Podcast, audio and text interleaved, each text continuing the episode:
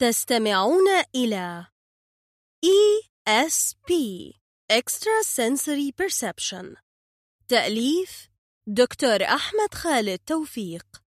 الناشر دار ليلى للنشر والتوزيع. بصوت أسماء سمير. صدر عن كتاب صوتي. خمني يا هند.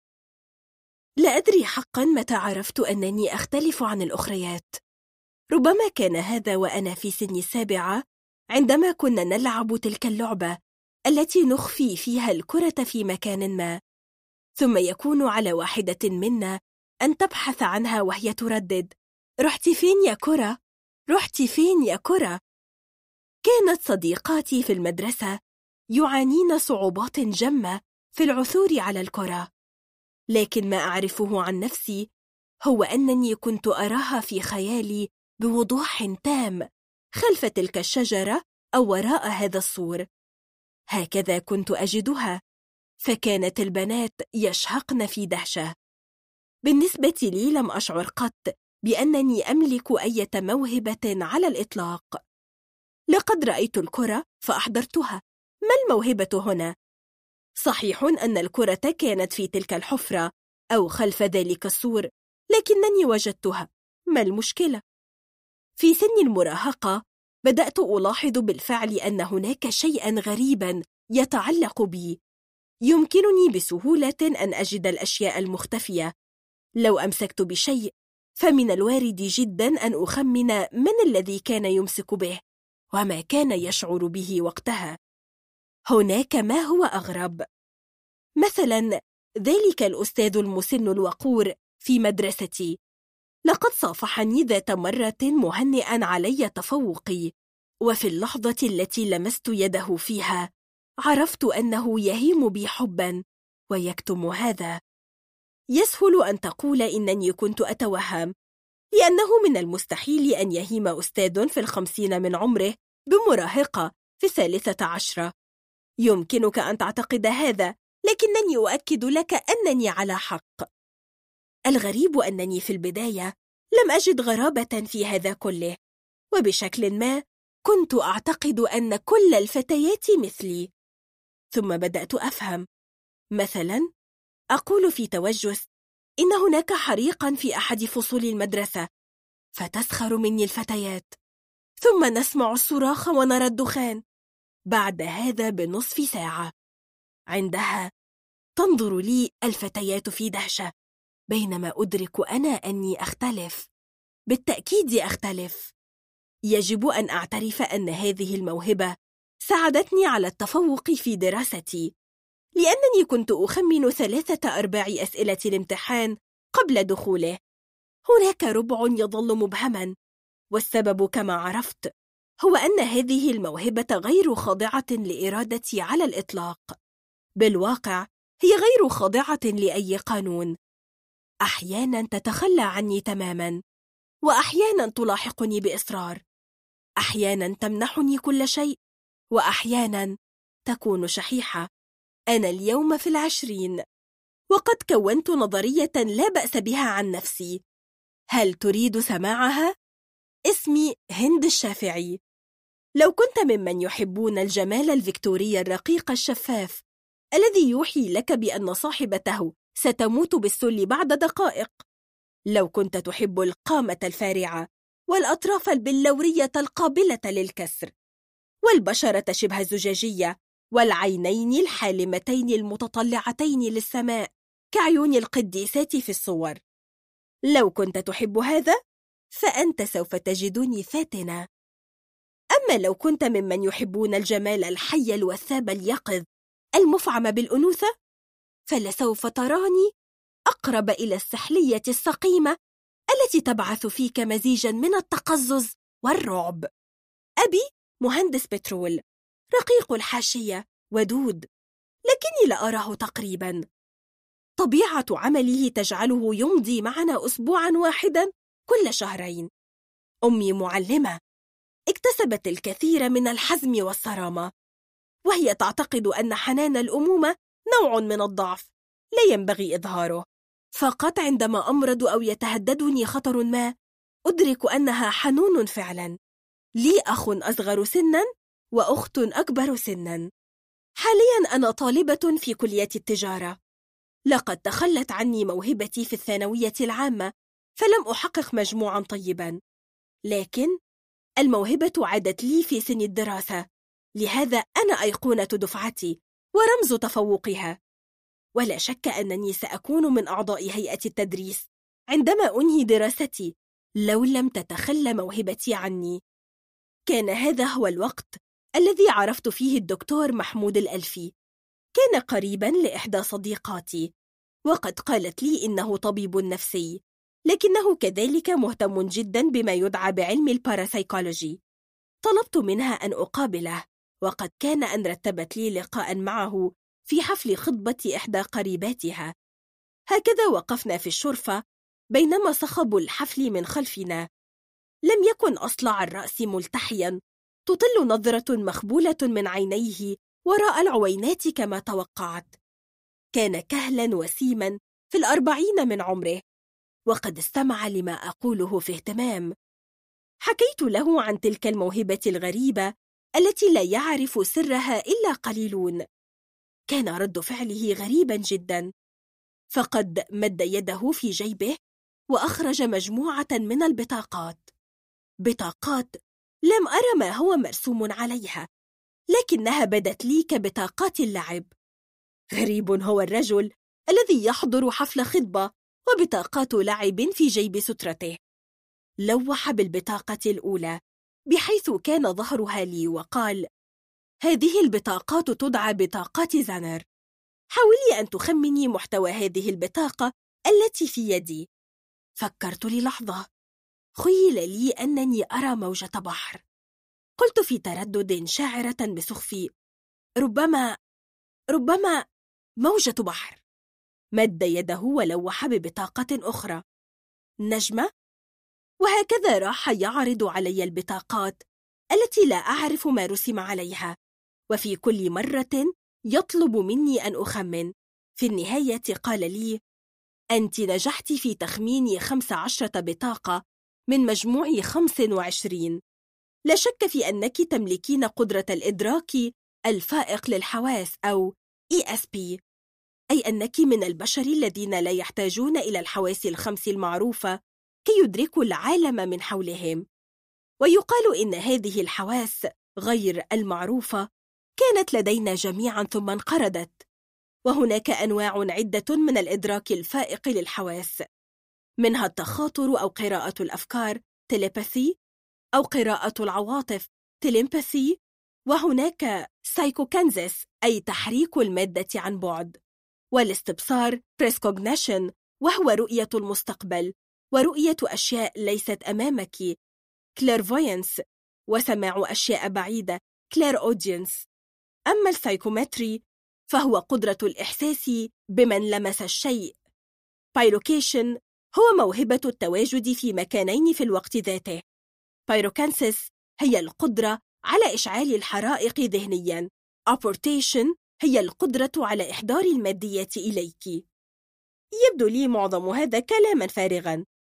هو كذلك في معظمه لكن لا تنكري أن بعض ما قلته لك موجود عندك. إن الأمريكي جوزيف بانكس راين هو أول من حاول دراسة هذه الظواهر بشكل إحصائي. في البداية درس علم النفس ثم مزجه بالظواهر الروحية لينشأ علم جديد اسمه باراسيكولوجي المشكلة هي أن هذه التجارب لا يمكن تكرارها. بينما من أهم شروط الظاهرة العلمية هي قابليتها للتكرار وهذا يعني أن هذه الظواهر خارج قانون الموضوعية العلمية. وبما تنصحني؟ لا شيء.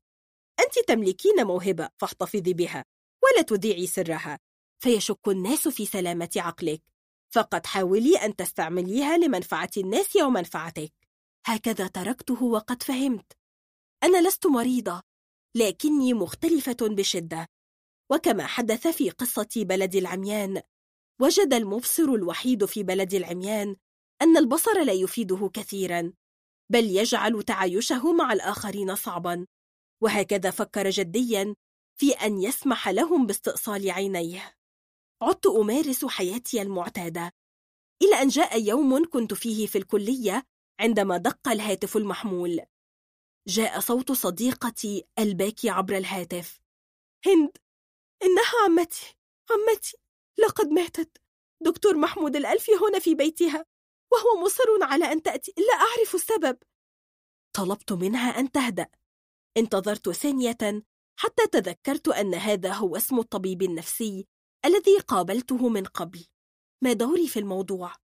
على كل حال لم يكن هناك مفر من أن أستقل سيارة أجرة وأسرع إلى العنوان الذي ذكرته لي. هناك كان الزحام شنيعا. الغريب أن هناك الكثير من رجال الشرطة ورجال البحث الجنائي وقد دخلت الشقة بصعوبة. استطعت أن أرى أن غرفة النوم مفتوحة وأن هناك جثة على الفراش مغطاة بملاءة. وكان هناك رجل يبكي في حرارة. فجأة شعرت بتلك اليد الحازمة تمسك بيدي. نظرت له في دهشة. فوجدت دكتور محمود هذا يبتسم مهدئا ويقول وهو يقتادني إلى جانب. لا تنسي أن الفقيدة قريبتي. الفكرة هنا أنها انتحرت. نعم ابتلعت زجاجة كاملة من الحبوب المنومة ثم رقدت على فراشها بينما زوجها وأولادها في العمل والمدارس. عندما عاد وجدها ميتة وجوارها ورقة كتب عليها سامحوني. يقول زوجها إنها كانت مصابة باكتئاب مزمن. مسكينة ليس الأمر كذلك. أنا أعرف الشخصيات التي يمكن أن تقدم على الانتحار. الفقيدة ليست منها.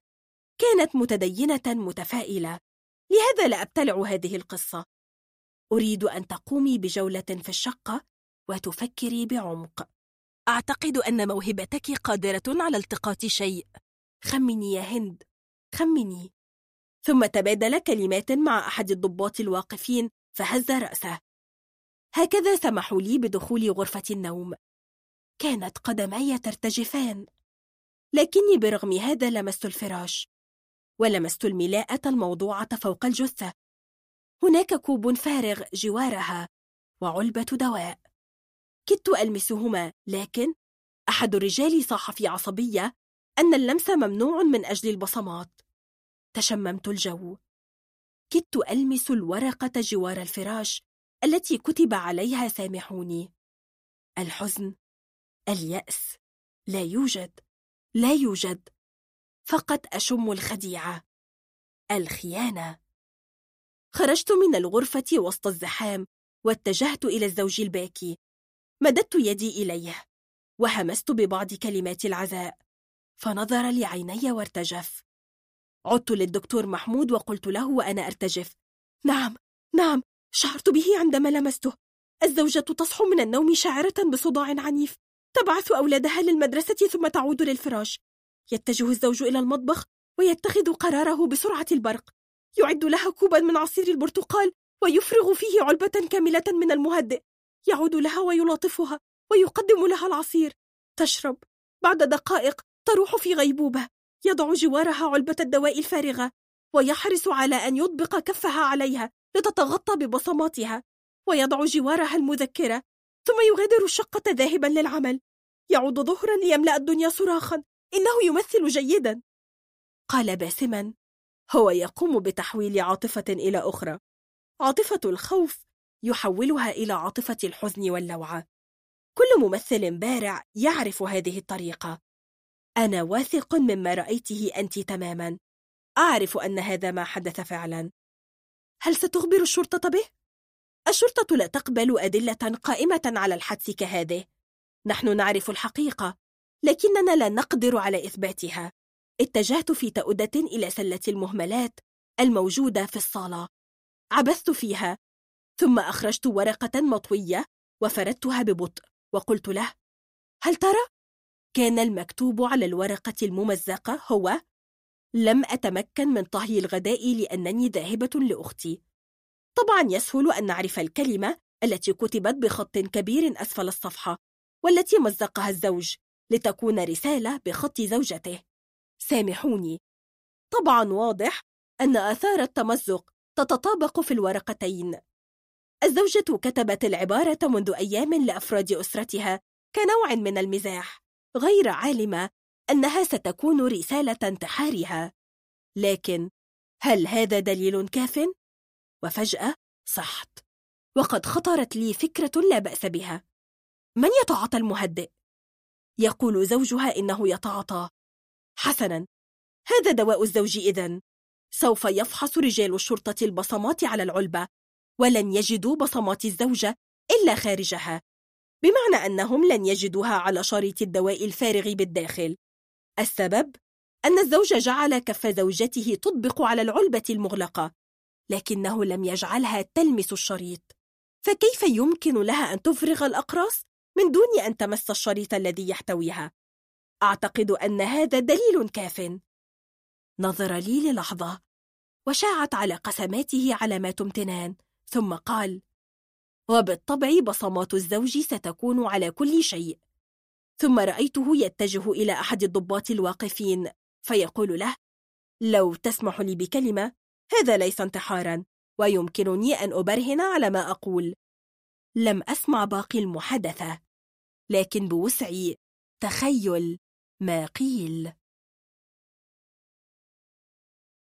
عنوان الحقيقة علاء. رقيق ومهذب. له عينان صبورتان صامتتان تقدران حاجتك أو ضيقك وتفهمان. إنه شفاف صموت.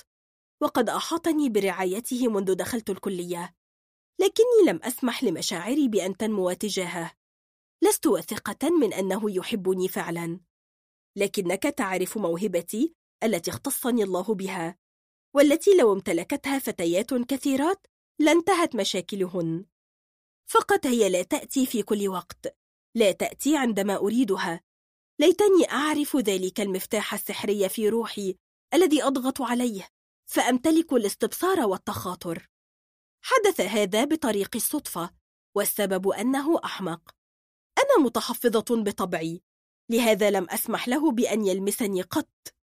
كل علاقتنا كانت هي الوقوف والكلام بصوت خفيض. مع تلامس النظرات من حين لآخر.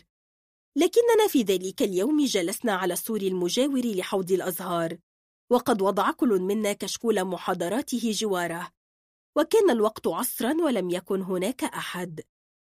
في حركة أرادها أن تبدو عفوية مد أنامله وأمسك بأناملي واعتصرها بقوة. التأثير كان قويا لأنني أشفلت. وفي اللحظة ذاتها رأيت نفسي بعين الخيال في صورة مزرية مشينة. انتزعت يدي مشفلة وقد فهمت. ما رأيته هو ما يدور في ذهنه الآن. إنها موهبة قراءة العواطف تفضح عن نفسها. يقول الغربيون إن الجنتلمان هو مجرد ذئب صبور. يبدو أن هذا التعريف ينطبق على علاء أكثر من أي شخص آخر. لقد كان يفكر لا يفكر في المستقبل ولا الرومانسية ولا الزهرة الجافة بين صفحات كتاب. كان يفكر في شيء واحد. هكذا نهضت غاضبة وابتعدت. نهض لاحقا بي. وقد ظن أن غضبي لأنه أمسك بيدي. الواقع أن هذا صحيح. لكن الأسباب أقوى مما يظن. هل من المريح أن تملك القدرة على رؤية الناس عراه؟ هذا يشعرك بأنه ما من مكان آمن وما من شخص نقي. من الأفضل أحيانا ألا ترى كل شيء. أن الضوء الساطع يؤلم العينين حقا وبعض العمى قد يكون صحيا. في الأيام التالية اتصل بي علاء كثيرا وفي الكلية كان يحاول أن يكلمني لكني تمسكت بالبقاء وسط صديقاتي وهذا ما لم يفهمه لم يفهم أحد سبب انهيار علاقتنا السريع ولكن هذه أشياء لا تحكى. هكذا مرت الأيام وعدت إلى الدراسة كما أردت لنفسي. لا يعرف أبي وأمي شيئا عن موهبتي تلك. ربما لاحظت أمي أشياء معينة لكنها دوما تفترض أنني ذكية أو أريبة لا أكثر. كنت عائدة لبيتي في ذلك اليوم. فاستعددت لتناول الغداء عندما دق جرس الهاتف. هذه نجلاء صديقتي الحميمة. تتحدث في لهجة مقلقة. توحي بأنها لا تعرف كيف تبدأ. ثم قالت في النهاية هل وصلتك رسائل معينة على شبكة الإنترنت؟ رسائل تخصك. قلت لها ضاحكة إنني لا أفهم بالضبط. إذا سأرسل لك عينة من هذه الخطابات. أرجو أن تهدئي لنفكر فيما يجب عمله. لم أفهم. وفتحت جهاز الكمبيوتر متوجسة وانتظرت بعض الوقت حتى ظهرت الأيقونة التي تخبرني بوصول خطاب جديد. فتحت الخطاب فسقطت على مقعدي بعدما تخلت قدماي عني. هذه أنا. هذه الصورة لي. هذا التعبير على الوجه كان في حفل للكلية. وهذه الصورة لدى عدد كبير من أصدقائي وصديقاتي لأننا كنا نحو عشرة في الكادر. فقد قام وغد ما خنزير ما. قام بقص الوجه ولصقه بطريقة الفوتومونتاج على صور مشينة أخذها من أحقر مواقع البورنو على الشبكة. رفعت عيني بسرعة لأرى اسم المرسل الأصلي للخطاب فوجدته يحمل اسم عنوان الحقيقة. هذا الوغد. هناك نحو عشر صور واضح أن من لفقها أحمق.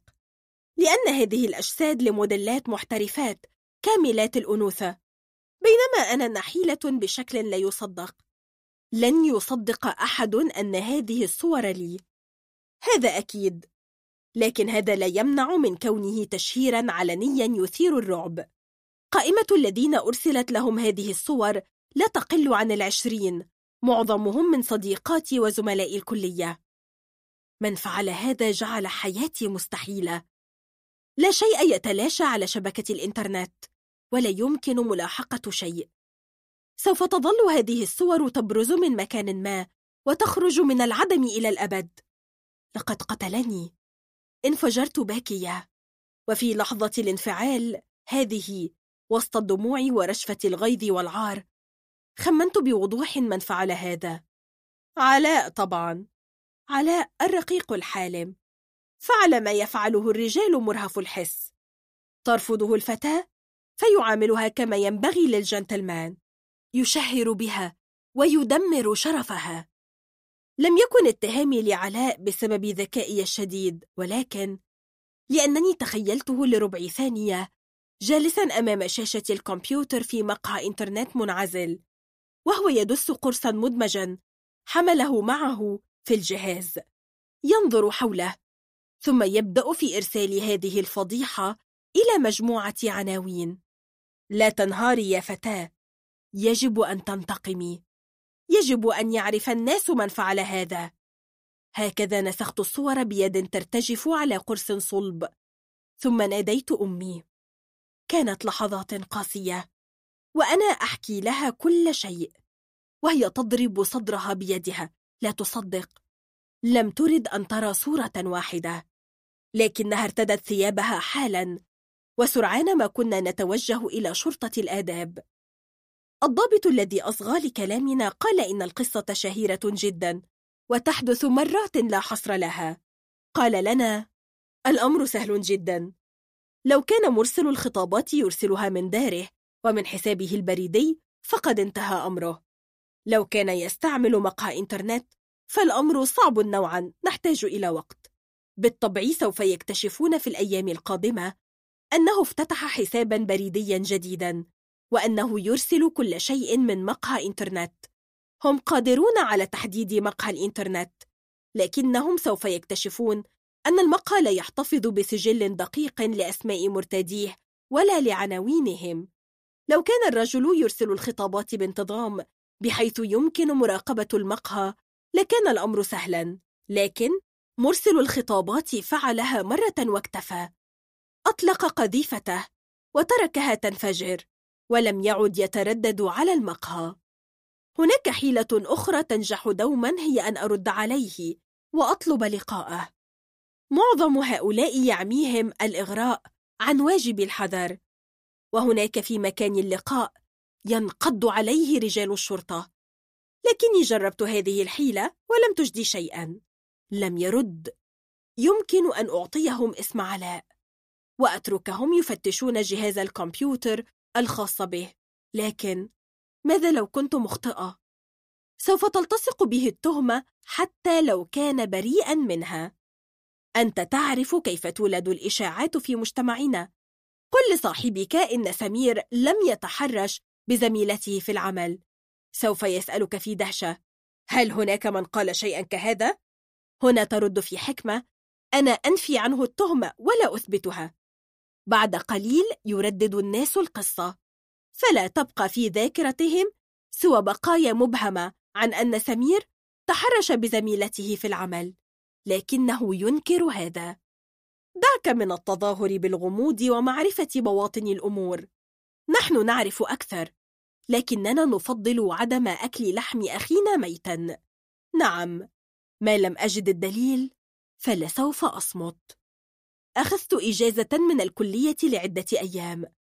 لا أتصور أن أعود للكلية فيتخيل كل من يراني تلك الصور.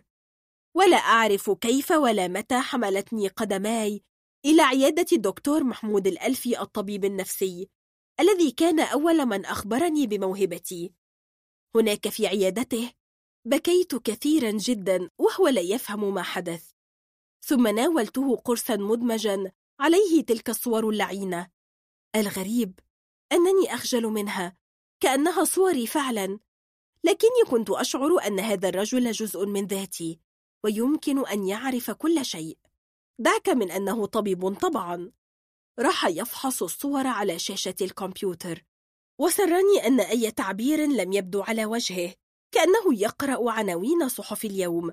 ثم قال تلفيق ساذج يدل على موهبة ضحلة هذا شاب في سنك غالبا من نوع منطو ذكي وحذر وهو كذلك من الطراز السيكوباتي الذي لا يبالي بعواقب ما يفعل. ابحثي عن الشخص الذي لديه صورة تظهر وجهك في هذا الوضع. للأسف هناك كثيرون. كان هذا حفلا للكلية ومن الممكن أن تكون هذه الصورة عند عشرين شخصا على الأقل. قال في خبث لكنك كونت فكرة عن الفاعل بالطبع. أنت لم تفقدي حستك بعد. قلت في استسلام اسمه علاء. كان يحبني. ثم شعرت بأنه لا يحمل نحوي مشاعر نظيفة لذا ابتعدت عنه. كل شيء يقول لي إنه الفاعل لكن لا براهين. هذه هي المشكلة. ولا تريدين أن تبلغي الشرطة عنه خشية أن تكوني مخطئة. مع أنه على الأرجح يحتفظ بأصول هذه الصور على جهازه لأنه قطعا قام بتلفيق الصور وحده في بيته. أنت لخصت الأمر. جلسنا نضع الخطة الوحيدة الممكنة. بما أنه علاء يحمل هذا القدر من الرغبة في. فالدكتور محمود يرى أن علي أن أراسل عنوان الحقيقة هذا. لقد فشلت مرة لكن لابد أن أجرب ثانية. كتب لي العبارات التي يعتقد أن ملفق الصور سوف يضعف أمامها. فهمه لشخصيته كطبيب نفسي. جعله ينتقي عبارات معينة. لن يقاوم. سوف تحددين له مكان وساعة اللقاء. وتبلغين الشرطة. ومن أدراك أنه سيفتح بريده الإلكتروني من جديد ربما أنشأه لغرض واحد وقد فرغ منه. سيعود. طبيعة هؤلاء النفسية تحتم أن يعود لبريده الإلكتروني ليرى ردود فعل من وصلتهم هذه الصور. لن تكتمل لذته المحرمة إلا بهذه الخطوة. هكذا جلست وكتبت ردا على عنوان الحقيقة. قلت إنني قد صدمت عندما رأيت هذه الصور لكني بعد قليل وجدت أنها تثير خيالي وأرغب في أن أقابل هذا العبقري الذي جعلني أرى نفسي في عالم لم أتصوره من قبل. كتبت الرد على جهاز دكتور محمود وأرسلته.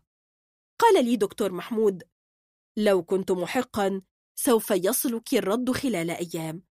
وعليك أن تطلبي منه اللقاء في مكان وزمان معينين. لو وافق تطبعين الخطابات وتسلمينها لشرطة الآداب أو مباحث الإنترنت. هكذا ظللت أنتظر. أنتظر. ما جاءني بعد يومين لم تكن رسالة ولكن كان اتصالا هاتفيا من شرطة الآداب. قالوا لي إنهم قبضوا على مرسل الخطابات. لقد قرر أن يجرب حظه ويرسل خطابا من بيته هذه المرة. ولم يدري الأحمق أن هذا جعل اقتفاء الرسائل سهلا. لقد سلم أحد أصدقائي الذين تلقوا الخطاب نسخة للشرطة. وهكذا وجدوا مزود الإنترنت وتتبعوا أرقام الهاتف عنده حتى وجدوا المرسل. ليست لدينا شكوك. لا يقيم في هذا العنوان سوى شخصين. واحدة منهما أم عجوز لم تسمع عن الكمبيوتر أصلا. وفي فخر فتح الضابط الباب الجانبي لمكتبه ليكشف لي عن الفاعل. هنا رأيت نجلاء صديقتي. كانت جالسة تعتصر منديلها دامعة العينين. فلما رأتني قالت في توحش كنت أمقتك طوال حياتي. أمقت تفوقك الدراسي وتظاهرك بالاحترام والوقار والأصل الطيب. وفي النهاية تطلبين من عنوان الحقيقة اللقاء لأن الصور أثارت خيالك. كنت أعرف أنك مخادعة كبيرة. الأرض تغوص من تحت قدمي. أعتقد أنني فقدت الوعي فعلا. وعندما أفقت عرفت أن موهبتي خدعتني هذه المرة. كما قلت لك ليتني أعرف ذلك المفتاح السحري في روحي الذي أضغط عليه. فأمتلك الاستبصار والتخاطر. موهبتي حصان متمرد ومن الخطر أن أثق فيه أكثر من اللازم.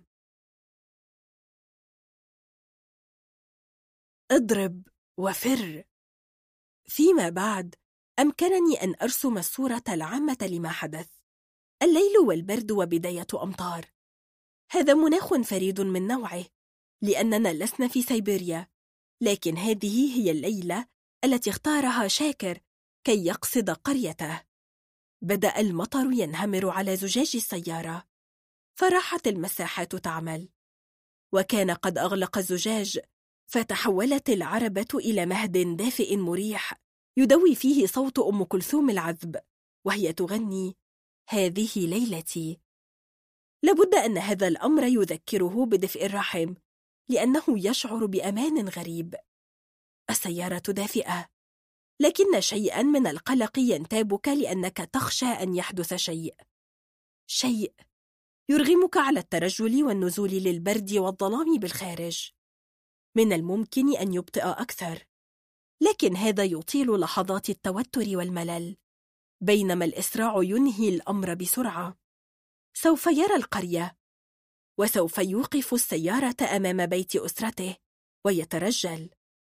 وفي الداخل سوف تعانقه أمه وتسأل عن أحواله وتقول إنه فقد الكثير من الوزن لأنه يعيش حياة مبعثرة في القاهرة.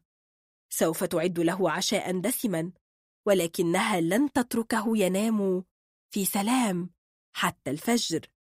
الطريق ضيقة متعرجة. أشجار على الجانبين وتلك الترعة اللعينة التي تتدلى فيها غصون الشجر. من السهل أن تنزلق فيها لو لم تكن تحفظ الطريق عن ظهر قلب. كشاف السيارة يبدو كأنه يخلق طريقا جديدا في كل لحظة. كلما شعرت بأن الطريق انتهت عند هذا الحد فتحت لك الكشافات. آفاقا أخرى. أم كلثوم والدفء. وصوت المحرك. وفجأة لم تتبين من أين جاءت ولا متى عبرت الطريق. لكنك رأيتها أمامك في لحظة واحدة. لم تكن تنظر للطريق بل كانت تعبره في إصرار. ولم يكن هناك وقت لأي شيء لأنك لو دست الكوابح لانقلبت السيارة. هكذا تم الاصطدام. قويا كان. صوت المعدن وهو يسحق العظام. ثم تلاشت المرأة تحت السيارة. واستمررت أنت بتأثير القصور الذاتي نحو خمسين مترا. حتى تمكنت أخيرا من أن توقف كتلة الموت المندفعة. وكانت كل عضلة في جسدك تنتفض. لابد أنك ظللت خلف المقود عشر دقائق كاملة ترتجف. تستعيد المشهد المروع القاسي. لابد أنك ظللت تحملق في زجاج السيارة الذي تمسحه المساحتان في بلاها. لابد أنك بعد قليل بدأت تدرك أبعاد الموقف. أنت ضربت امرأة. غالبا فلاحة. أرسلها حظها التعس في هذه اللحظة بالذات. الاحتمال الأكبر أنها ماتت على الفور. لا يمكن أن تكون حية. كنت تعرف ما سوف يجلبه هذا على رأسك. إنها ليست من القرية بل من عزبة قريبة على حدودها. لكن أهل هذه المنطقة يتصرفون كالصعيدة ويؤمنون بالثأر. لو أنك أبلغت الشرطة لوقعت في مشاكل لا حصر لها. وكذا أهلك. ولو دخلت القرية في هذه الساعة فلسوف تتناثر حولك علامات الاستفهام. ربما سيارتك هي السيارة الوحيدة التي مشت على هذا الطريق منذ الظهيرة. لن تكون هناك شكوك كثيرة. إذا الحل الوحيد هو أن تعود أدراجك للمدينة. لن تكون هناك قرية اليوم. درت بصعوبة في مكانك وبدأت الرحلة الصعبة عائدا. سوف تتصل بأهلك وتخبرهم أنك عدلت عن المجيء بسبب سوء الأحوال الجوية. تمر بالبقعة التي شهدت الحادث. لا ترى شيئا سوى كومة سوداء على جانب الطريق. تحاول ألا تنظر وتزيد سرعة السيارة أكثر. سوف تكون الفترة القادمة فترة كوابيس لا شك فيها لكنك على الأقل لن تكون في السجن. ما حدث بعد هذا هو أن دكتور محمود الألفي الطبيب النفسي الشهير قد تلقى مع استيقاظه مكالمة من أقاربه في قريته. تخبره أن قريبة له تدعى زكية قد توفيت في حادث مروع. من فعل ذلك؟ سيارة دهمتها على الطريق ليلا والسائق قد فر تعال حالا. سوف تكون هناك مشاكل مع النيابة. والفلاحون لا يعنيهم القبض على الفاعل قدر ما يعنيهم أن يدفنوا الجثة سريعا. هذه أمور مهمة جدا عندهم. هم بحاجة إلى دكتور محمود بما له من علاقات. وضع السماعة. وفكر طويلا حتى أشرقت الشمس تماما. ثم رفع السماعة من جديد. وطلب رقما صار يحفظه جيدا. رقم بيتي. هند. أنا بحاجة إليك. هل يمكنك أن تأتي معي إلى قريتي صباح اليوم؟ فكرت قليلا. سيكون من العسير أن أقنع أمي بأن أتغيب عن الكلية وأن أذهب مع رجل غريب إلى قريته. ثم خطر لي أن صديقتي التي هي قريبة دكتور محمود يمكن أن ترافقني في كل خطوة. هكذا لم يمر وقت طويل. إلا وكنت معه في سيارته متجهين إلى القرية. كانت سيارة إسعاف هناك وقد وضعوا فيها الجثة. وكان هناك رجال شرطة ومحقق من النيابة. ثم هناك زحام من الأهالي الذين وجدوا الجثة. قدم لهم نفسه. ثم طلب مني أن أمشي معه إلى عربة الإسعاف حيث كانت الجثة مغطاة بملاءة ملوثة بالدم. قال لي في رفق أعرف أن هذا قاس لكن عليك أن تلمسي الجثة. أريد معرفة ما يخطر لك. ثم مصمص بشفتيه وقال زكية كانت أرملة رائعة الجمال.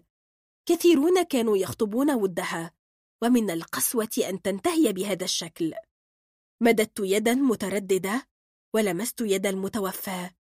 ثم استرددتها بسرعة في جزع فقال لي حاولي أن تمشي في المكان وأن تطلقي موهبتك من عقالها.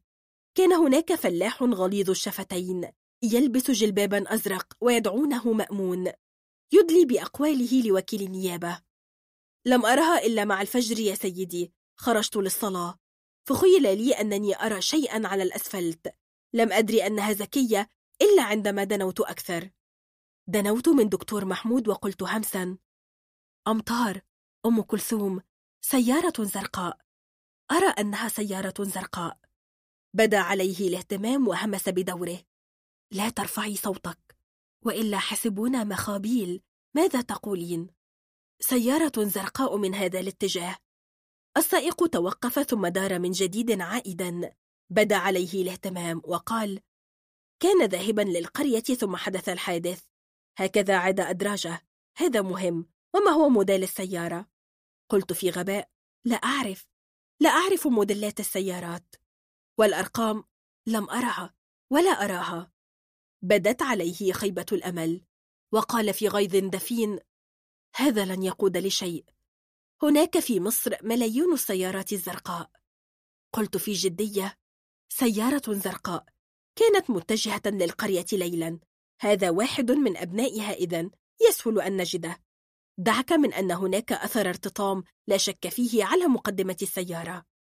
فكر قليلا ثم قال هذا منطقي. المهم أن أقنع رجال الشرطة بهذه النظرية. هنا اقترب منا الفلاح الذي يحمل اسم مأمون ليصافح الدكتور فهو يعرفه ولثمه على خده معزيا. هنا؟ شعرت بتقزز غريب. كدت أصرخ رعبا. دنوت من الدكتور لما صار وحده. وهمست في أذنه. مأمون هذا. أنا أخشاه وأكرهه. إنه الفاعل. نظر لي غير مصدق ثم قال هنا نخرج من دائرة الاستبصار إلى دائرة الهلاوس. أنت تعرفين جيدا أن هذا حادث سيارة. مأمون هذا لم ير سيارة في حياته. هل تتوقعين أنه كان يقود السيارة؟ لا أدري. أنا أخشاه كثيرا. يجب أن يعتقلوه. راح يفكر قليلا ثم بدا عليه شيء من الاقتناع وقال في الواقع لا أجد فكرتك سخيفة إلى هذا الحد ثم نظر إلى مأمون وقال بصوت عال هل رأيت زكية ليلة أمس يا مأمون؟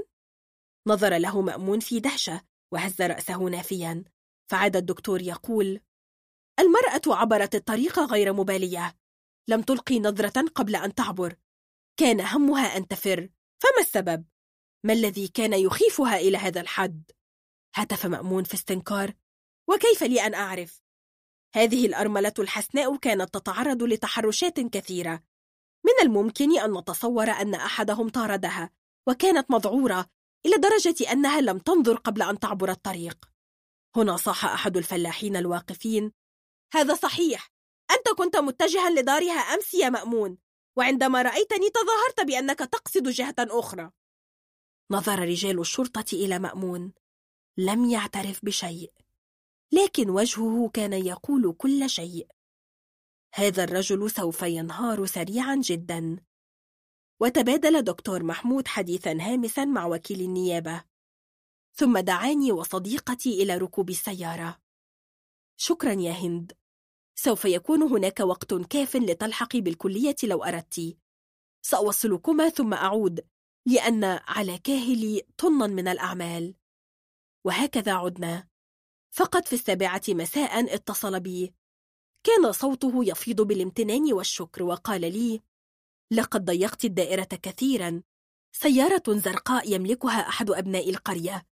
أخيرا تذكروا شاكر أبو منظور مهندس من القاهرة. لديه سيارة فيات زرقاء. وكان هذا موعده الأسبوعي لزيارة أهله. لكنه لم يقم بالزيارة تلك الليلة. وجده رجال الشرطة في القاهرة ووجدوا سيارته وقد تحطم الرفرف الأمامي تماما مع تهشم كشافين. لقد أوقعنا بالقاتل ومن أدى إلى القتل. إنني أكرر شكري لك لكني أطلب منك خدمة واحدة. ما هي؟ أن تحاولي معرفة أنواع السيارات. نحن لا نعرف متى نحتاج لهذه المعرفة في القضية القادمة. رائحة ما. عندما اتصل بي الدكتور محمود الألفي في ذلك اليوم في الثامنة صباحا شعرت بغيظ شديد. لن أظل طوال حياتي ألعب دور الكلب البوليسي كما أن هذا يشعرني بأنني مخلوق شاذ فريك. السبب الأهم لغيظي كان أن أهلي لا يعرفون سبب هذه الاتصالات المتكررة إنه يحرجني بحق. ولو قلت لهم إنه يريد أن أشم رائحة لص من أجل رجال الشرطة لاندهشوا جدا. من قال إن أنفي حساس لهذا الحد. لقد سئمت هذا. أريد أن أعيش حياتي كفتاة طبيعية.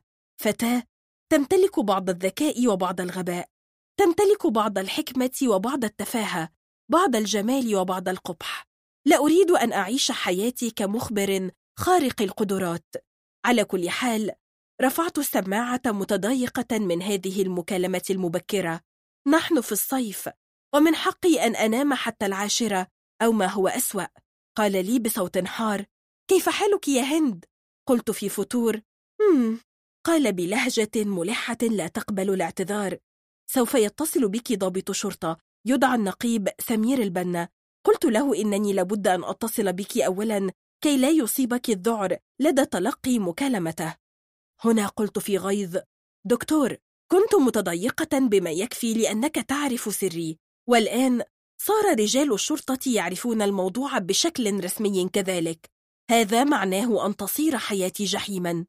لن يتأخر الوقت حتى أظهر في القنوات الفضائية حيث يطلبون مني تخمين عدد قطع العملة في جيب المطربة الفلانية. صمت قليلا كأنه أدرك الخطأ الذي ارتكبه ثم قال هند تعرفين أن موهبتك حقيقية وأننا استطعنا ضبط حالات بالغة الأهمية بفضلك. هذا يعني أنك قادرة فعلا على تقديم نفع للمجتمع وأنت تبخلين به لمجرد أنك سئمت. هكذا وضعت السماعة شاعرة ببعض الخجل من نفسي وجلست جوار الهاتف. دق الجرس فرفعت السماعة بسرعة لأجد من يخبرني أنه النقيب سمير البنا. وأنه يعرفني جيدا من صديقه الدكتور محمود الألفي. لا أعرف مدى صحة ما أقوم به لكن لو ألقيت لنا شعاع ضوء على القضية فربما أنت تعرفين أن المرء قد يجرب كل شيء والغريق يتعلق بالقشة. كان صريحا وقد راق لي هذا. هو يعترف منذ البداية بأنه يشعر ببعض السخف في هذا الذي يقوم به لكنه مضطر. بدأ يحكي لي المشكلة هاتفيا. محمد بسيوني صراف لدى إحدى الشركات الحكومية وهو في الثلاثين من عمره ويمر بأزمة مالية طاحنة. دعك من أنه مستجد في العمل. هنا أوقفته عن الكلام وقلت إذا أنت أصدرت الحكم قبل أن نبدأ. صراف في أزمة طاحنة. انتهت القصة. قال في ضيق لابد أن تعرفي كل شيء. ليس من الأمانة أن أغفل هذه النقطة. ما علينا؟ في اليوم الثلاثين من مايو دخل إلى المصرف في العاشرة صباحا وقام بسحب مبلغ يقترب من نصف مليون جنيه وهو رواتب الموظفين لهذا الشهر. ثم غادر المصرف حاملا حقيبة عملاقة. من دون حراسة؟ أنت تعرفين أن الأمور غالبا تتم بهذه الطريقة في مصر وغالبا لا يحدث شيء. الشركات الخاصة تتفق مع شركة حراسة لكننا نتكلم عن شركة حكومية هنا. المهم أن الرجل استوقف سيارة أجرة. من عادته عندما يغادر المصرف أن يوقف ثاني أو ثالث سيارة على سبيل الحذر. وبالطبع لا يركب أي سيارة يبدي صاحبها حماسا بل يختار سيارات الأجرة التي لا تبدو مهتمة بالبحث عن زبائن. يفضل أن يكون السائق عجوزا بادي المرض. هذا كل شيء. ماذا تعني بكل شيء؟ لا يذكر ما حدث. يقول إنه إذ ابتعد عن المصرف شم رائحة غريبة ثم غاب عن الوعي. عندما أفاق كان هذا بعد عشر ساعات في مخزن مهجور في سوق خضر مجاورة للمصرف وكان مقيدا بالحبال ومكمما. لم تكن الحقيبة موجودة وقد استطاع الزحف حتى غادر المكان ليجده بعض الصبية العاملين مع التجار. فكوا قيوده وأبلغوا الشرطة. القصة واضحة فما المشكلة؟ كل هذا لا نستطيع البرهنة على أنه كاذب لكن القصة مليئة بالثغرات كقطعة جبن. هل قابل بالصدفة سائق سيارة أجرة يحمل معه مادة منومة وقرر هذا السائق أن يجرب حظه؟ لا توجد مادة منومة تعمل بالشم بهذه القوة. هذه خرافة شائعة. وماذا عن الفتية الذين أنقذوه؟ الذين قالوا إن قيوده كانت رخوة تماما وكان بوسعه فكها. كيف تستطيع حمل رجل فاقد الوعي وسط سوق الخضار؟ المزدحم صباحا لتلقي به في مخزن. لماذا لم يجد الطب الشرعي أي آثار لمخدر في دمه؟ هل هذا دليل كاف على أنه لم يخدر؟ لا. بعض المخدرات تكون قصيرة الأجل في الدم. هناك عشر ساعات كاملة على كل حال. وما هو المطلوب مني؟ أن تقابلي هذا الرجل وتعطينا أفكارا. سوف تصلك سيارة شرطة خلال نصف ساعة كي. صحت في ذعر. لا من فضلك. لا سيارات شرطة وإلا ماتت أمي ذعرا. سوف آتي أنا لكم خلال ساعة لا تقلق. هكذا سرعان ما وجدت نفسي أستقل سيارة أجرة وأنا أكتم أنفاسي. كي لا يخدرني أحد. قاصدة العنوان الذي أعطاه لي. كان المقدم سمير البنا شابا مهموما متعكر المزاج. أمامه عدة أقداح من القهوة. ومن الواضح أنه مدخن ثقيل. رآني فنظر لي في فضول وقال أنت أصغر سنا مما توقعت. قلت في شيء من التوتر طالبة في كلية التجارة لا يمكن أن تكون في الخمسين من العمر. ابتسم في إرهاق. وطلب من أحد رجال الشرطة أن يأتي بالصراف محمد بسيوني. مرت لحظات طويلة وأنا أرشف الليمون الذي جلبوه لي. ثم ظهر رجل في الثلاثين من عمره. رجل نحيل. يبدو أنه يقضي أسوأ أوقاته. ثمة صلع مبكر مع بعض الشيب. أعتقد أنه شيء وراثي. فلا يمكن أن يكون قد شاب في هذه الفترة القصيرة. طلب منه الضابط أن يجلس أمامي. فمددت له يدي مصافحة. فصافحها بارتباك. بريء بريء. هذا ما شعرت به منذ اللمسة الأولى. لم يعد لدي شك في هذا. لكن كيف أبرهن على ذلك؟ الأمر لا يتجاوز ذلك الشعور الأنثوي على غرار. والله العظيم بريء. وهذا شيء لن تقبل به أية محكمة طبعا. ما سبب هذا الشعور الغريب الذي ينتابني؟ كتفه اليسرى من الخلف. لماذا أفكر في كتفه اليسرى من الخلف؟ كان الضابط يراقب ملامحي دون أن يرفع عينه. ثم بدأ محادثة عابرة مع الصراف. بالطبع لم يوجه له أي اتهام. لكنه كان يعرف أن موقفه بالغ الحرج لما انتهى من المحادثة سمح له بأن ينتظر بعض الوقت ثم استدار نحوي سائلا ما رأيك؟ أشعر أنه بريء قال في عدم رضا توقعت أن تقولي العكس وأردت أن تخبريني بتفاصيل أكثر مثل أين ذهب المال؟ لابد أن هناك شريكا قام بتقييده بهذا الشكل الصوري فمن هو؟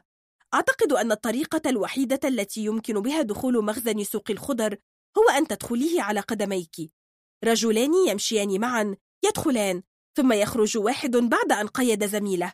لا أتصور أن يدخله رجال يحملون رجلا مقيدا مكمما. قلت في إصرار أنت طلبت انطباعي. وانطباعك هذا وليد موهبتك؟ أم هو انطباع أنثوي عام وليد الرقة؟ أعتقد أن موهبتي هي التي تكلمت. نهض معي إلى حيث مجموعة من الملفات التي تحوي صورا ووجوها لذوي السوابق وطلب مني أن أتفقدها بحثا عن شيء يثير اهتمامي.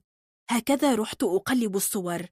وجوه مرعبة تحمل قدرا هائلا من الشر. لا شك في هذا. كنت أشعر به وأرتجف. ثم توقفت أمام وجه. رجل أسمر.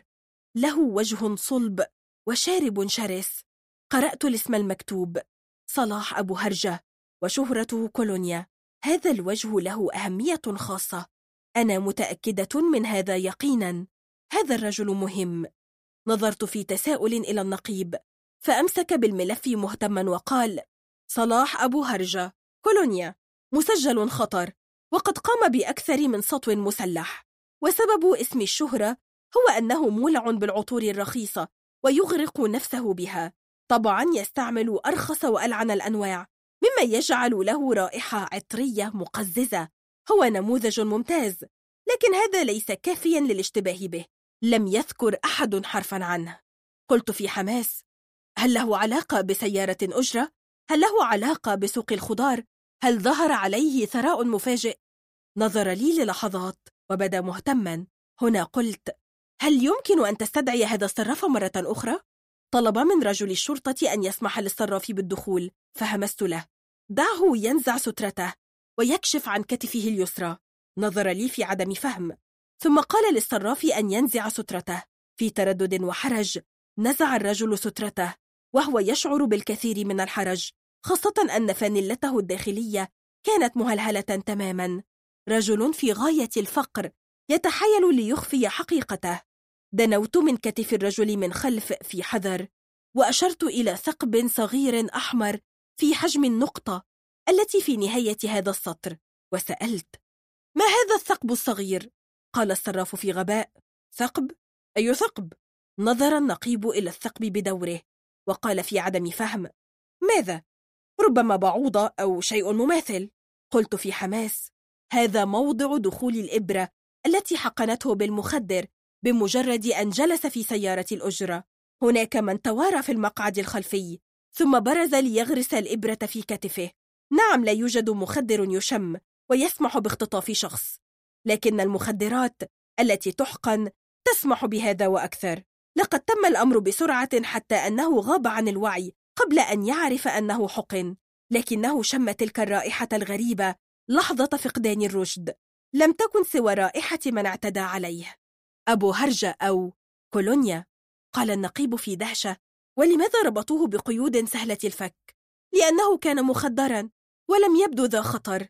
أما عن دخوله إلى مخزن سوق الخضار فالأمر سهل. لقد وضعوه في صندوق خشبي وحملوه أمام العيون.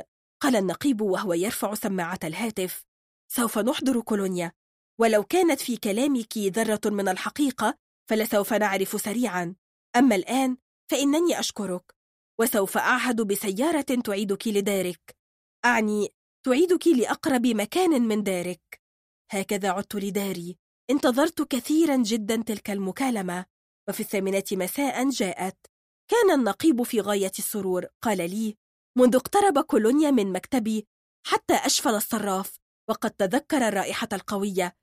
هذه هي الرائحة التي شمها عند ركوب سيارة الأجرة. حاول كولونيا أن ينكر ثم انهار عندما تذكر بعض العاملين في سوق الخضار وجهه ورائحته. كان له قريب في المصرف. أخبره برحلة الصراف الشهرية وأخبره بعادات الصراف الحذرة. هكذا اتفق مع سائق أجرة مسن قريب له أن يقوم معه بهذه العملية. ويتأكد من أنه لا توجد بيانات عن سيارة الأجرة يراها الراكب. عندما يظهر الصراف على باب المصرف مع حقيبته تدنو منه سيارة الأجرة. وينزل منها زبون. هذا يقنع الصراف أن توقف السيارة عارض. دعك من وجه السائق المسن الطيب. هكذا يركب. وعلى الفور يبرز كولونيا من الخلف ليدس المحقن في كتفه. ويقوم الرجلان بنقله إلى مكان قريب حيث يقومان بتقييده ووضعه في صندوق خشبي. كولونيا ذكي جدا. لذا حرص على أن تكون القيود رخوة لا تقنع أحدا. ثم يحمل كولونيا والرجل الثالث الصندوق على سيارة نصف نقل إلى مخزن الخضار القريب ويتخلصان منه هناك. طبعا اكتملت القصة بعلامات ثراء واضحة لاحظها الجميع على كولونيا مؤخرا. قلت في فرحة الصراف بريء كما قلت. هذا البائس لا يستحق تهمة السرقة لتضاف لتعاسته. أشكرك على حل القضية. توقعي مني مكالمات أخرى كثيرة. يجب أن أذكرك كذلك. بأنك محظوظة لأنك لا تشمين رائحة عطر كولونيا المخيمة على مكتبي. سوف نحتاج إلى شهر للتخلص منها لكننا مديونون لها بالكثير. أنا قلقة. أنا قلقة. تقول لي أمي إنني غير طبيعية وإنني لن أتغير أبدا. أنهض. أدخل الشرفة وأقف هناك. أنظر إلى الليل الذي بدأ يرخي سدوله. العباءة الزرقاء التي تصير سوداء بعد قليل. وأشعر بذلك التقلص في أحشائي يخبرني بكل وضوح. إنني قلقة. أدخل المطبخ. أخرج علبة الجبن من الثلاجة. وأفتح رغيفا بالسكين وأعد لنفسي شطيرة أزخرفها ببعض شرائح الخيار. أرفع الشطيرة لفمي. لكن شفتي تأبيان أن تنفتح. لو انفتحتا لما انزلق الطعام بالعوم. يمكنني أن أتخيل كل تفاصيل عملية البلع الفسيولوجية وأعرف أنها مستحيلة لأنني قلقة. هكذا تجد الشطيرة طريقها لتوضع على رف الثلاجة في طبق. سوف تلتهمها أختي على كل حال. هي تأكل أي شيء تجده أمامها في أي لحظة وفي أي مكان. لقد خرج أخي الصغير منذ ساعة ليزور أحد أصدقائه. عمليا هو لم يتأخر لكنني قلقة. أشعر بذلك التوتر الغريب يجتاح أعصابي. في النهاية رفعت سماعة الهاتف وطلبت صديقه. هل رامي عندكم؟ يقول صديقه في دهشة. لم يأتي بعد. أضع سماعة الهاتف. كنت أعرف أن هذا سيحدث. ثمة شيء ما خطأ. تقول أمي. ساعة واحدة. الأمر لا يدعو لهذا القلق. الصبية هم آخر من يعرف معنى المواعيد أو يفهم قلق الكبار. ليست هذه المرة الأولى. أوشك أن أقول لها لكنها المرة الأولى التي أشعر فيها بهذا التوتر بصدده. أنا قلقة. أخرج للشرفة حيث صار الليل ليلا مكتمل الأركان وأرقب مصابيح الشارع والمارة. كلما رأيت صبيا في الشارع وثب قلبي في فمي. لو كنت أملك حدسا خاصا فأنا لا أملك بصر زرقاء اليمامة ولا أستطيع معرفة القادم من على هذا البعد. عدت لغرفته واتجهت إلى المنامة التي نزعها وألقاها إلقاء على الفراش. مددت يدي وتحسستها وأغمضت عيني. خطر داهم. رامي في خطر داهم. حستي تعمل بقوة. لكن ما هو نوع الخطر؟ أعود لغرفة الجلوس حيث تجلس أمي وأختي غير مهتمتين تتابعان التلفزيون. هما غير قلقتين على الإطلاق. سوف يعود رامي بعد ساعة أو ساعتين ويتلقى الكثير من التوبيخ. يا ليتني أملك بساطتهما وسذاجتهما. يا ليتني فتاة عادية. جلست إلى جهاز الهاتف واتصلت بعدة أرقام من أرقام أصدقائه. لا لم يره أحد هذه الليلة. طلبت عدة مستشفيات في حينا. هل وصلهم صبي جريح منذ ساعة؟ هل وصلهم صبي ميت؟ قال الجميع لا أين أنت يا رامي؟ ماذا تفعل؟ رفعت سماعة الهاتف من جديد وطلبت النقيب سمير البنا الذي صار صديقي منذ زمن وقد علمته التجارب أن يرد على مكالماتي في أي وقت قال لي في دهشة هند لم أعتد أن تبادري أنت بطلبي نحن نقع في كارثة ونطلب رأيك وليس العكس. قلت بصوت مخنوق بالبكاء. رامي أخي إنه في ورطة. أعرف هذا. خرج ولم يعد. منذ متى؟ منذ ساعتين. ساد صمت طويل. ثم قال في ارتباك. ساعتين؟ هل تتصورين أن أي جهة في العالم يمكن أن تبحث عن شخص تغيب منذ ساعتين؟ ليس بوسعك طلب رأينا قبل مرور 24 ساعة. قلت في عصبية. ليس وأنا أشعر بهذا الشعور اليقيني بأنه في خطر. من جديد قال في ارتباك سوف أريحك. يمكنني الاتصال بالمستشفيات بشكل غير رسمي و أنا فعلت ذلك. الخطر الذي يتعرض له لا علاقة له لا بالحوادث ولا بالموت. ساد الصمت ثم قال لي بصراحة لا أعرف كيف أساعدك في وقت مبكر كهذا. على كل حال سأرد على مكالمتك في أي وقت. فلا تترددي في طلب العون. وضعت السماعة مدركة يقينا أن المشكلة مشكلتي. لو أراد أن أنتظر الفترة القانونية فمن الوارد أن يجد نفسه أمام جثة صبي. هكذا هرعت إلى غرفة رامي ومن جديد رحت أتحسس ثيابه الملقاة هنا وهناك. ثم بحثت عن صورته.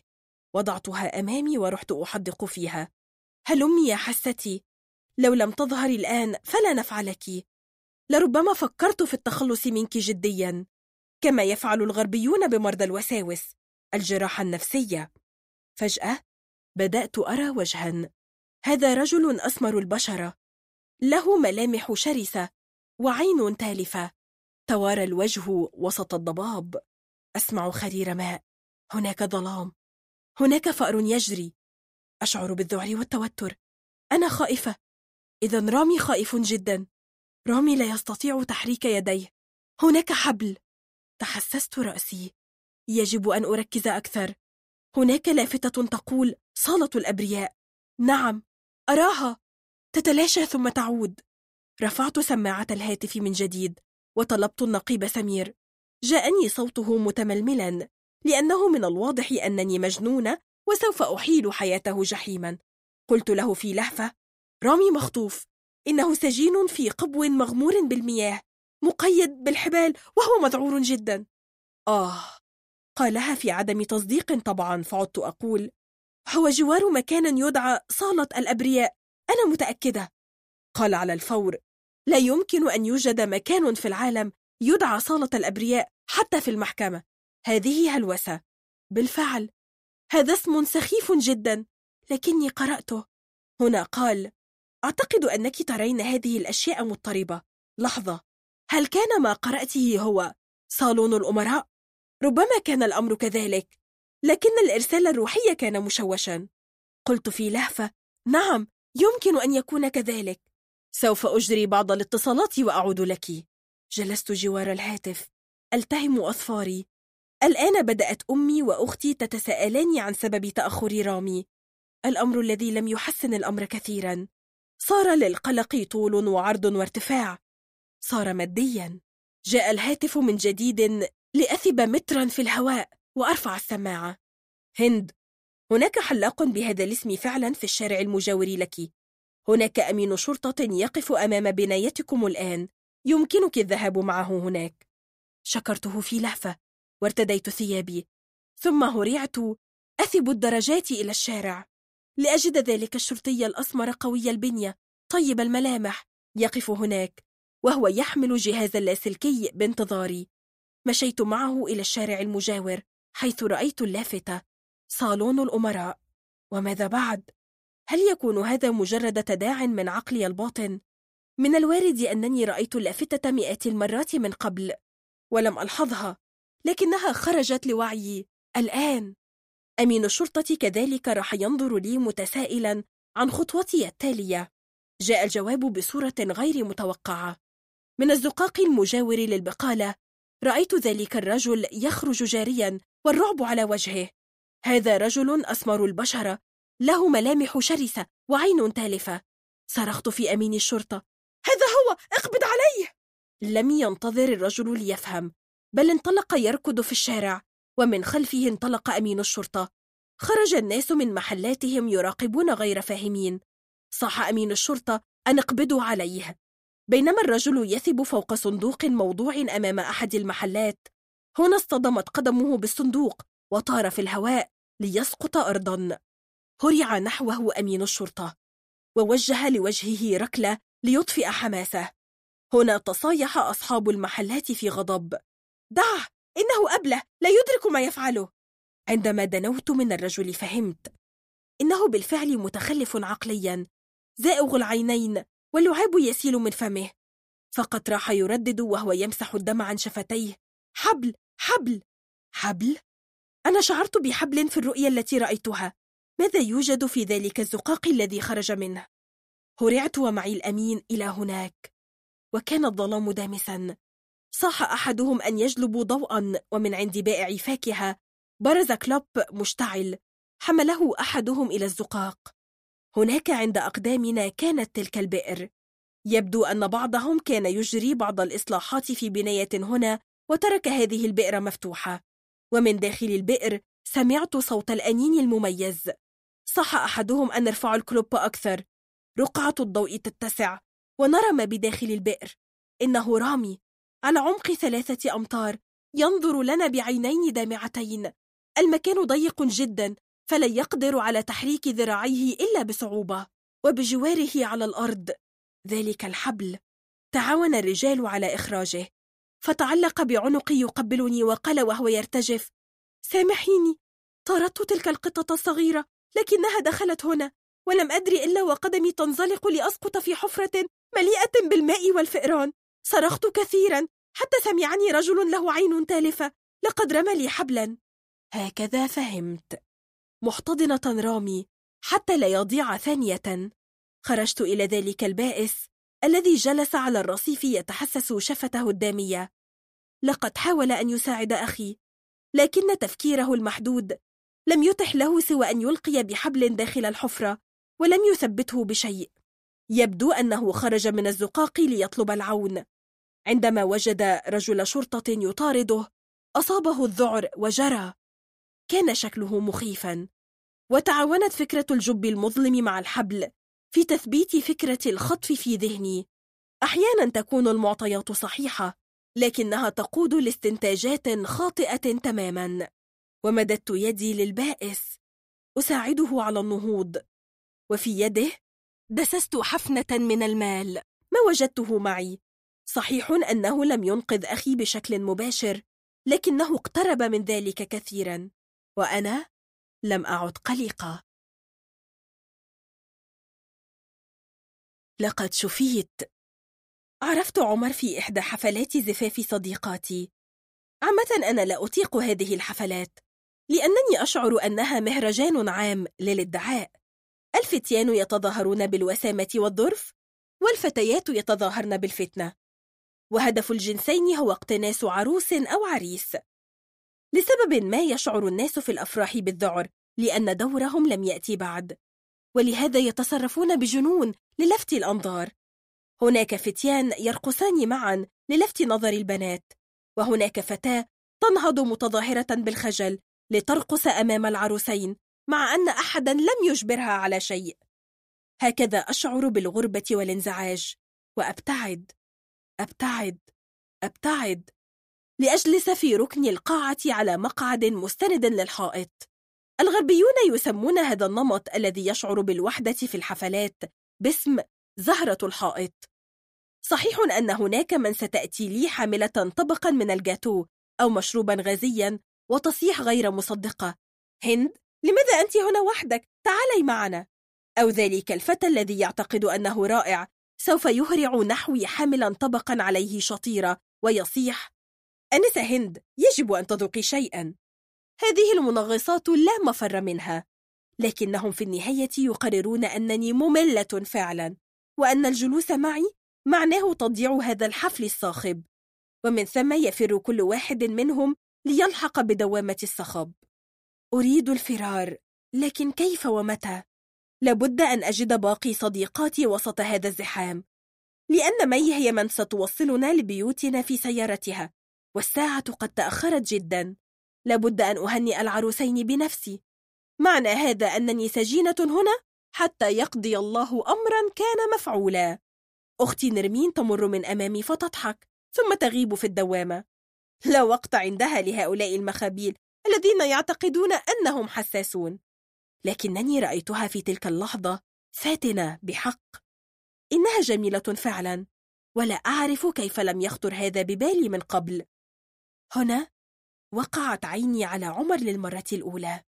كان جالسا بدوره جوار الجدار وفي يده لفافة تبغ توشك على أن تنتهي. وكان يرمق ما يدور في نوع من السخرية الصامتة الطريفة التي أعترف أنها راقت لي. هنا شعرت بما يشعر به. أنت تعرف أنني أملك هذه الموهبة. وإن كنت لا أستطيع التحكم فيها ولا تطيعني في كل وقت. أعتقد أن اسمها تليمباثي. ولا تخلط بينها وبين التليباثي من فضلك. حرف الأم الزائد ليس غلطة مطبعية. كان معجبا بي. شعرت بهذا بوضوح. وإن لم أقدر على قراءة أفكاره. قراءة العواطف تختلف عن قراءة الأفكار. قراءة الأفكار تجعلك تسمع في رأسك ما يفكر فيه الشخص. لكن قراءة العواطف تجعلك تشعر بما يشعر به. حر برد ضيق ملل إعجاب. كان معجبا بي. هذا واضح. ثم بدأت أرى أفكاره. فرأيت نفسي هناك جالسة جوار الجدار كقط صغير. جميلة جدا رقيقة جدا. لم أعرف من قبل أنني بهذه الروعة. أعرف أنني رقيقة شفافة إلى حد الموت أحيانا لكن لم أرني فاتنة من قبل. هنا فارق مهم. أنا لست فاتنة لكنه يراني كذلك وأنا أرى ما يراه. ليس بالضرورة دقيقا أو صحيحا. فجأة سمعت صوته يتردد في ذهني. تسمعين أفكاري أليس كذلك؟ نظرت له في ذعر إذا هو الآخر. عاد صوته يتردد من جديد. خمنت ذلك. أنا وأنت نملك هذه القدرة. كلانا يرى أفكار الآخر. أليس كذلك؟ وضحك. فضحكت. هكذا نهض متجها نحوي وجلس جواري على مقعد قريب. وقال وهو يعقد ذراعيه على صدره معذرة. لم أمر بهذا الموقف سوى مرة واحدة في حياتي. حسبت أنني لن أقابل أبدا شخصا يملك الإدراك الفائق للحواس. إن هذا الطراز من البشر يميل للخصوصية وعدم الاستعراضية. برغم أن كل إنسان في العالم تقريبا يعتقد أنه شفاف ولديه قدرات خارقة. كل امرأة عرفتها في حياتي تعتقد أنها تملك الحاسة السادسة وكل رجل يقول ليس بيني وبين السماء حجاب. لكن الحقيقة هي أن أحدا لا يملك أي شيء على الإطلاق. يسرني أن ألقى أول واحدة من هذا الطراز. ثم استدرك فقال معتذرا اسمي عمر. من المفترض أن أخمن اسمك لكني عاجز عن ذلك. هند لم أخمن اسمك أنا أيضا. لكني خمنت أنك تمارس عملا له علاقة بالدم. أنا طبيب فعلا. لست مصاص دماء. وأنت لك علاقة قوية بالأرقام ربما الجداول. أنا طالبة في كلية التجارة. كيف اكتسبت خبراتك؟ حادث. بقيت في سيارة تحت الماء لمدة ساعتين وغبت عن الوعي. مات أبي الذي كان يقود السيارة؟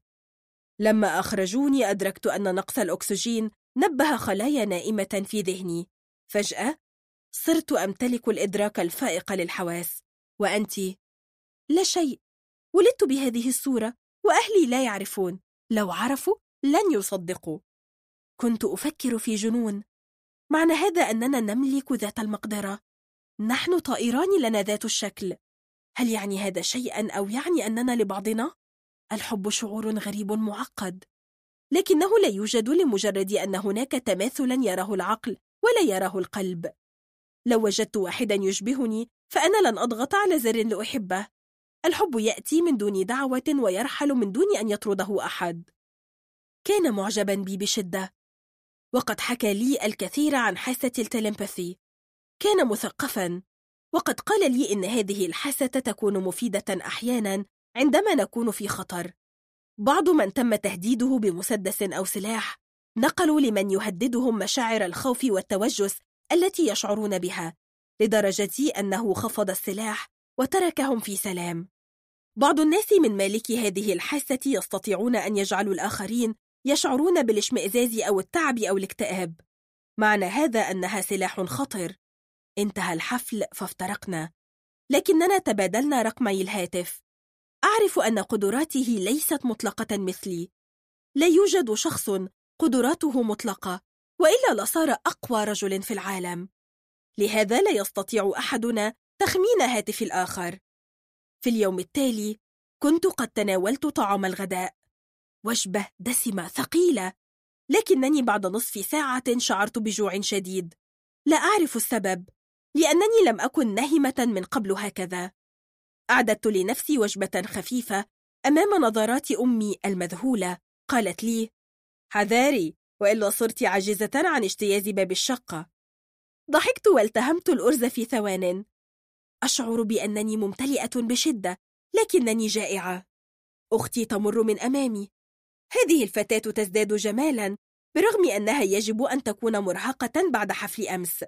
قلت لها في خبث. الهانم تزداد جمالا. يبدو أن الحفلات تجعلك رائعة. قالت في خبث أكبر. وأنت تجعلك الحفلات كالمصيبة. يكفي أن تحضري حفلي زفاف حتى تلفظي أنفاسك الأخيرة. هنا دق جرس الهاتف. على الفور رأيته وشعرت به قبل أن أرفع السماعة. غريب هذا. كل ما يمكن أن نصف به الحب موجود لكنه ليس حبا. إنه تلمبثي يا سادة. رفعت السماعة. فجاء صوته الودود. كيف حالك؟ كيف حال شقيقتك؟ كلنا بخير فقط أشعر بنعاس غريب. هذا مسل. أنا أشعر بذات النعاس. لقد انتهيت من تناول الغداء في عيادتي لكن لا أجد في نفسي رغبة في استكمال العمل. تبادلنا بضع كلمات ووضعت السماعة. نعاس.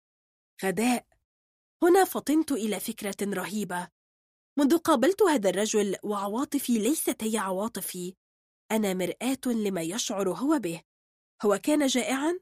فشعرت بالجوع. برغم أنني كنت قد غادرت المائدة حالا. أشعر بنعاس ولم أكن كذلك. ترى هل كان الملل الذي شعرت به أمس شعوري أنا أم شعوره هو؟ منذ هذه اللحظة صارت حياتي جحيما. أشعر بمغص. فلا أدري إن كان هذا شعوري أنا أم أنا أشعر بما يشعر به عمر. أشعر بظمأ. فلا أعرف إن كنت ظمآنة أم عمر هو الظمآن. سؤال أهم. لو كنت أنا مرآة لمشاعره فكيف أعرف أنه معجب بي حقا؟ ربما كان هو كذلك مرآة لمشاعري وكنت أنا معجبة بنفسي لا أكثر أخبرته بهذه التفاصيل في مكالمة هاتفية فقال لي ضاحكا لا تكوني حمقاء هل ولد هذا الاتصال الروحي فجأة؟ كنت أنا في العالم وكنت أنت في العالم فلماذا صرنا على اتصال فجأة؟ لا أدري لكنني متأكدة مما أقول. ساد الصمت ثم قال لي بعد فترة على كل حال أعتقد أن الوقت قد حان لأتكلم بصراحة وكي أطلب ما أردت أن أطلبه في تلك الليلة لولا أن اكتشفت أنني لست الوحيد الذي يملك تلك الحاسة. توترت قلقا وابتلعت ريقي. سوف يقولها إذن؟ قال بلهجة تقريرية أنا كما تعرفين طبيب من أسرة طيبة. ولدي متوف. لا أكسب الكثير لكن وضعي في تحسن مستمر. فقد ينقصني أن يكون لكفاحي هدف وقد وجدته. ازداد توتري. أشعر به متوترا بدوره. يجب أن أتخذ قرارا مصيريا كهذا. قال أسعدني أن ظفرت برقم الهاتف. كل من يعرفك قال إنك حكيمة وذكية وإن علي أن أعتمد عليك. وأن أكلمك أنت قبل أن أكلم والدتك برغم سنك الصغيرة. أضيف لهذا موهبتك التي لا شك فيها. قلت وأنا أنظر للسقف. ماذا تريد قوله؟ قال وهو يضغط على كلماته. شقيقتك الآنسة نرمين إنها أكبر سنا منك. لكني شعرت بأن بوسعي الكلام معك عنها. ماذا عنها؟ ألم تفهمي بعد؟ أنا أطلب يد شقيقتك الكبرى نرمين. شعرت بأنني على وشك السقوط أرضا وتحملت ليخرج صوتي طبيعيا. أنت تطلب يد نرمين. مني أنا؟ عندما جئت لحفل الزفاف كان هدفي أن أراها عن بعد. أكون حكمي بصددها. ثم عرفت أنك أختها الصغرى وجمعت بيننا حكاية التخاطر تلك. لذا قررت أن أعتمد عليك لأنك أقرب لي وتفهمينني أكثر من أي واحد آخر. هكذا أفهم. لماذا كنت أرى نرمين جميلة بهذا الشكل في الفترة الأخيرة؟ لأنني أرى ما يراه هو. أما ما شعرت به من عاطفة نحو نفسي فالسبب بسيط.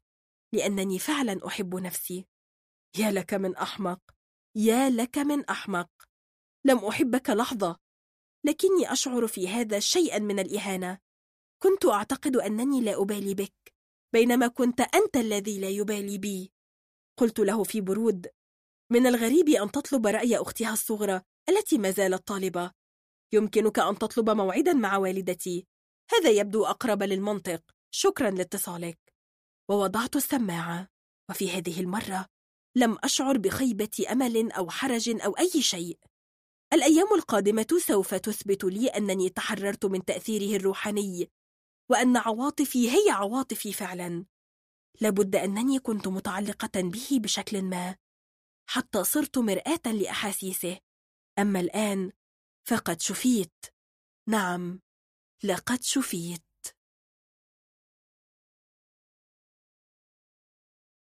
ما رأيك أنت؟ موسم الامتحانات. في رأيي أن هذه العبارة ليست مضافا ومضافا إليه بل هي مبتدأ وخبر. جملة مفيدة كاملة قائمة بذاتها ولا تحتاج إلى إضافات. لا تنسى أنني طالبة في كلية التجارة. موسم الامتحانات. معنى هذا قدوم الربيع. معنى هذا تغير حرارة الجو. معنى هذا ظهور التوت ودودة القز ورائحة الحقول المحروثة وحبوب اللقاح في الجو. معنى هذا التوتر والقلق والمغص المتكرر. معنى هذا الاستذكار حتى الفجر. ثم النوم حتى الظهر والاستيقاظ مع شعور قاتل بالذنب. عندما أسمع أغنية شدية الشمس بانت من بعيد وأغنية أم كلثوم الورد جميل تتقلص أمعائي لأن هذه أغاني الامتحانات كما أعرفها. غريب أن الامتحانات والربيع شيئان متلازمان. كما تعرفون فإن موهبتي تتدخل أحيانا لكن هذا بلا موعد ولا نسق محدد. ولهذا السبب لم أشعر قط بالذنب. باعتباري أعرف أسئلة الامتحان قبل أن يبدأ. هذا ليس بيدي على الإطلاق. فجأة أقلب صفحات الكتاب وفجأة يستقر ذلك اليقين في أحشائي أن هذه الصفحات مهمة وخطرة أحيانا أرى ورقة الامتحان والأسئلة عليها. من حين لآخر يتضح أنني كنت أخدع نفسي وأنه لا توجد علامة فارقة بين ما أراه بفضل الاستبصار وما ألفقه بخيالي دون أن أعرف ذلك. الخلاصة أنا أستذكر كل شيء بجد. فإن أرادت موهبتي أن تعمل فبها أرحب. ومعنى هذا أنني سأدرس كل شيء. لكني سأولي عناية خاصة للصفحات التي أشك فيها بالذات. في يوم الامتحان يمكنك أن تعرف ما ينتظرنا. الأولاد يكونون غير حليق اللحى مبعثر الثياب. عيونهم كلها إرهاق وتعب. الفتيات شاحبات مرهقات وإن كن ممن يضعن المصاحيق بكثرة فلا وقت لهذا اليوم. لهذا تجدهن قبيحات أكثر من اللازم كما يحدث لصورة التلفزيون الملون عندما تصير أبيض وأسود. الثياب غير مكوية لا وقت للكعوب العالية. الأحذية كلها رياضية وعلى الأرض. ها أنا ذا أقف على باب اللجنة. وأعيد مراجعة المذكرة التي أحملها ثم أضعها على الكومة وسط كتب أخرى كثيرة تمزقت وبدأ الإفراط في استعمالها واضحا. أجلس في مقعدي قبل البدء بنصف ساعة وأتلو المعوذتين وصورة الفيل ثم فجأة أراه بوضوح تام. السؤال الأول السؤال الثاني هذه هي الأسئلة. لا داعي لأن أنهض لأراجعها لأنني أحفظها عن ظهر قلب. فقط ليت حاستي تصدق. تقترب مني نرمين صديقتي وتقف بجواري باسمة ثم تميل علي لتهمس. السؤال الأول سيكون كذا. السؤال الثاني سيكون عن كذا. السؤال الثالث سيكون كذا. نظرت لها في دهشة. هذا هو ما أفكر فيه بالضبط. سألتها كيف عرفتي؟ قالت وهي تنظر حولها. تسربت الأسئلة وهي مع غالبية الطلبة فلا تضيعي الوقت. لو كنت غير ملمة بهذه الأسئلة فلتسرعي. إن في الوقت متسعا. وسرعان ما ابتعدت وهي تراجع وريقة في يدها. جلست ساهمة بعض الوقت. من الواضح طبعا أنها تعرف الأسئلة فعلا. ما دمت أنا أعرفها بموهبتي فأنا أعرف أنها تعرف. في حالتي يتعلق الأمر باستبصار لا يعرف أحد أنني أملكه. لكن في حالتها الأمر يتعلق بتسرب أسئلة واضح. ماذا أفعل؟ السياسة الأحكم أن أظل صامتة سوف أجلب الصواعق على الجميع لو فعلت شيئا لكني في الوقت ذاته لن أقبل هذا القرار من نفسي بسهولة ما لك أنت يا فتاة وهذا؟ أنت عرفت الأسئلة تلقائيا فلما تريدين أن تحرمي الآخرين من الفرصة ذاتها؟ الجواب بسيط هو أنني لم أسعى لشيء ولم أبحث عن الغش وإنما حاستي الغامضة هي من فعل هذا. لم أخالف القانون بينما هم يخالفونه. وأنا أعرف أكثر من أي واحد من هؤلاء أن الأسئلة صحيحة وأنها تسربت فعلا. مشكلة ضمير. ظللت أفكر بضع دقائق أخرى ثم نهضت شاردة. لو تكلمت فأنا الواشية الخائنة. لو كنا في أحد أفلام السجون لدبر المساجين لي حادثا مؤسفا. من الغريب أن قوانين الجماعة تصير لها الكلمة العليا ويصير المجرم هو من يخالفها. عندما يرتب المساجين الهرب من السجن فإن من يفشي السر خائن يستحق العقاب برغم أنه ينفذ القانون وواجبه كمواطن. لا أعرف كيف وجدت نفسي أمام باب عملاق عليه لافتة تقول العميد. دخلت في حذر فنظر لي السكرتير في ريبة. أفندم قلت له بصوت مرتبك إنني أريد مقابلة العميد. الأمر جلل وعاجل لم تبق سوى دقائق يتم خلالها توزيع الأوراق وعندها لن أقدر على إثبات شيء. كنت في حال سيئة وهذا جعله يهرع إلى الداخل بعد دقيقة عاد لي وسمح لي بالدخول. كان العميد جالسا على مكتبه ضخما مهيبا كعهدي به فقد كان يبتسم في رفق فشجعني هذا كثيرا. طلب مني الجلوس فجلست. كان يعرفني لأنني من طالباته المتفوقات. أليس هذا موعد امتحانك يا هند؟ أخرجت ورقة وبيد مرتجفة كتبت عليها بعض النقاط وناولتها له وقلت سيدي هذه هي أسئلة المادة التي ستوزع أوراق امتحانها بعد دقائق. تبدل وجهه تماما ونهض في توتر وانتزع الورقة من يدي وقرأ الأسئلة. ثم نظر لي في حزم وقال من قال هذا الكلام الفارغ؟ كل الطلبة معهم هذه الأسئلة. لو كنت تشك في كلامي يا سيدي فلك أن تتحقق. اتجه إلى الخزانة المجاورة لمكتبه وفتحها وأخرج مظروفا مغلقا. كان أستاذ المادة يترك عينة من الامتحان في مكتب العميد قبل الامتحان في تلك الأيام. قرأ الأسئلة ثم قارنها بما في الورقة وبدأ عليه التوتر. كنت أعرف هذا. لو كنت مخطئة لكان موقفي في غاية السوء. إلى الهاتف هرع فطلب ألا يتم توزيع الأسئلة ثم طلب أستاذ المادة في مكتبه وكان على وجهه ما يدل على خطورة الموقف. ثم طلب بالهاتف رقما آخر. طلب أستاذا آخر للمادة. عندما جاء الأستاذ الأخير طلب منه العميد أن يعد امتحانا سريعا للطلبة ويكتبه هنا أمامه ثم يقوم بتصويره وتوزيعه على اللجنة. جاء أستاذ المادة الأول مسرعا وكان ما سمعه صادما. لقد تسربت الأسئلة أي أنه المتهم الأول بهذا. من قال هذا؟ أشار العميد لي وقال هند عرفت هذا وكان من مصلحتها أن تظل صامتة لكن ضميرها انتصر لحسن حظنا. ما ذكرته هي متطابق تماما مع أسئلتك وعليك أن تفسر لي هذا.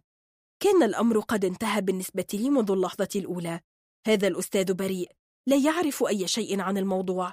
لقد كتب الأسئلة وصورها وهو يحملها معه الآن عندما فوجئ بهذه الكارثة.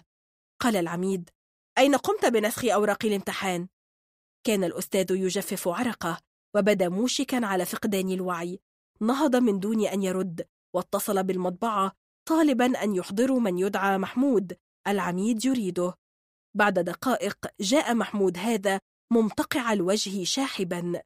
كان رجلا في الخمسين شديد البدانة محتقن الوجه. يمكنك أن تخمن أنه سيموت بنوبة قلبية أو نسف مخ في أي لحظة. قال العميد للرجل أسئلة الامتحان تسربت. ليس لدينا من نشك فيه سواكما. أستاذ المادة أو من قام بنسخ الامتحان. أحدكما فعل هذا وباع الأسئلة بثمن باهظ لكن كان على من اشتروا الأسئلة أن يظلوا صامتين. للأسف هم تكلموا بداعي التفاخر أو عونا لأصدقائهم. كنت أنا أراقب محمود في هذا الوقت وعرفت من جديد أنه بريء. إنه مذعور تماما لكنه شريف كلاهما شريف فمن فعل ذلك؟ هتف محمود موشكا على البكاء. عملية التصوير استغرقت نصف ساعة يا سيدي ولم أترك الأوراق لحظة. عداد الآلة يمكن أن أنت تعرف أن هناك نسخا إضافية يتم تصويرها للاحتياط. العدد لا يدل على شيء. هنا جاء دوري في الورطة. فقد قال لي العميد من الذي أعطاك الأسئلة يا هند؟ صديقة لي في نفس الدفعة. من هي؟ احمر وجهي. أما هذا فلا. لم يخطر ببالي أن أورط نرمين في هذه القصة وهي التي كانت تتعامل بحسن نية. لكن العميد عاد يكرر من؟ لابد من أن أعرف مصدرها. ربما من صديقة أخرى. سوف نسأل تلك الأخرى وأخرى وأخرى. سوف ينتهي البحث عند طرف الخيط الآخر. لو لم تتكلمي لاعتبرتك متورطة في هذه القصة. كنت مشكة على البكاء واحمر وجهي. يبدو أنني أخطأت فعلا عندما أقدمت على هذه الخطوة مدفوعة بشجاعة ملحمية. الأهم أن جميع الطلبة سيعرفون أنني تكلمت. قانون السجون غير المكتوب. المافيا يطلقون على هذا اسم أومارتا أي مؤامرة الصمت. الويل لأول من يفشي أسرارنا. فجأة راح المنظر يتوالى في ذهني مرارا كأنني موشكة على الإصابة بنوبة صرعية. ورقة أسئلة فوق آلة مستندات. اسم يتردد بلا انقطاع. مصطفى بيومي مصطفى بيومي مصطفى بيومي. فجأة هتفت بلا سيطرة على صوتي. مصطفى بيومي. نظر لي العميد في دهشة وقال أخذت الأسئلة من مصطفى بيومي؟ كدت أقول إنني لا أعرف لكنني خشيت أن يظن بعقلي الظنون أو يحسبني أدعي البلاهة. هكذا لست بالصمت لكن محمود الذي قام بالتصوير صاح. مصطفى؟ غريب لكن بالفعل هذا ممكن. أي شيء ممكن؟ اعترف محمود أنه كان يقوم بالتصوير. وفجأة أصابه دوار غريب مع تسارع في ضربات القلب. غادر الحجرة لبضع دقائق ليشم بعض الهواء النقي في الخارج. مصطفى بيومي كان يجلس على باب الغرفة وقتها. إنه العامل الذي يحرس المكان بما فيه من أوراق مهمة. بالفعل كان بوسعه أن يهرع للداخل ويسرق واحدة من النسخ الموجودة على آلة نسخ المستندات ثم يجلس في براءة بينما يعود محمود. رفع العميد السماعة ليطلب أن يستدعوا له مصطفى بيومي هذا. جاء بعد دقيقة بالضبط. لم يحتج إلى أسئلة أو أي شيء لأنه انهار تماما. عندما وجد الجميع ينظر له في حزم انفجر الدمع من عينيه والمخاط من أنفه وهو يقول سأعترف. نعم سرقت نسخة من الأسئلة وبعتها بمئة جنيه. لطالب اسمه رامي عبد المنعم. هذا هو كل ما فعلته أقسم بالله. كان قدومه نجدة لي لأن العميد نسي سؤالي عن صديقتي. لقد وجد الخيط الذي يبحث عنه. نظر لي وللمرة الأولى منذ ربع ساعة. شاعت ابتسامة على وجهه الصارم وقال شكرا يا هند لقد انتهت مهمتك هنا. ونظر إلى ساعته وهتف ربع ساعة من موعد الامتحان سوف أعطيهم وقتا إضافيا ولكن عليك العودة للجنة الآن لأنهم سيوزعون الأسئلة حالا. عدت إلى اللجنة شاعرة بخليط من الرضا عن النفس والارتباك وبعض الندم. عندما تسلمت ورقة الأسئلة الجديدة التي تم إعدادها على عجل كدت أصرخ. أسئلة عسيرة حقا. لم تساعدني موهبتي على تخمين شيء منها. ربما لو ظللت صامتة لكان الوضع أفضل. لكني كنت سألوم نفسي للأبد. ما رأيك أنت؟ احترسوا من تلك السيارة. احترسوا من تلك السيارة. سيارة حديثة هي زرقاء اللون من طراز تويوتا. على الزجاج ملصق خاص بأحد الأندية القاهرية الشهيرة. هناك خدش عرضي طويل على الجانب الأيسر. لو رأيت تلك السيارة فاحترس منها. السائق يخفي عينيه خلف نظارة سوداء عملاقة ويلبس الأسود مما يعطيه مظهرا مفزعا. كأنه في فيلم سينمائي أمريكي يدخن بفظاعة. لو رأيت هذا السائق فاحترس منه. سوف يميل عليك وأنت تمشين على قدميك ويعرض أن يوصلك. لو كنت فتاة محترمة رباها أهلها جيدا فسوف تتذمرين وتجدين السير أو تتظاهرين بأنك لا تسمعين أو تدخلين أول محل تقابلينه أو تطلبين عون أحد المارة أو رجل شرطة تجدينه بالمصادفة.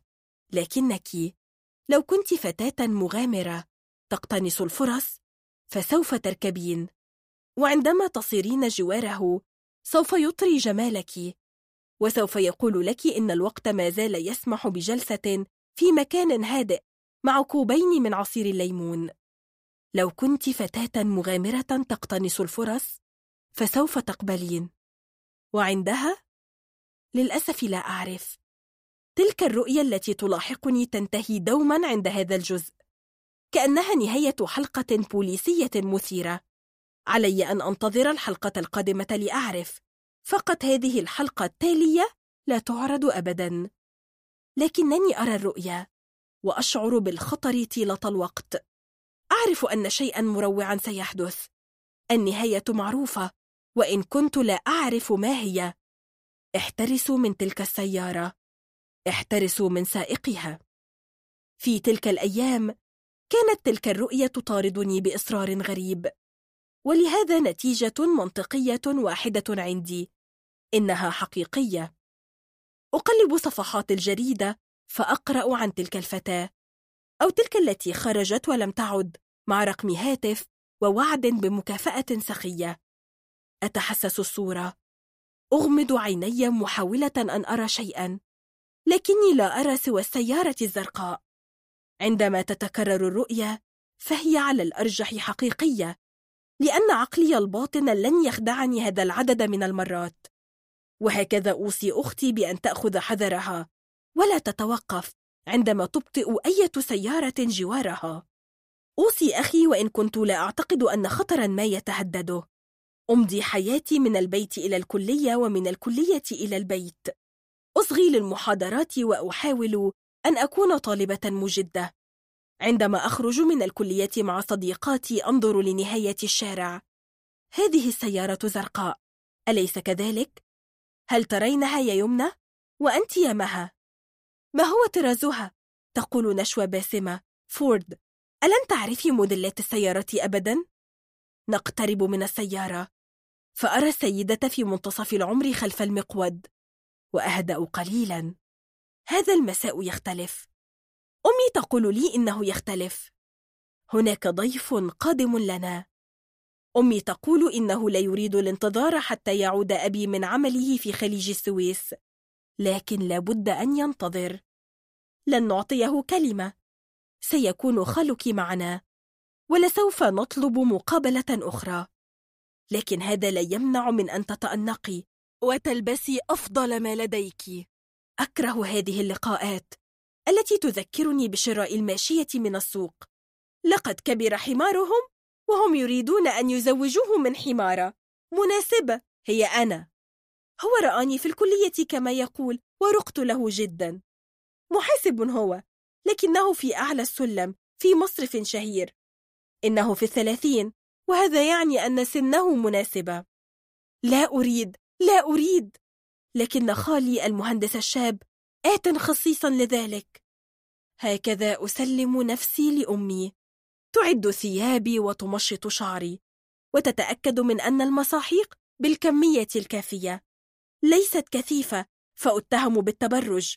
وليست قليلة فأبدو شاحبة موشكة على الاحتضار كما أنا فعلا.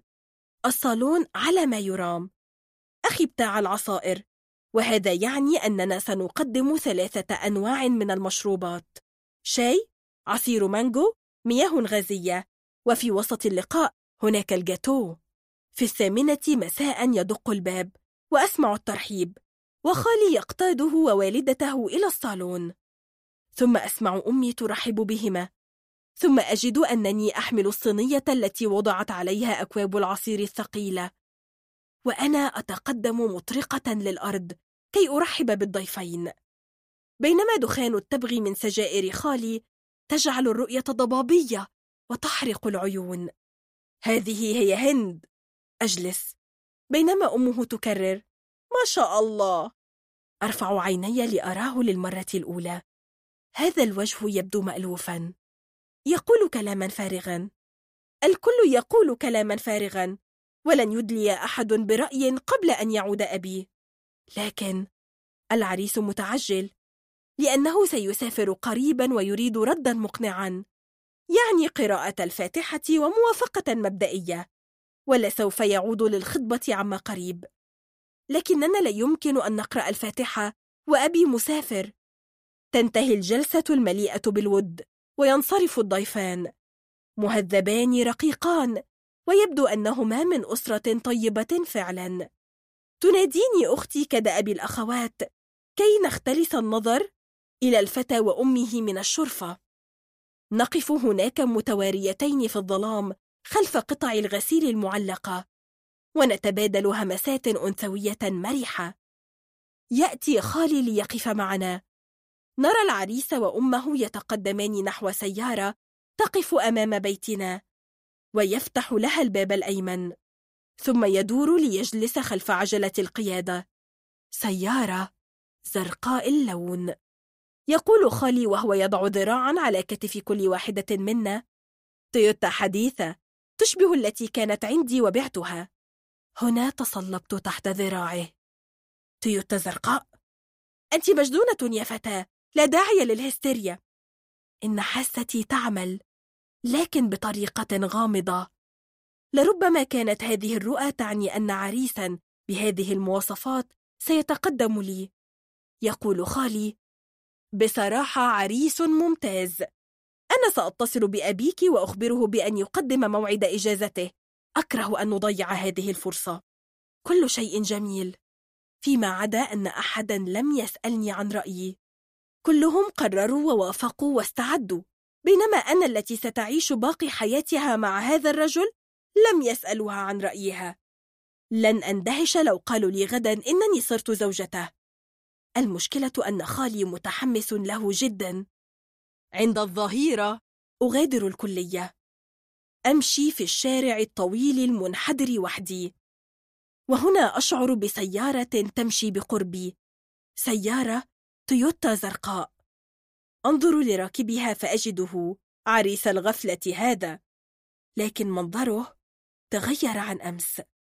نظارة سوداء تخفي أكثر وجهه. إنه هو. لا شك في هذا.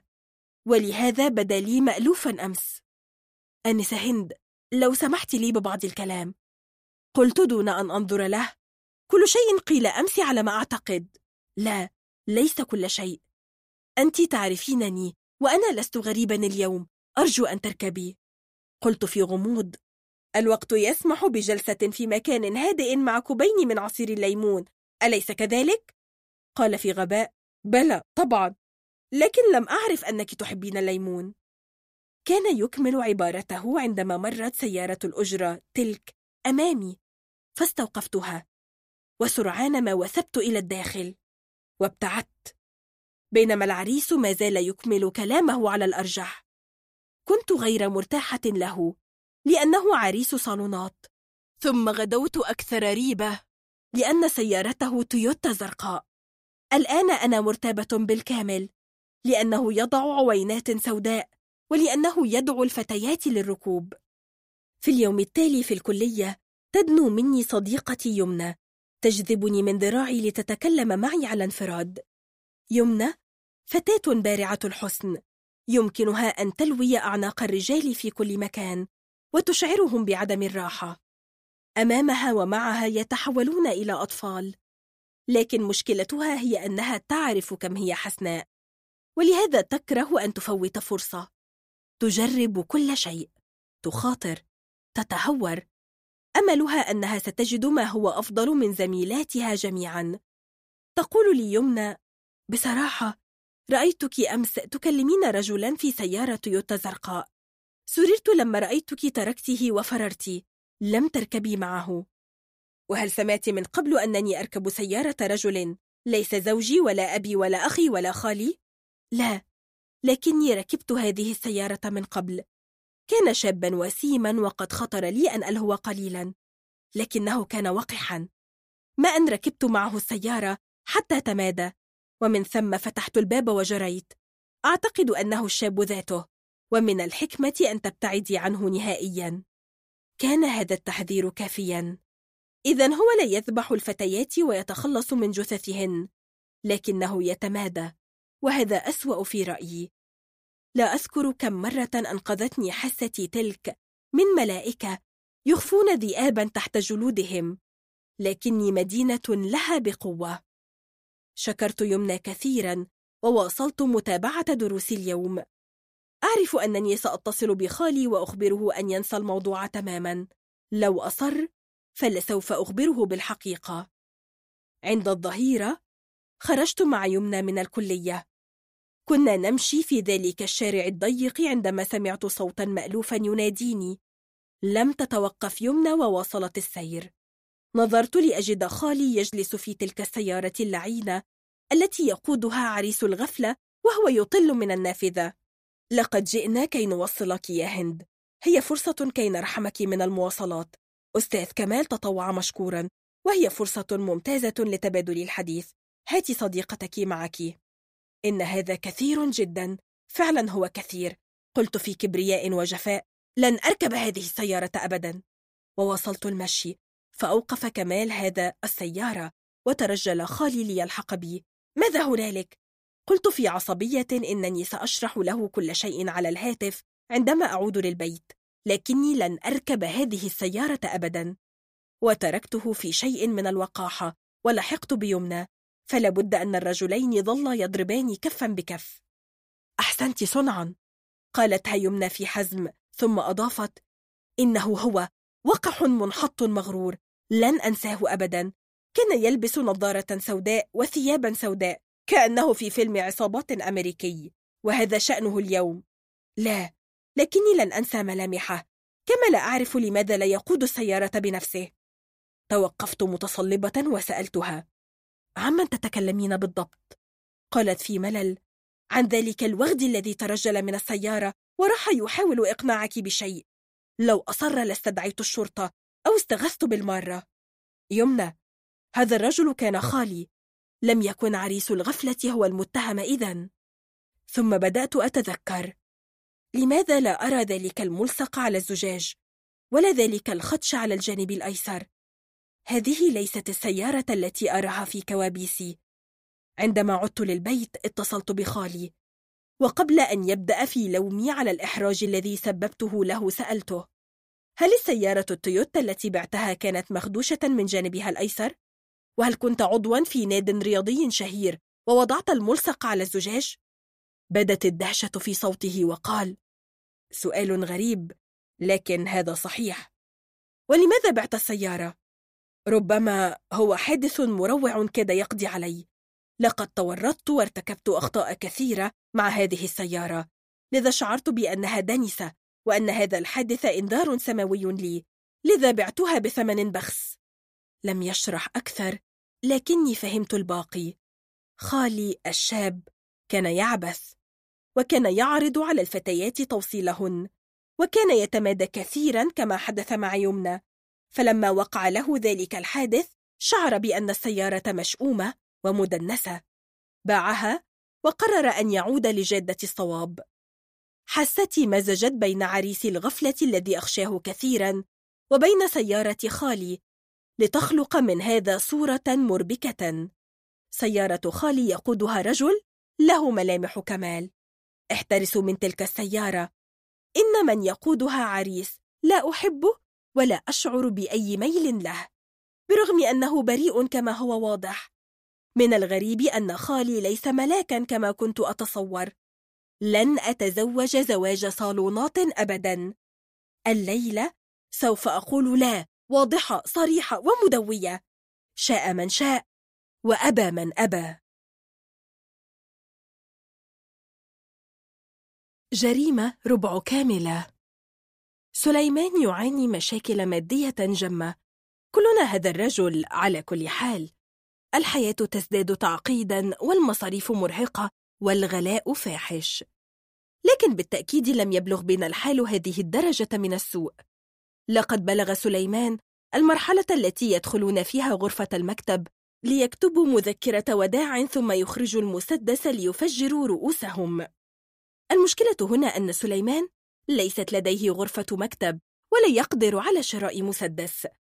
بالفعل هو قد دخل البورصة ولأنه يعرف حظه جيدا كان يعرف منذ اللحظة الأولى أنه سيخسر. إذا لماذا دخل؟ لأن المرأة يعتقد أن السيناريو قد لا يتكرر في كل مرة. هكذا وجد أنه معدم بالمعنى الحرفي للكلمة. معدم ومن الوارد أن يجوع كذلك. كان سليمان يعيش وحده من الناحية الزوجية فهو سيء الخلق عصبي. لا تستطيع زوجة أن تعاشره طويلا. لهذا طلق زوجته قبل أن ينجب منها. لكن لم يكن وحده. هناك في الغرفة الكئيبة ذات الأثاث القديم التي تفوح في هوائها رائحة مرهم النمر المعتادة لتخفيف الآلام الروماتيزمية. هناك في الضوء الخافت الكئيب هناك في الحر الخانق هناك في الفراش غير المرتب الذي يمكن أن يجلب الأرق للموتى. هناك جوار الكومود الذي يتوسطه الكوب الذي تسبح فيه الأسنان الصناعية. هناك في ذلك الفراش يرقد عمه. من الغريب أن يكون أنيسه الوحيد في العالم هو عمه. لكن أباه أوصاه به كثيرا قبل الموت لأن العجوز يعيش بلا سند ولا ولد. صحيح أن أباه مات قبل العم لكن وصيته ظلت حية.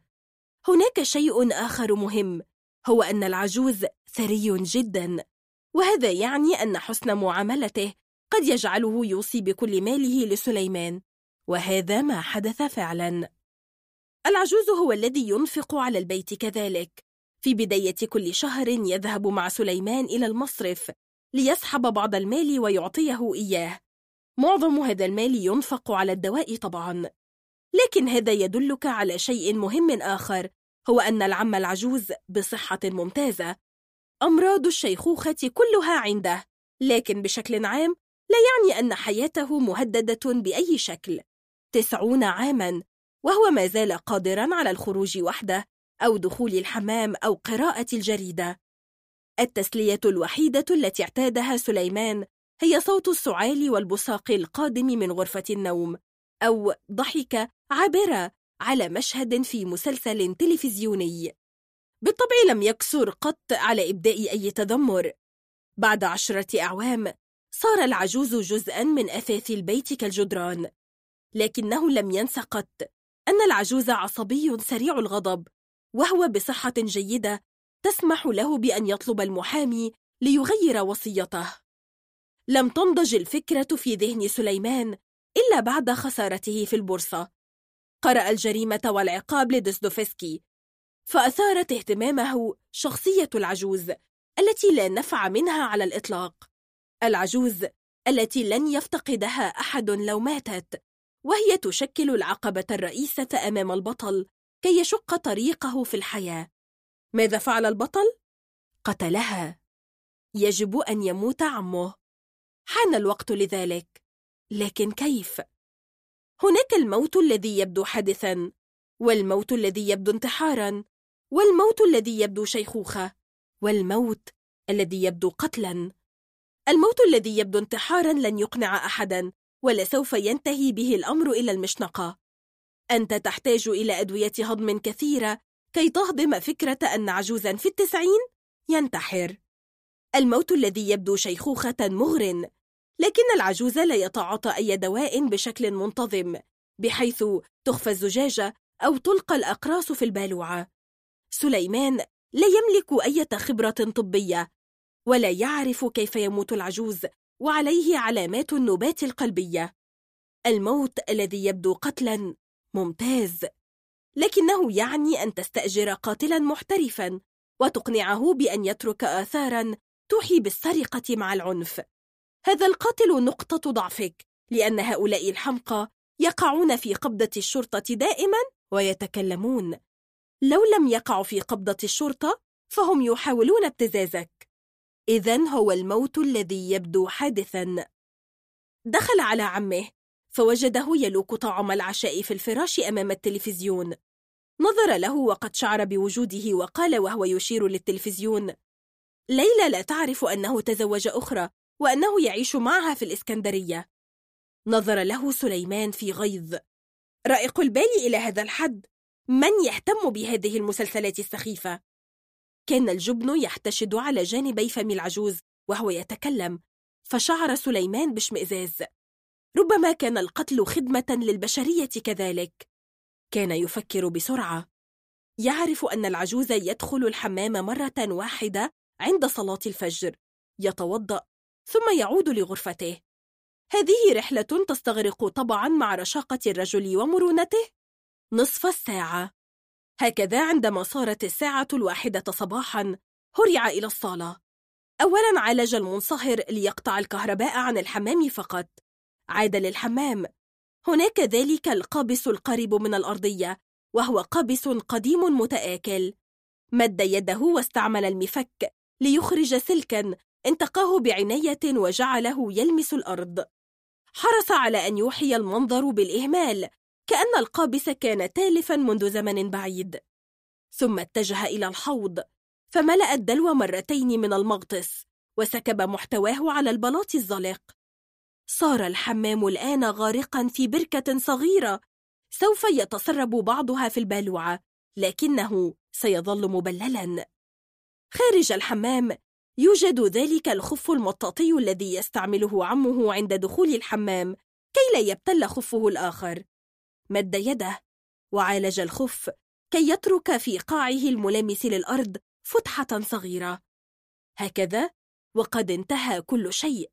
عاد إلى لوحة المنصهرات فأعاد الكهرباء إلى الحمام. عليه ألا ينسى ما فعله وإلا ذاق ذات السم الذي يسهر في إعداده. كان التوتر شديدا. لذا ابتلع قرصين منومين وغطى رأسه بالوسادة في حجرته وانتظر. يعرف ما سيحدث. سينهض العجوز ساعة صلاة الفجر. سيضع الخف في قدميه ويدخل الحمام. طبعا ستغلق المياه على الأرض الدائرة وتسري الكهرباء في جسده.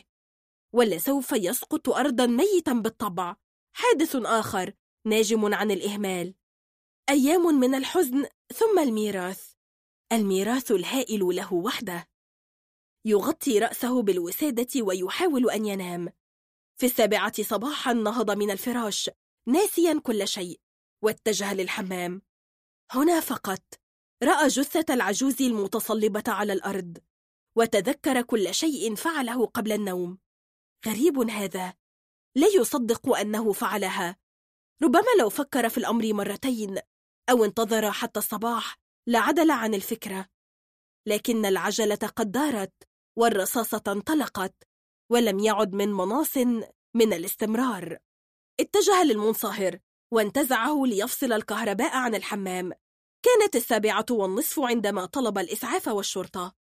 وفي التاسعة اتصل بي النقيب سمير البنا الذي يطلب رأيي في كل شيء والذي عرفته عن طريق الطبيب النفسي دكتور محمود. حكى القصة وقال لي إنه راغب في أخذ رأيي. قال القصة تبدو واضحة يا هند. حادث آخر ناجم عن الإهمال كما يحدث كثيرا في مصر. هذا مؤسف لكن لا دور لي إذن. أشعر بأن الأمر غريب. صدفة جعلت السلك يتدلى وصدفة جعلت الخف مثقوبا وصدفة أغرقت الحمام بالماء. ألا يبدو هذا مريبا؟ فكرت في الأمر وبدا لي على شيء من الصواب. هكذا تجدونني أقف في الشقة التي كانت مسرح الحادثة. طبعا جثة الفقيد مغطاة. لم أعد أطيق رؤية المزيد من الموتى. سليمان يجلس وهو يغطي وجهه بكفيه باكيا أو مصدوما. يرفع رأسه ليقول للنقيب لن أسامح نفسي ما حييت على أنني تركت هذا السلك المتدلي. أنا أطلب رسميا توجيه تهمة الإهمال لي. قال النقيب متلطفا وهو غير مقتنع بهذا الاستشهاد المسرحي. لا أعتقد أن قاضيا يمكن أن يدينك. كنت أنا أجوب الشقة وأتشمم الجو بحذر. ثم أمسكت بالخف المثقوب وتفحصت مكان الثقب. بعد ثوان عدت للنقيب وقلت الأمر واضح تماما. كل شيء يشي بأنه فعلها عمدا. كل شيء. أشعر بالشر في كل مكان. ثم إن هذا الثقب في الخف لا يمكن أن ينجم عن قدم. الخف كله سليم وهناك ثقب واضح سميك في القاع. لقد تم عمله عمدا. قال لي همسا نعم أشعر بهذا لكن لا يوجد إثبات برغم هذا. ربما العم العجوز هو الذي ثقب الخف بنفسه لسبب ما. على كل حال كنت أرغب في من يؤكد لي ظنوني. أما البرهنة عليها فأمر يخصني. عدت أسأل. وكل هذا البلل في الحمام. تذكر أنه موجود قبل أن يتوضأ الشيخ فمن أين جاء؟ قال النقيب فكرنا في هذا سليمان يزعم أنه أخذ حماما في الثالثة صباحا وهو ليس بارعا في تجفيف الماء بعد الاستحمام ولماذا لم يتعرض للصعق بالكهرباء بدوره؟ لقد كان يستحم كما يقول وبالطبع كان حافي القدمين ربما لأن الحمام لم يكن مبللا بما يكفي أو ربما هناك فأر شد السلك أكثر بحيث لامس الأرض هناك آثار عبث في القابس ألم تلحظ هذا؟ يقول سليمان إنه حاول إصلاح القابس قبل هذا بيومين وفشل رحت أجوب المكان وأفكر بالفعل كل شيء مريب لكن لا يمكن إثباته لأن المحاكم تتعامل مع الحقائق للظنون هل يمكن القول إن هذا الرجل قد ارتكب الجريمة الكاملة؟ وإنه فعلا سينعم بثروة عمه القتيل؟ مستحيل. وإلا فلا نفع لموهبتي هذه على الإطلاق. دخلت الحمام ونظرت إلى المغطس. كان مليئا بالماء إلى نصفه. عدت إلى الصالة وهمست في أذني النقيب طالبة منه أن يوجه السؤال فلا صفة لي هنا. هكذا سأل الرجل. لماذا ملأت المغطس بعدما استحممت؟ قال مصطفى في شيء من الارتباك. لا يمكنك أن تضمن انقطاع الماء هنا. لابد من تخزين ماء احتياطي كل ليلة. هنا نسيت نفسي فصحت في فرح. وجدتها! وجريت إلى الشقة المجاورة حيث كان الجيران المذعورون يقفون على الباب. فسألتهم في مرح أثار دهشتهم. هل كانت المياه على ما يرام البارحة؟ قالت امرأة بدينة تربط شعرها بمنديل أحمر لامع. لم تكن هناك نقطة طيلة الليل يا حبيباتي. عدت إلى الداخل وصحت في النقيب. لم تكن هناك نقطة ماء طيلة الليل. الشيخ كان ينوي أن يتوضأ من الماء في المغطس يصبه على نفسه صبا.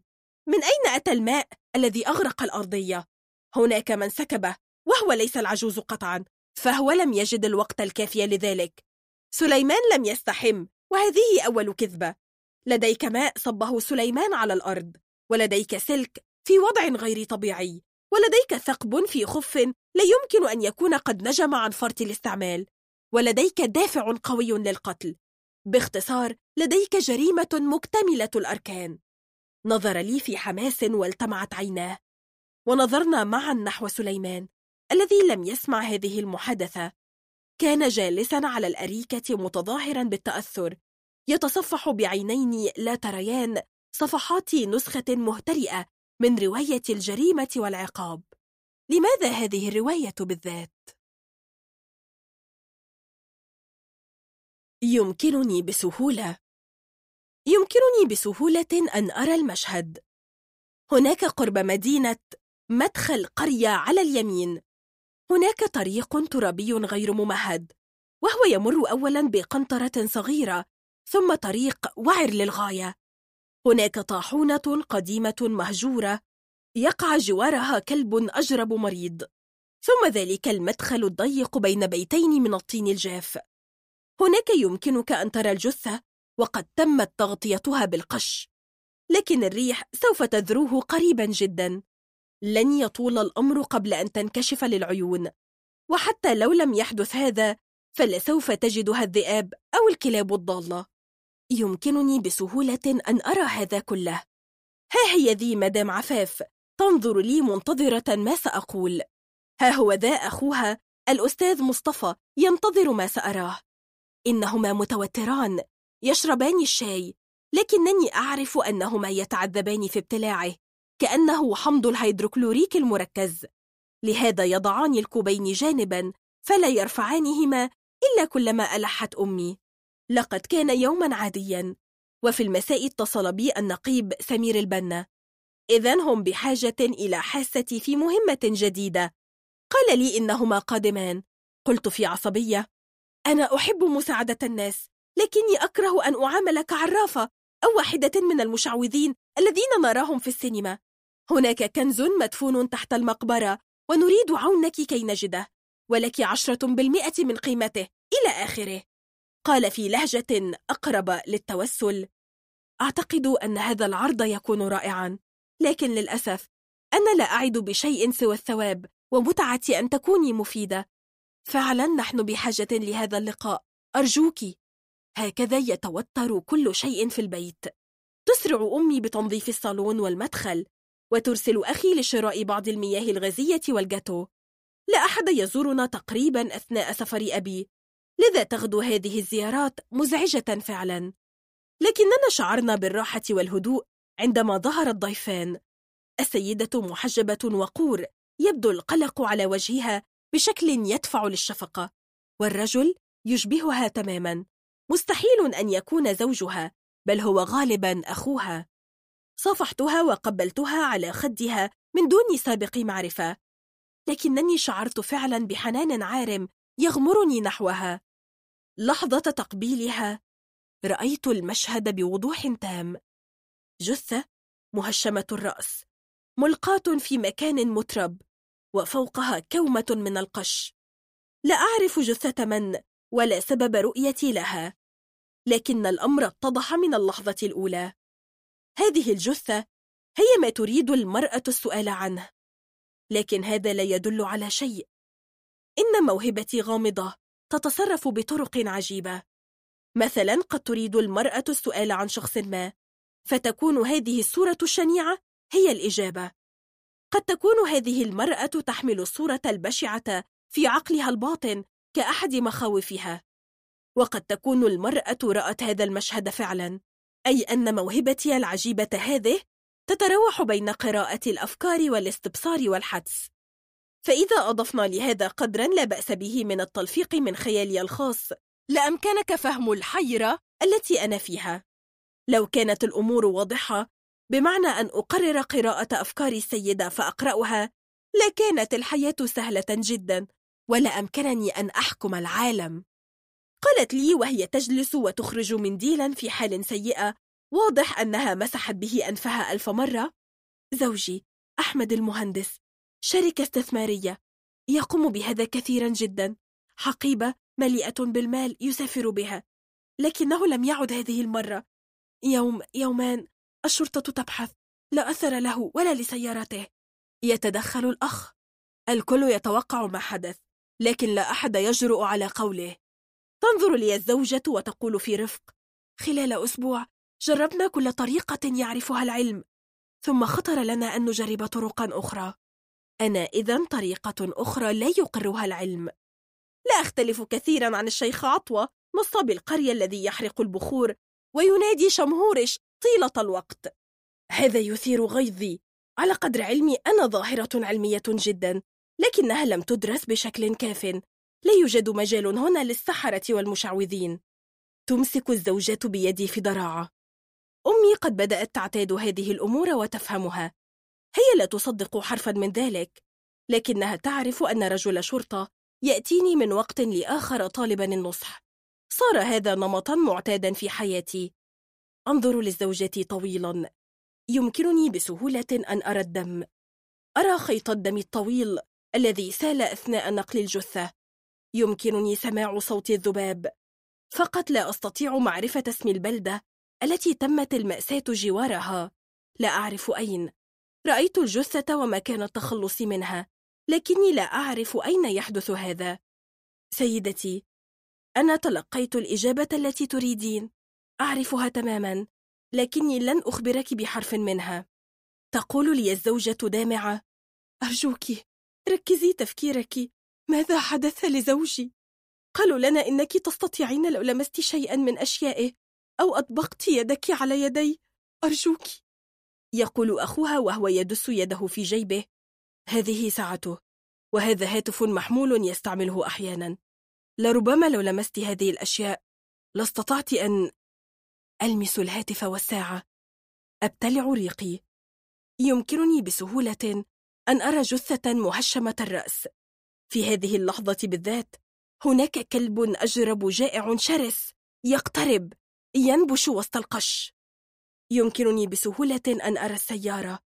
سيارة زرقاء اللون تقف بين الأشجار الكثيفة في عزبة ما. الأبواب مفتوحة وقد غطاها التراب تماما. هناك جرار يتحرك من بعيد. أسمع هدير محركاته. لكنني لن أقول لن أتكلم. تسألني الزوجة في إلحاح.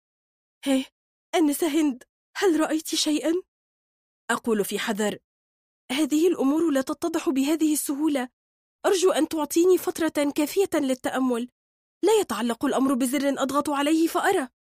لكن يمكنني بسهولة أن أرى الكلب يزيح القش عن الوجه. أرى الوجه المشوه جاحظ العينين. هذا رجل في الخمسين من العمر له شارب كث. الكلب يقترب يفتح شدقيه. إنه كيف لو عرفت الزوجة ما يدور في هذه اللحظة بالذات؟ سوف أصمت. نعم لن يفيدها أن تعرف أية رؤى مريعة تتلاعب في خيالي الآن. يمكنني بسهولة أن أرى مدخل الطريق الترابي. لا يمكن أن يهتدي له رجال الشرطة لأن هناك مثله مئات في كل قرية بمصر لا توجد علامات مميزة. أركز تفكيري أكثر. السيارة الواقفة مفتوحة الباب. لماذا لا يراها صاحب الجرار؟ ألم تثر فضوله؟ إلا لو كان يعرف. يعرف سبب وجودها هنا. هناك اسم يتردد في ذهني بلا توقف. الوحدة المحلية بكفر الدنانير. هذا هو المكان. هذه المرة فتحت فمي. قلت كفر الدنانير. سيارته هناك. هنا نظرت لي الزوجة في ذهول. ثم تبادلت النظر مع أخيها. احمر وجهها وقالت كفر الدنانير؟ هذه قريته قرب الزقازيق. عزبة أسرته هناك. لماذا يعتدي عليه شخص ويأخذ سيارته؟ ليخفيها في قريته بالذات. نظر لي أخوها في دهشة. هل أنا أخرف؟ لكن من أين لي بمعرفة اسم القرية؟ بالفعل أنا متأكدة. لقد سأل رجال الشرطة عنه هناك. لكنهم بالطبع لم يجروا بحثا مدققا. لو حدث شيء للزوج فآخر مكان يخفي فيه المعتدون سيارته هو قريته. هذا شيء غريب لكنه حقيقي. هنا خطرت لي فكرة. قلت للزوجة هل معك صورة لزوجك؟ طبعا. ووضعت كوب الشاي المسموم لتبحث في حقيبتها ثم تناولني صورة صغيرة. تأملتها فرأيت رجلا وسيما حليق الوجه. لا علاقة له بالوجه الذي يمكنني بسهولة أن أراه تحت القش.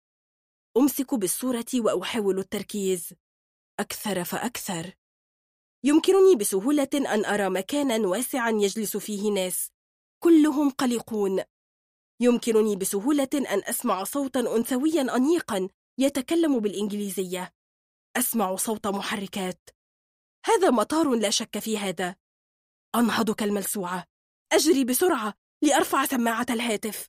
بينما الضيفان ينظران لي بدهشة. أطلب رقم النقيب سمير البنا. يسألني في مرح. عما إذا كنت أقضي أسوأ ساعات حياتي؟ لكني لا أبادله المرح. أقول له في عصبية أن يتصل بالمطار حالا. الزوج المختفي أحمد المهندس في المطار الآن سوف يغادر البلاد يجب أن تمنعوه. هل تعنين أنه حي؟ حي وقاتل. لقد قرر أن يختفي ويسرق المال الذي كان في الحقيبة وقد تم هذا بمساعدة شريك. شريك اختلف معه غالبا فهشم جمجمته وأخفى جثته في مكان قريب جدا من قريته كفر الدنانير.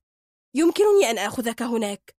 أعرف المدخل الذي يقودنا للجثة والتي أوشكت الكلاب على تدمير معالمها. أما السيارة فتركها بين الأشجار في العزبة حيث يصعب أن يجدها أحد. وبالطبع نقد الخول مالا كي يتناسى وجودها. ثم صحت في عصبية لكن لماذا أضيع الوقت بالشرح؟ اتصل بالمطار حالا قبل فوات الأوان. أرسل أحدهم بصورته لأنه قد يحمل جواز سفر باسم مستعار. فقد أعرف يقينا أن حقيبته محشوة بالمال. حاضر حاضر. ووضعت السماعة واستدرت للزوجة وأخيها. لقد تجمدا مذهولين عاجزين عن الكلام لكنهما سمعا كل شيء. يمكنني بسهولة أن أعرف أنني محقة. يمكنني بسهولة أن أقود الشرطة لموضع الجثة. لكني لا أقدر بأية وسيلة على إزالة هذه الصدمة القاسية. التي تلقتها الزوجة المخلصة. زوجها لص وقاتل وخائن ونذل. ولو لم تأتي لي الليلة بالذات لهرب بالخارج لينعم بحياة جديدة تاركا زوجته ترثي نبله وشجاعته ورقته وتحمل لقب أرملة. إن الحقيقة قاسية لكنها أكثر رحمة من الحياة مع الخداع والأوهام. يمكنني بسهولة أن أفهم هذا لكن الزوجة لن تفهمه إلا بمرور الزمن. أحدهم كان هنا. أحب اللحظات التي أعود فيها لحياتي الطبيعية. هند الفتاة الشابة المرحة نوعا المتفوقة في دراستها ولها كل اهتمامات الفتيات الأخرى. كثيرون يعتقدون أن امتلاك موهبة خارقة للحواس شيء خارق. لكن دعني أؤكد لك أن هذا يجعلك تشعر بالاختلاف والاختلاف هو بوابة الوحدة. تتعلم أن تتكتم وتتعلم ألا تثق بالآخرين. في الوقت نفسه أنت تعرف عنهم أكثر من اللازم. تعرف أفكارهم وهواجسهم. لهذا تتعلم ألا تثق بهم أبدا. هناك دائما رسالة غامضة تتلقاها من كل شيء ومن كل جهة. تحاول الفهم فتعجز أحيانا. الخلاصة تشعر بأنك شخص فلتة فريك كما يقولون.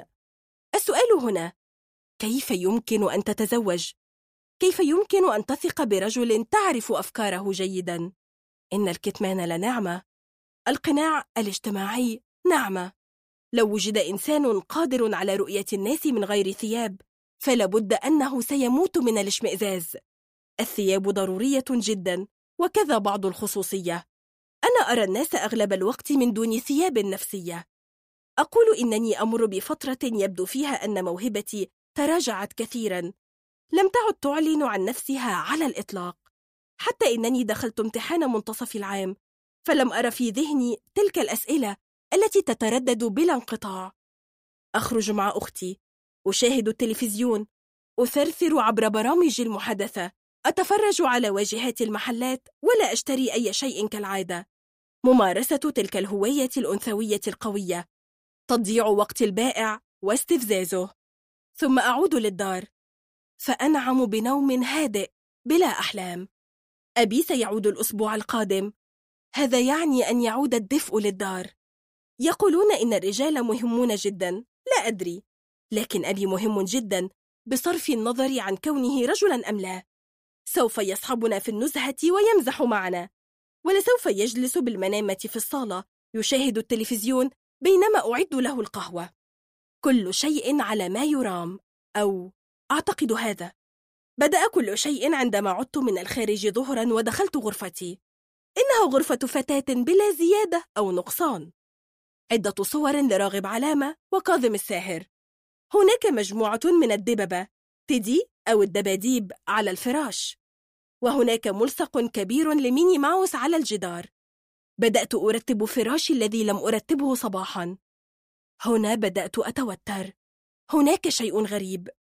ذلك الشعور الممضي يعصف بي. أشعر برجل. توترت. وتلفت حولي. لا يوجد شيء. لكن هناك رجل أنا متأكدة هناك رجل كان هنا إن رائحته النفسية قوية فعلا ما معنى هذا؟ خرجت في عصبية إلى أمي لأسأل هل كان هناك رجل هنا كهربائي أو نجار أو أي حرفي؟ قالت في برود تعرفين أنه ما من حرفي يدخل البيت في غياب أبيك هل كان خالي هنا؟ بالطبع لا ما هذه الأسئلة العجيبة؟ هل من شيء في غرفتك؟ هززت رأسي. بالطبع لا أستطيع أن أقول شيئا. هي لا تصدق حرفا عن قواي النفسية. فقط تضحك ولا تعلق. كلما جاءت سيرة الموضوع. يبدو الأمر عجيبا مسليا. مستحيل الفهم عندما تسمع عنه. عدت للحجرة وفتشت بعناية. فعلا. لم يضع أي شيء. هناك بعض الحلي وهناك ألف جنيه أدخرها. موضوعة في مكان ظاهر. من المؤكد أنها لم تمس. هند يا ملاكي أنت تهذين بلا شك. جاء الليل وخرجت مع أختي لشراء بعض الأشياء. ثم عدنا. دخلت حجرتي فأشفلت. هذا الشعور قوي جدا. هناك رجل كان هنا. رجل في غرفتي دون علمي. هو بلا مناقشة لص. ركعت تحت الفراش باحثة. ثم فتحت خزانة الثياب. لا شيء. لكنه موجود. موجود بقوة. أوشك أن أراه. لكن وجهه يضيع. ماذا كان يفعل وماذا يريد؟ رحت أبحث في الشقة بعناية. وفتحت الشرفة. ثم بحثت تحت كل الأسرة حاملة كشافا صغيرا. لا شيء. سألتني أختي في دهشة. هل جننت أخيرا؟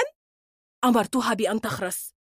ثم تأكدت من أن شرفة غرفتي مغلقة وبابها مغلق وأطفأت النور. من المستحيل أن أنام مع هذا الوجود القوي هنا. فعلا ظللت ساهرة حتى تسرب نور النهار عبر الستار. هنا فقط نمت كجثة هامدة. نمت حتى الظهر. صحوت من النوم على أمي تفتح الشرفة وتلومني بلا توقف على أنني صرت كسولا كالخنزير. ثم أخبرتني أن خالي وصديقه جاءا. نهضت وارتديت روبا ثم خرجت من غرفتي. رأيت خالي يقف هناك في الردهة. فلما رآني أشرق وجهه وقبلني على خدي. ثم أعلن أن رائحة النوم تفوح مني بقوة.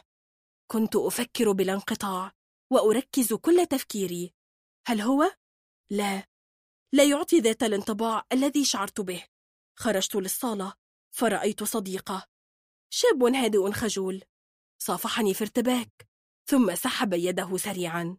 لكني نجحت في التركيز لثوان. لا شك في أنه ليس الرجل المقصود. الرجل المقصود الذي تكفيني لمسة واحدة ليده مع التركيز لأعرف أنه هو. كانت أمي قد أعدت مائدة الغداء فجلسنا جميعا نأكل. عدت لغرفتي. هنا انتفضت. لقد تجدد هذا الشعور بقوة من جديد.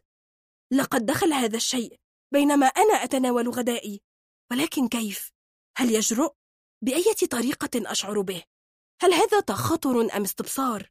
هل هو الإحساس بمن لمس الشيء سايكوماتري أم هي رؤية المستقبل؟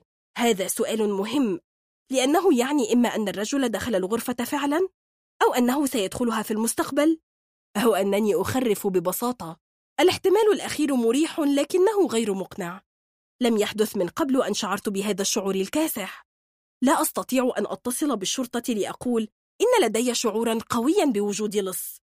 فقط أقوم بفتح الأدراج كلها. لقد فتح هذا الدرج وذاك. لم يفتح هذا. أعتقد ذلك. ربما فتح الخزانة. لا. لم ينم في الفراش. أوشك على أن أجن. أخيرا قررت أن أفعل شيئا. يجب أن أبرهن على أنني حمقاء. خرجت إلى بيت جارتي منى وكانت موشكة على نوم القيلولة. فطلبت منها كاميرا الويب الخاصة بها. كاميرا لاسلكية هي. ابتاعها أخوها عندما كان في أمريكا. أداة صغيرة مستديرة تشبه كرة العين ويتم إخفاؤها في مكان ما. ثم يتلقى جهاز الكمبيوتر الصورة منها عبر مدى معين. أداة خطرة فعلا. ممتازة للتجسس. قالت لي في شك هل أنت متأكدة من أنك تريدين أخذها؟ نعم ولن أكسرها أؤكد لك.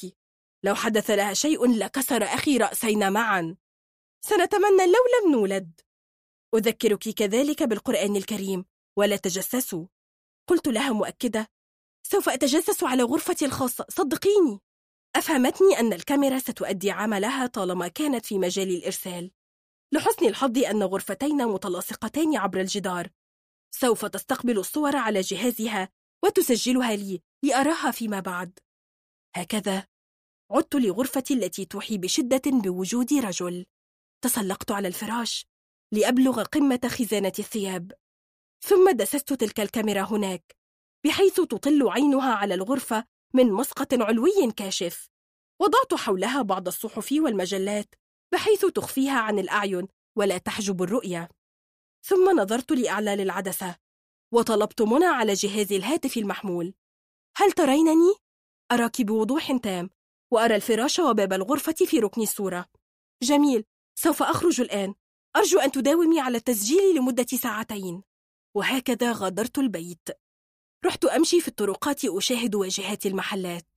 وابتعت الكثير من الشوكولاتة وكل ما يلزم للتسلية. دخلت كل محل قابلته.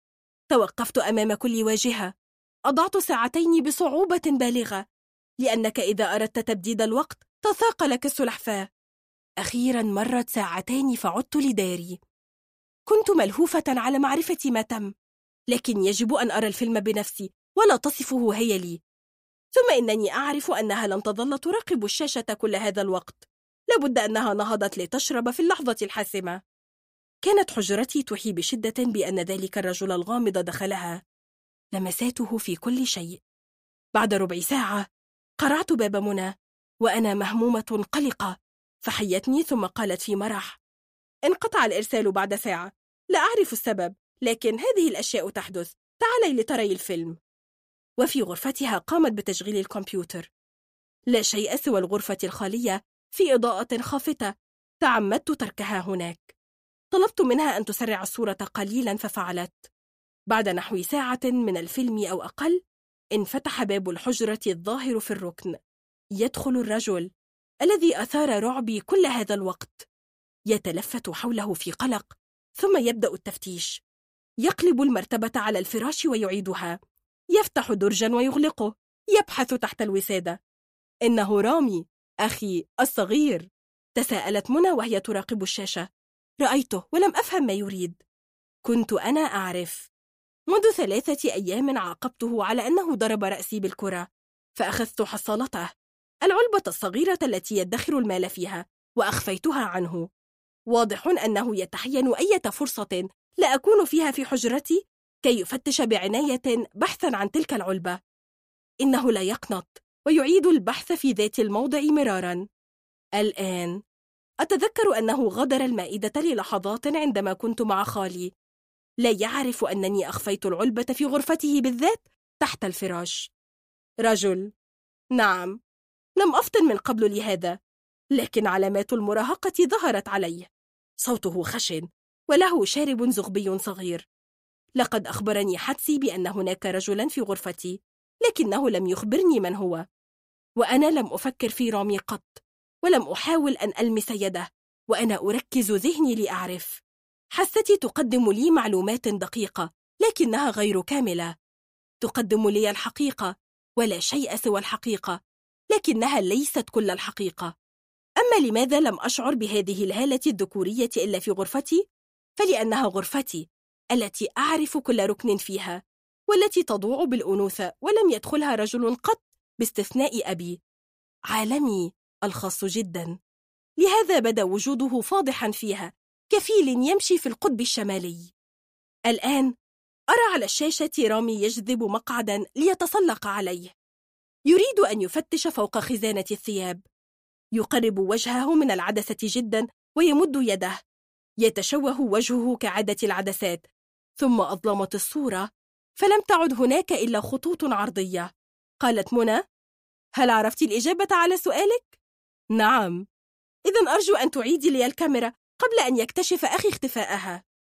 لكني بالطبع كنت أعرف بقية القصة. رامي يمد يده فوق خزانة الثياب. جسم كالكرة يتدحرج على الأرض ويتهشم. رامي يصاب بالذعر ويفر.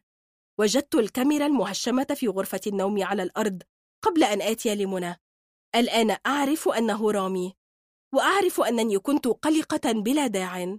فقط علي أن أخبر منى بما حدث لكاميرا أخيها. علي أن أعتذر لها وأمنعها من الصراخ الهستيري. ربما أتعلم الشراء من الإنترنت لأبتاع لها واحدة أخرى من موقع أمازون. يعلم الله كم يبلغ سعرها ومتى تصل. أمامي مشاكل كثيرة. فليساعدني الله على اجتيازها في سلام. جلسة مخيفة. هذه إجازة منتصف العام. سوف يأتي أبي بعد يومين. لهذا يسود البيت جو من الترقب المرح. أجمل شيء في الآباء الذين يمضون أكثر الوقت في عمل بعيد عن أبنائهم أنهم يتصرفون كالضيوف بالضبط. يدللون أولادهم ويلبون رغباتهم بينما يفضلون عدم تضييع الوقت في التوبيخ والعقاب. لهذا تكون زيارة أبي حلما. هذه إجازة منتصف العام. لهذا تضيقت جدا عندما أيقظتني أمي في التاسعة صباحا كي أرد على مكالمة من الدكتور محمود الألفي. إنه صديق عزيز وله الحق في أن يزعجني ويقلق راحتي لكن من حقي أن أشعر بالغيظ. حافية القدمين أتثاءب. رفعت السماعة فجاءني صوته المذعور. هذه المرة الأولى التي أسمع فيها صوته مذعورا. كان يقول هند أنا بحاجة لك. أخيرا اعترف بحبه لي على ما يبدو ثم أفقت مدركة أن النعاس يجعلني أهدي. خيرا إن خالتي في مأزق حقيقي. خالته في مأزق. هذا مبرر كاف لإيقاظي في ساعة كهذه إذن. ما هي التفاصيل؟ قال بنفس الذعر زوج خالتي قد توفي منذ عام. ترك لها بيتا في المعادي تقيم فيه. خالتي تصر على أن تبيع هذا البيت. بثمن بخس وتقيم في أي مكان آخر. هذا من حقها. لا. كبار السن يتصرفون بسذاجة أحيانا. هناك ما يعرف بالحجر قانونا بالنسبة للمسنين الذين يرفضون معرفة مصلحتهم. ولكن ابنها الوحيد لن يرفع على أمه قضية حجر. معنى هذا أن خالتي ستبيع فيلا رائعة الجمال بحديقة غناء مقابل ملاليم. وسوف تقيم بقية حياتها في شقة بغرفة وصالة في حي قذر. هل فهمت المشكلة؟ تثاءبت من جديد وعدت أسأل. لابد أن البيت يذكرها بفقد زوجها أو له ذكريات أليمة. الأمر كذلك نوعا. المشكلة أن زوجها أمرها بذلك. فركت عيني من جديد. لقد تجاوز التخريف مداه بالنسبة لي.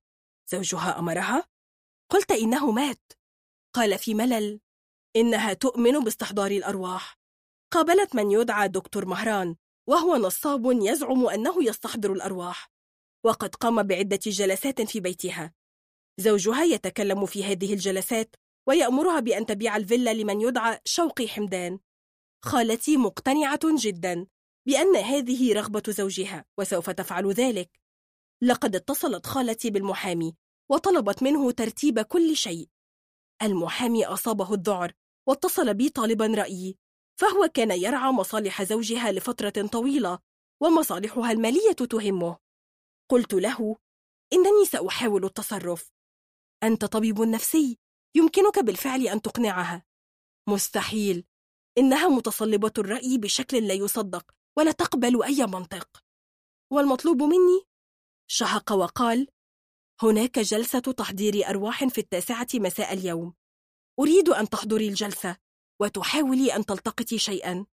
هناك خدعة ما لكني لا أعرف كنهها. ولكن عاد يقول متوسلا سوف أوصلك إلى هناك وأعود بك للدار. دعيني أتكلم مع والدتك لتوافق. على الأقل يمكن للطب النفسي أن ينجح معها. الآن أنت تعرف كيف بدأ كل شيء. أنا في سيارة الدكتور محمود وهو يتجه إلى حي المعادي الراقي الجميل. وعندما رأيت الفيلا شهقت غير مصدقة. هذا أجمل بيت رأيته في حياتي. يذكرك بالبيوت التي كنت تراها في أفلام الستينيات. ربما ترى شدية أو فاتن حمامة في أي لحظة. سوف ترى صبيا على دراجة تتبعه الخادمة التي هي وداد حمدي طبعا. يمكن إذن فهم القصة.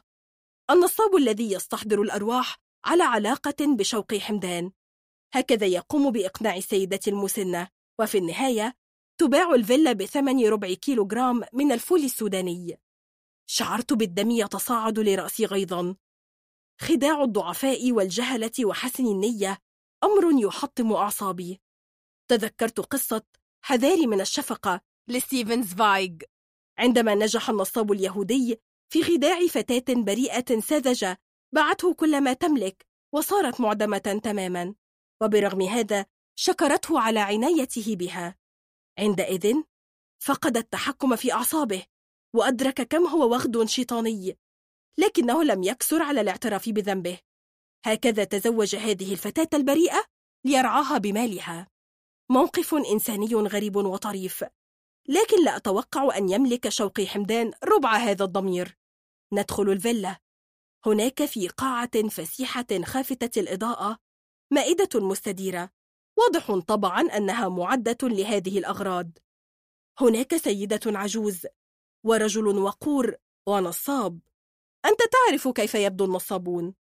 وهناك شاب مضعور واضح أنه ابن السيدة العجوز. طبعا السيدة العجوز نبيلة الملامح هي خالة الدكتور محمود. كاذبا قدمني دكتور محمود الألفي لهم. هند صحفية مهتمة باستحضار الأرواح. نظروا لي في شك وحيرة ونظر لي النصاب بعدائية واضحة. قال دكتور محمود وهو يقدمهم لي خالتي مدام عصمت ابنها شريف دكتور مرزوق ابن خالتي الثانية وهو أستاذ فلسفة بالجامعة دكتور مهران خبير استحضار الأرواح.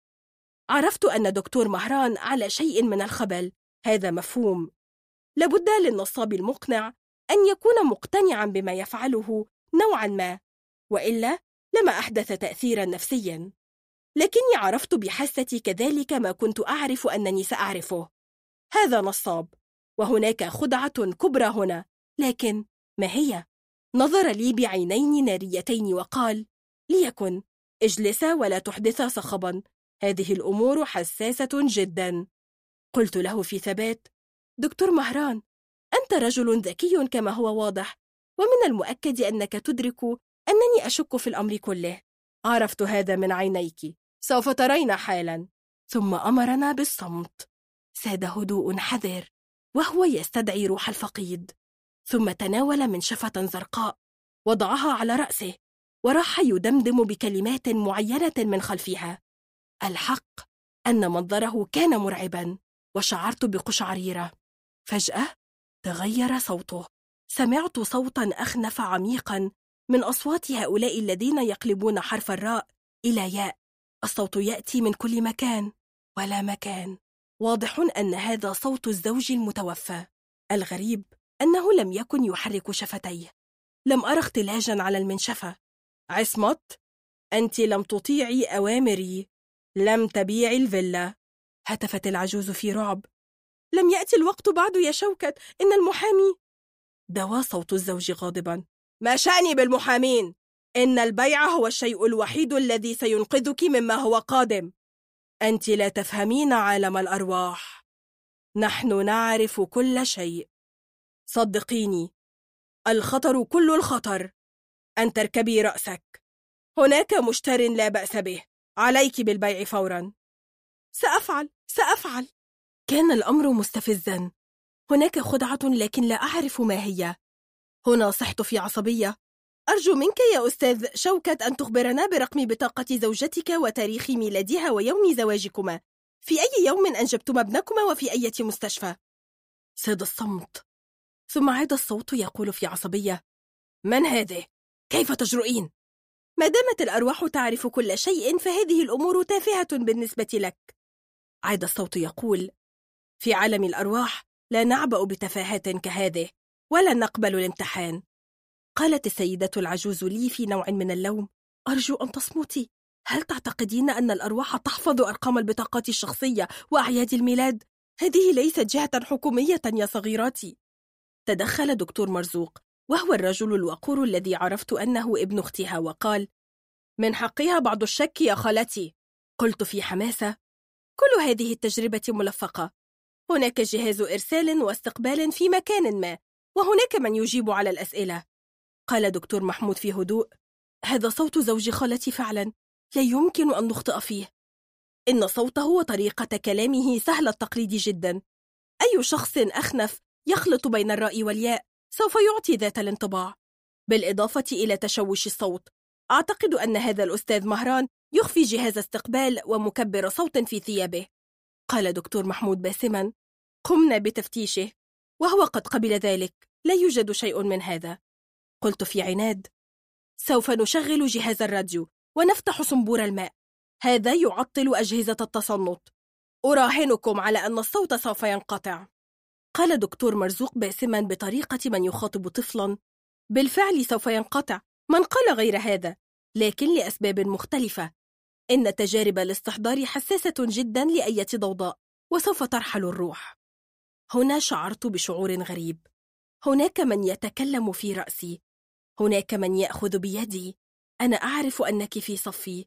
أعرف أنك صادقة. أعرف أنك قادرة على التقاط ما يعجز البشر عن التقاطه. لهذا أستطيع الاتصال بك. وهنا فهمت. إن شوكة الزوج يكلمني. شعرت بمن يجذب يدي. كأنني أطير. أطير هناك غرفة ضيقة في مكان ما من الحي. يجلس فيها رجل أصلع أمامه شطيرة وكوب من الشاي. هناك سماعتان على أذنيه يتكلم في مكبر صوت. يغير صوته ليصير أخنف. فيه عيب في النطق. إنه مصدر الصوت الذي نسمعه. لا شك في هذا. أعود محلقة. هناك قوى خفية تجذبني جذبا. أدور حول المنضدة برغم أنني ما زلت جالسة حيث أنا. أخيرا أقف خلف الدكتور مرزوق ابن أخت السيدة. إنه هو.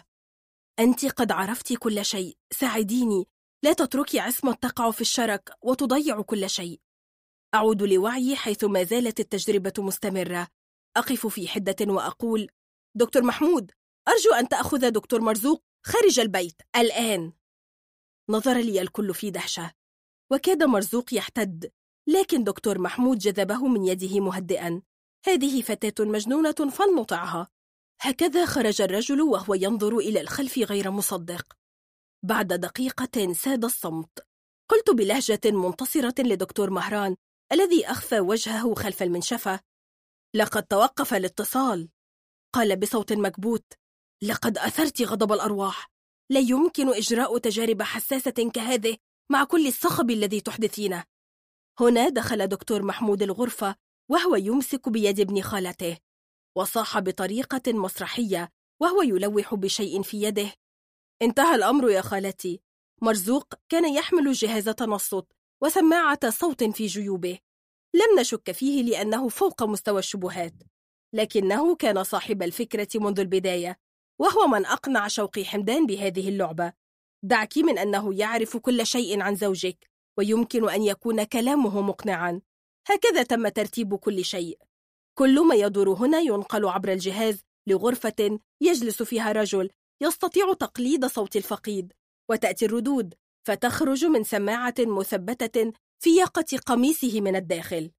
نظرة واحدة على وجه الدكتور مرزوق قالت بوضوح إنه الفاعل وكل هذا صحيح. وشهقت مدام عصمت. هل كنت تخدع خالتك كل هذا الوقت؟ قال دكتور محمود. إن ثمن هذه الفيلا بأسعار اليوم مغر جدا حتى بعد خصم أتعاب الخبير الروحاني والسعر الذي كنت ستتقاضينه فعلا وعمولة الدكتور مرزوق عن هذه الخدعة. ثم صاح بصوت آمر. لو سمحت لي يا خالتي سأطرد هذين النصبين. ثم نظر لي وقال كنت أعرف أن حستك ستتصرف. قلت في حياء تلقيت مساعدة خارجية لكنك لن تصدقني على كل حال. هل قتلها؟ أمسية هادئة هي أمام جهاز التلفزيون. أقبع كقطة هانئة جوار أبي الذي يقضي معنا إجازته القصيرة. بينما أختي تقبع في الجهة الأخرى. في هذه الفترات لا يصير أبي من حق أمنا على الإطلاق. لا تستطيع الاقتراب منه إلا لو دفعت ثمن التذكرة. لا تظفر به إلا عندما نخرج للكليات أو العمل أو ننام. فيما عدا هذا هو ملكنا. أبي رقيق حنون ومهذب. أبي أجمل رجل في العالم. وإنني أتساءل لماذا لا أقابل أبدا رجلا مثله؟ لماذا لا يحمل باقي الرجال طباعه وملامحه؟ صديقتي صفاء تقول إن السبب هو أنه بعيد. وبالتالي عزيز جدا. يشبه الضيف الذي يزور غبا فنفتقده طيلة الوقت. تذكرت صفاء. ويبدو أن السبب يعود لحاستي العبقرية إياها. لقد دق جرس الهاتف طويلا فرفعت أمي السماعة وسمعتها تقول في قلق ماذا؟ تمسكي يا ملكي قليلا أرجو أن تهدئي. نظرنا بفضول لنعرف ما المشكلة لكنها لم تقل شيئا فقد قالت هند هذه صفاء ونظرت في عيني وناولتني السماعة دون كلمة أخرى كأنها تفضل أن أسمع بنفسي. تناولت السماعة بقلب واجف فجاء صوت صفاء الباكية. هند أمي ماتت في حادث؟ ثم انفجرت في البكاء. حتى إنني انفجرت بدوري. هرعت لغرفتي ألبس ثيابي وأصر أبي على أن يرافقني لأن الليل قد جاء. ارتدى ثيابه بسرعة البرق. وسرعان ما كنا ننطلق في سيارة أجرة إلى بيت صفاء صديقتي. كان الوضع هناك في غاية السوء كما لك أن تتخيل. أم صفاء مطلقة. انفصلت عن أبي صفاء منذ أعوام. وتقيم صفاء عند أبيها الذي لم يتزوج ثانية. لا أعتقد أن أحد الطرفين مخطئ أو آثم. إنه سوء تفاهم معتاد بين الناس الطيبين لأسباب مجهولة. أمها من الطراز شديد الحساسية والتوتر. كتلة أعصاب تمشي على قدمين. لقد تزوجت بعد الطلاق من ذلك الوغد المغرور هشام. يزعم أنه محاسب ويزعم أنه مدير دعاية ويزعم أنه رجل أعمال. الخلاصة أنك لا تعرف عمله بالضبط. على الأرجح هو أفاق. إنه مطلق بدوره لكن بوسعك أن تدرك بسهولة أنه لا يناسبها على الإطلاق. أنا لا أعرفه جيدا. لكن صفاء تقول إنه مبذر وكسول يهوى إنفاق ثروة أمها. أمها ثرية جدا ومن أسرة ذات أملاك واسعة. إذا الأمر لا يتعلق بحب مرهف يحمله الرجل لها. لكنه ببساطة قرر أن ينسج شباكه حول المطلقة الثرية ليأخذ كل مليم معها. وهو ما لم يحدث لأنها كانت ذكية وعرفت كيف تعطيه المال بالقطارة. برغم هذا كانت تحبه فعلا. ألقت صفاء برأسها على صدري وراحت تبكي بينما جلس أبي في حرج بعض الوقت مع الرجال ثم قال لي همسا لا يبدو الوقت مناسبا لرحيلك. هل تحبين قضاء الليل معها؟ بالتأكيد. حسنا سأنصرف ولنكن على اتصال. وهكذا ضممت صفاء. ومشينا وسط غابة اللون الأسود إلى غرفتها. جلست على الفراش. وقالت لي في حرارة كانت تقود السيارة على طريق المحور بسرعة جنونية ثم انقلبت. هذا شيء غير متوقع من أمي. إنها سائقة بارعة. يقولون إنها تصير رجلا عندما تقود. وماذا تريدين قوله؟ هذا الوغد زوجها. هناك لعبة ما. أنا أعرف أنه قرر التخلص منها. لم يكن لديه حل أكثر رقة. لا شك أنه أتلف الفرامل أو وضع لها مخدرا ما.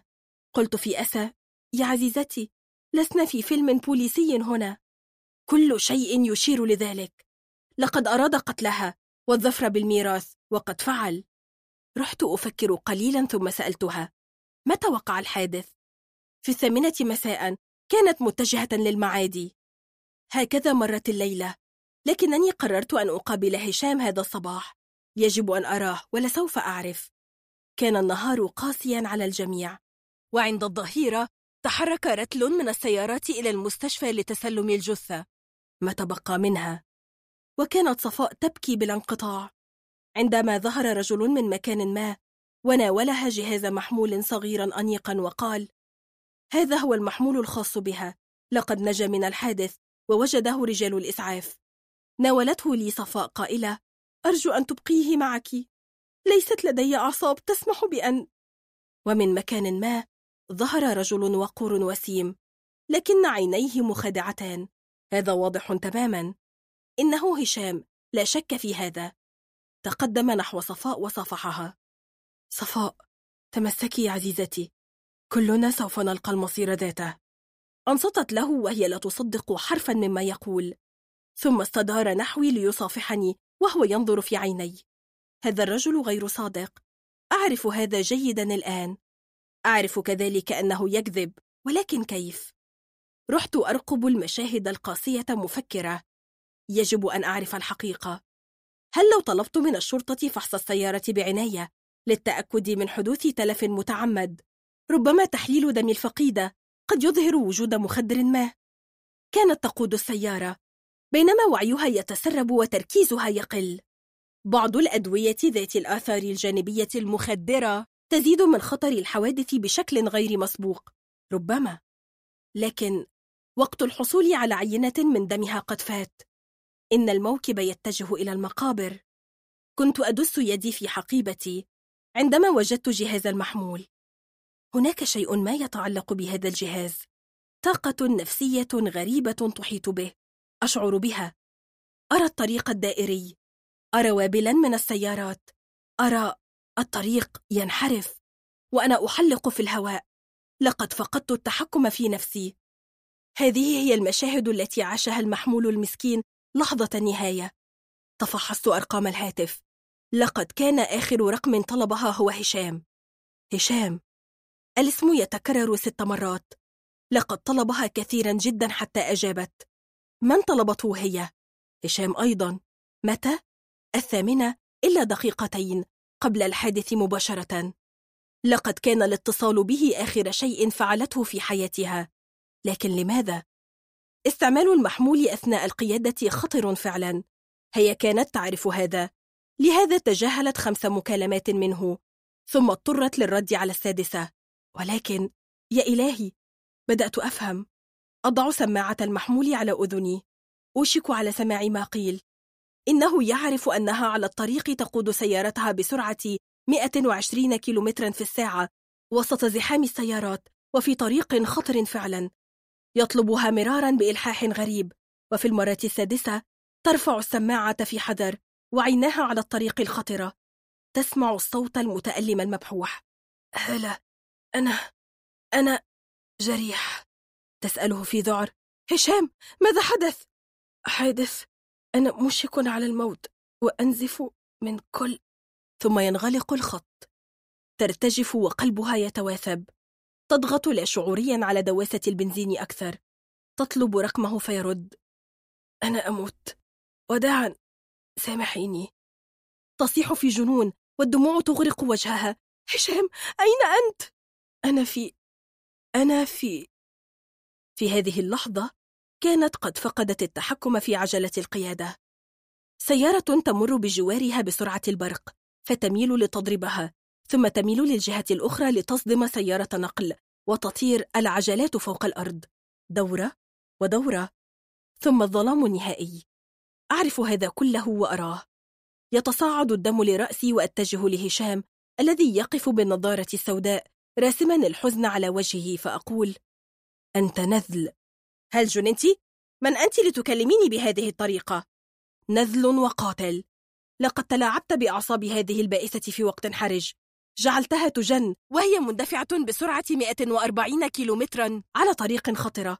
الدموع جعلتها لا ترى وكادت تفقد الوعي بينما أنت تمثل تمثيليتك القذرة وتتظاهر بأنك جرحت في حادث. نظر لي في ذهول. ثم فضل أن يسمعني حتى النهاية فقلت لو لم يحدث لها شيء. كنت ستزعم إنك كنت تمزح مسحة سخيفة. لو حدث لها شيء فأنت قد ربحت. إنها الجريمة الكاملة فعلا ولا أحد يستطيع اتهامك بشيء. قال لي ببرود حسنا لتكن جريمة كاملة. ما المطلوب مني؟ أنت قلت إنه ما من أحد يستطيع اتهامي بشيء. لقد وجد أن الإنكار متعب. من الواضح تماما أنني أعرف ويعلم الله وحده كيف حدث ذلك لكنه على الأقل مطمئن أنه لا جدوى من معلوماتي. قلت له ضاغطة على كلماتي لقد كنت بارعا لكن دعني أؤكد لك إن الجريمة الكاملة لا وجود لها. سوف تلقى عقابك. لا أعرف كيف ولا متى لكنني أعرف أنك ستلقى عقابك. وفضلت أن أترك الجميع فلا أحضر الجنازة. سوف أعود لداري وأبكي طويلا على شر البشر ونذالتهم على أن صفاء اتصلت بي بعد ثلاثة أيام كان صوتها مبحوحا منفعلا قالت لي وهي تشهق هل تصدقين أن هشام لاقى المصير ذاته؟ أي مصير؟ لقد كان يقود سيارته بسرعة جنونية ليلا فانقلبت تخيلي هذا ثلاثة أيام بعد مصرع أمي ما رأيك؟ هل أحبها لدرجة أنه لحق بها بسرعة؟ أم أن القدر أراد أن ينتقم لي لأنه قتلها فعلا؟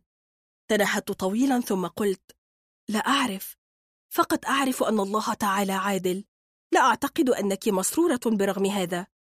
موته لن يعيد لي أمي لكنه يريحني نوعا ما. لا أنكر هذا.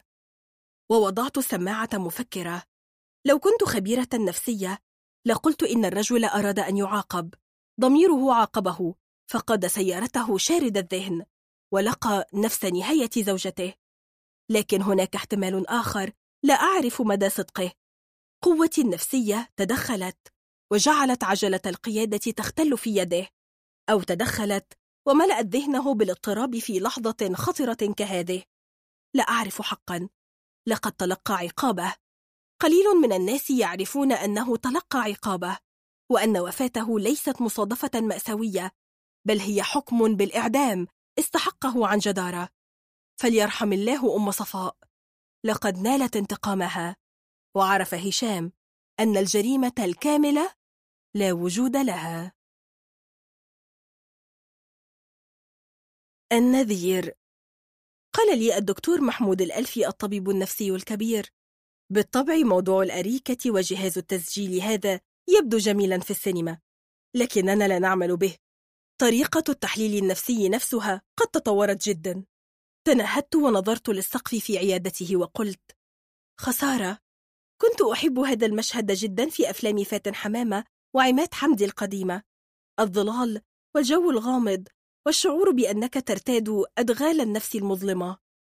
ابتسم في شيء من السخرية وعد يقول لنكمل كلامنا. قلت إنك جئت لي لأنك لأنني خائفة لدرجة الموت. عبث بالقلم الذي في يده في قاعدة المصباح البرونزي الموضوع على المكتب وقال في شرود كل هذا من رؤية طائرة؟ طائرة تسقط. تخترق السحب وتسقط بسرعة هائلة ولا أحد يقدر على أن ينقذها. أنا شخصيا حلمت أمس بمنطاد محترق يهوي.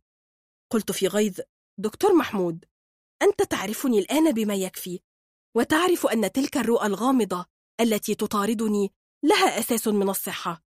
لست مجرد فتاة هستيرية تهدي. أنت تعرف موهبتي الغاضة تلك. هناك بالفعل طائرة سوف تهوي. ابتسم ثم أشعل لفافة تبغ. برغم أن المكان ضيق وخانق وبرغم أن على الطبيب النفسي ألا يضايق مرضاه بالتدخين. آخر من فعل هذا كان فرويد نفسه على ما أظن. قال لي وهو ينفث سحابة كثيفة. أرى أنك تتجاوزين الحدود التي نعرفها. لا أحد يملك القدرة على التنبؤ. لا أحد يمكنه أن يرى الغد. إن موهبة الاستبصار لا وجود لها. المنطق البسيط يقول هذا. وإلا لكان صاحب موهبة الاستبصار أغنى وأقوى رجل في العالم. هناك قصة قديمة لمارك توين عن فتى أمريكي. استطاع أن يعرف أن الحرب نشبت في أوروبا. وكان هذا قبل عصر اللاسلكي والمذياع. والفضائيات والإنترنت. ذهب لتاجر أصواف وأخبره بالخبر. فاشترى التاجر كل الصوف في السوق عالما أن سعره سيرتفع جدا عندما يعرف الجميع بقصة الحرب. هكذا صار الفتى والتاجر مليونيرين. لم يملك الفتى قدرات خارقة. فقط شق بطن سمكة قرش وجدها على الساحل فوجد داخلها جريدة بريطانية تعلن نبأ الحرب. هكذا عرف الخبر قبل أن تعرفه أمريكا بشهر كامل. هل تفهمين ما أريد قوله؟ من يرى الغد يمكنه بسهولة أن يكون الأغنى والأقوى. لا استكثر من الخير ولما مسه الضر أبدا. قلت مقتنعة بكلماته. نعم موافقة تماما. لكن ماذا عن رؤية الطائرة التي لا تصغي لما تقوله ولا تقتنع بمنطقك؟ المشهد يطاردني في كل ركن. عندما أصحو من النوم وعندما أدخل الفراش وأنا آكل وأنا أدرس. سألني وهو يدون ما قلت في كراس لماذا لا تتجاهلين الأمر؟ تنهدت وقلت ليس عندما يتعلق الأمر بأسرتي. أختي مع صديقاتها في شرم الشيخ. الخطر الحقيقي يتمثل في أبي وأمي. إنهما ذاهبان للعمرة غدا. ولهذا أرسلاني وأخي عند خالي. إنهما سيركبان الطائرة غدا هل تفهم؟ قال من دون أن ينظر لي. لو كنت مكانك لقلت لنفسي إنني لا أفقه شيئا. لا أحد يستطيع التنبؤ. لا يمكنك أن تفسدي على أبويك هذه الرحلة الروحية الممتعة بسبب هواجس. أرى أن تنسي الأمر. وخلال عشرة أيام سيكونان هنا معك ويمكنك أن تقصي عليهما هذه القصة. نهضت شاكرة له. لم يقل سوى ما انتويت أن أفعله لكنني كنت أريد تأكيدا آخر. لا أستطيع أن أبدأ في الصراخ والهستيريا وأتوسل لأبوي أن يلغي الرحلة. لن يفهم سبب جنوني. أمي تنتظر هذه الرحلة منذ ثلاثة أعوام. لنقل إنني حمقاء. هذا هو التفسير الوحيد. على أنني ظللت أدعو الله أن يحدث ما يعطل الرحلة. دعوت الله وأنا أحزم حقائبهما. دعوت الله وأنا أركب معهما السيارة. دعوت الله وأنا في المطار. انتظرت أن يعلن مكبر الصوت إلغاء الرحلة بسبب سوء الأحوال الجوية لكن الطقس كان في أروع حالاته. قبلتهما دامعة لو كانت هذه آخر مرة فلسوف أموت. نعم لا شك في هذا. كان الوقت عصرا وأنا عائدة من المطار في سيارة خالي. ظللت ساهمة شاردة. لو اتضح أنني عبقرية وجاءتني المكالمة التي أخشاها فلسوف خالي لم يفهم طبعا. حسب أنني حزينة بسبب الفراق الذي لن يطول.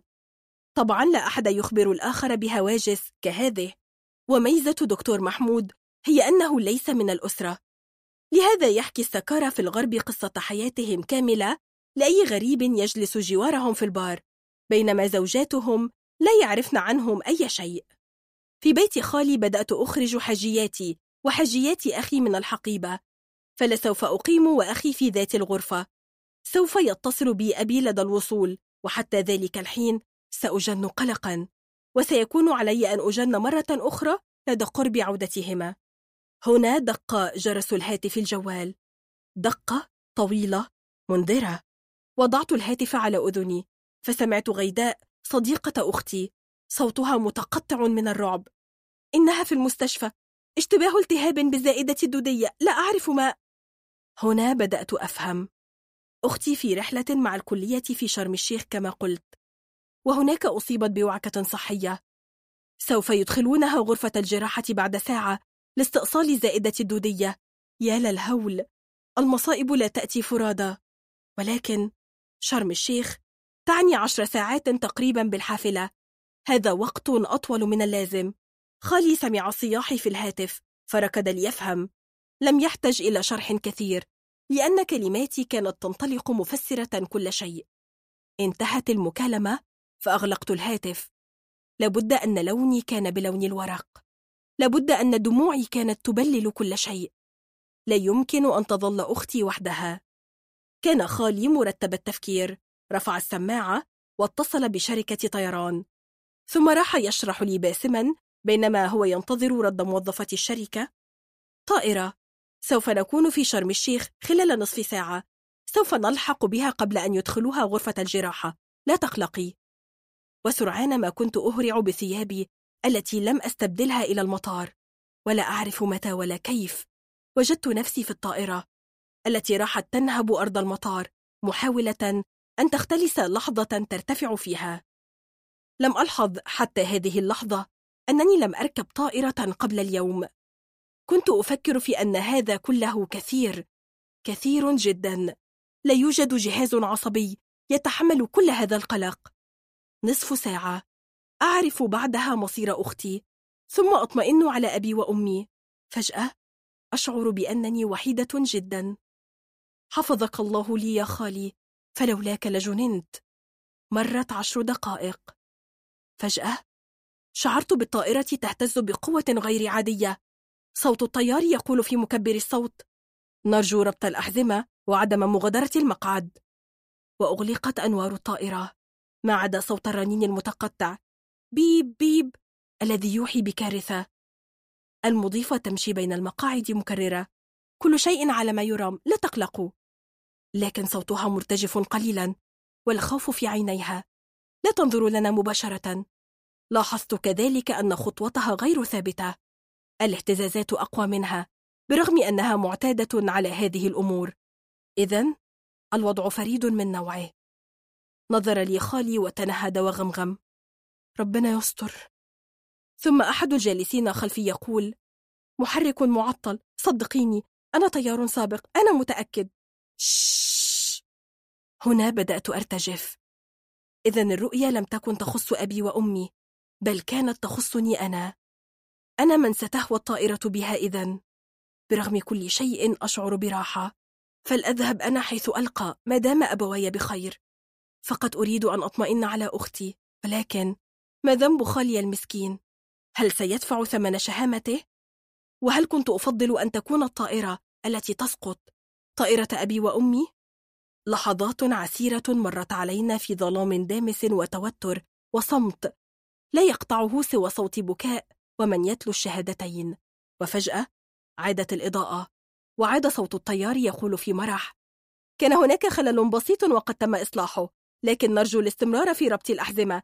نحن على وشك الهبوط في مطار شرم الشيخ. تنهد الجميع في راحة وتعالت الضحكات. وسرعان ما كانوا يغادرون الطائرة في لحفة كأنهم يخشون أن تغير رأيها وتقلع ثانية. استوقف خالي سيارة تاكسي. وسرعان ما كنا ننطلق للمستشفى حيث كانت صديقات أختي ينتظرننا. ذهلنا لأننا وصلنا بهذه السرعة ثم التففنا حول البائسة المتألمة نطمئنها.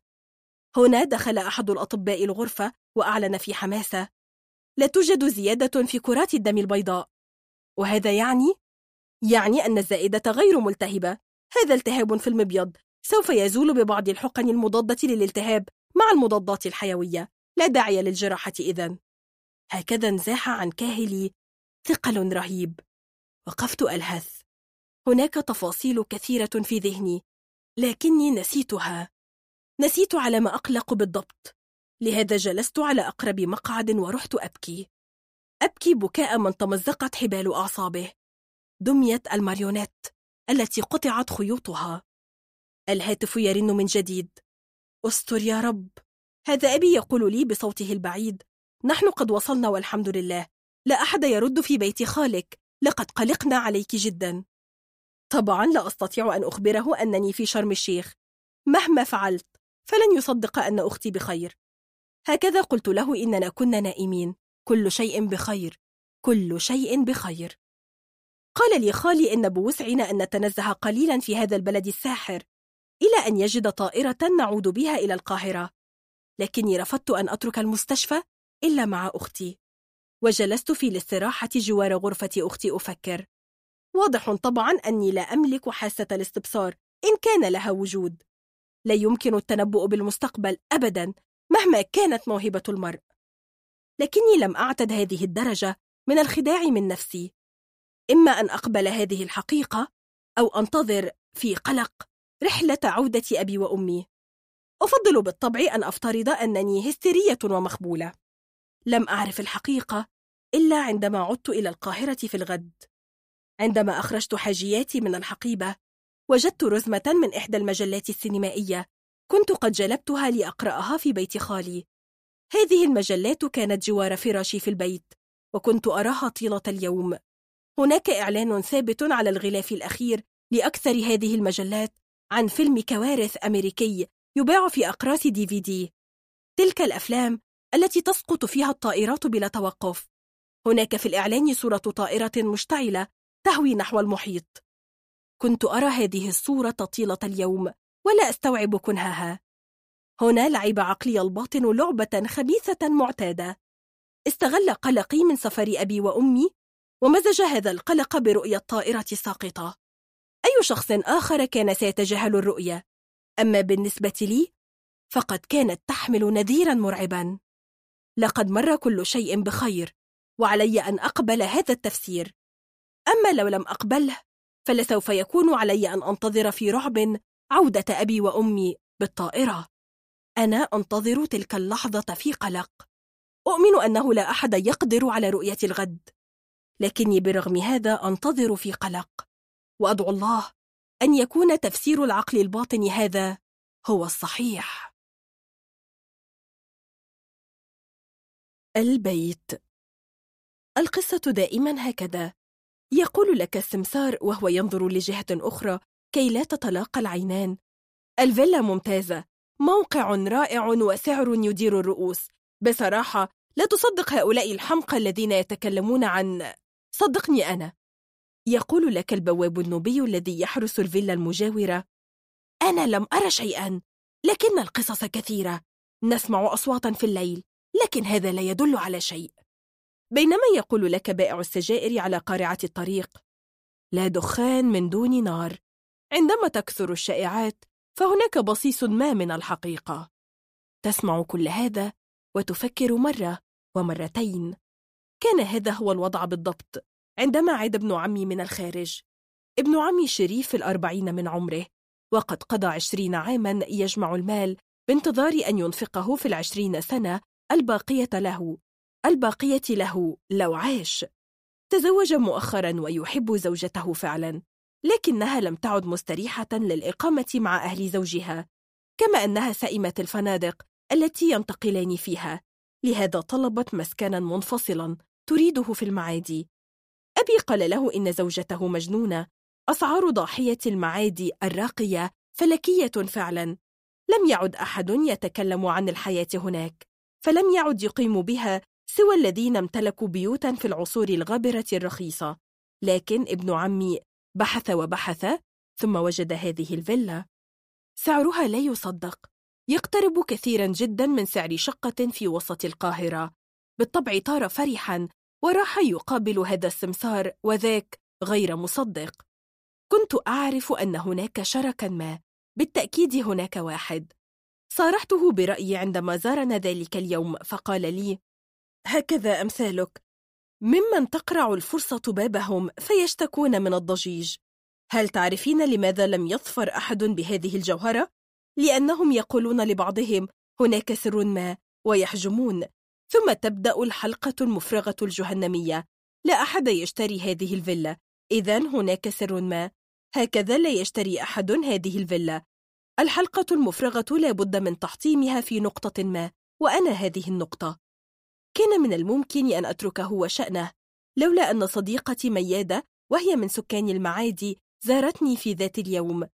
كنا جالستين في حجرتي نثرثر طبعا تكلمني عن خطابها. وعن حيرتها بين عادل وحمدي وعن وعن عندما قالت لي تلك الفيلا المسكونة في آخر شارعنا الفيلا التي لا يشتريها أحد.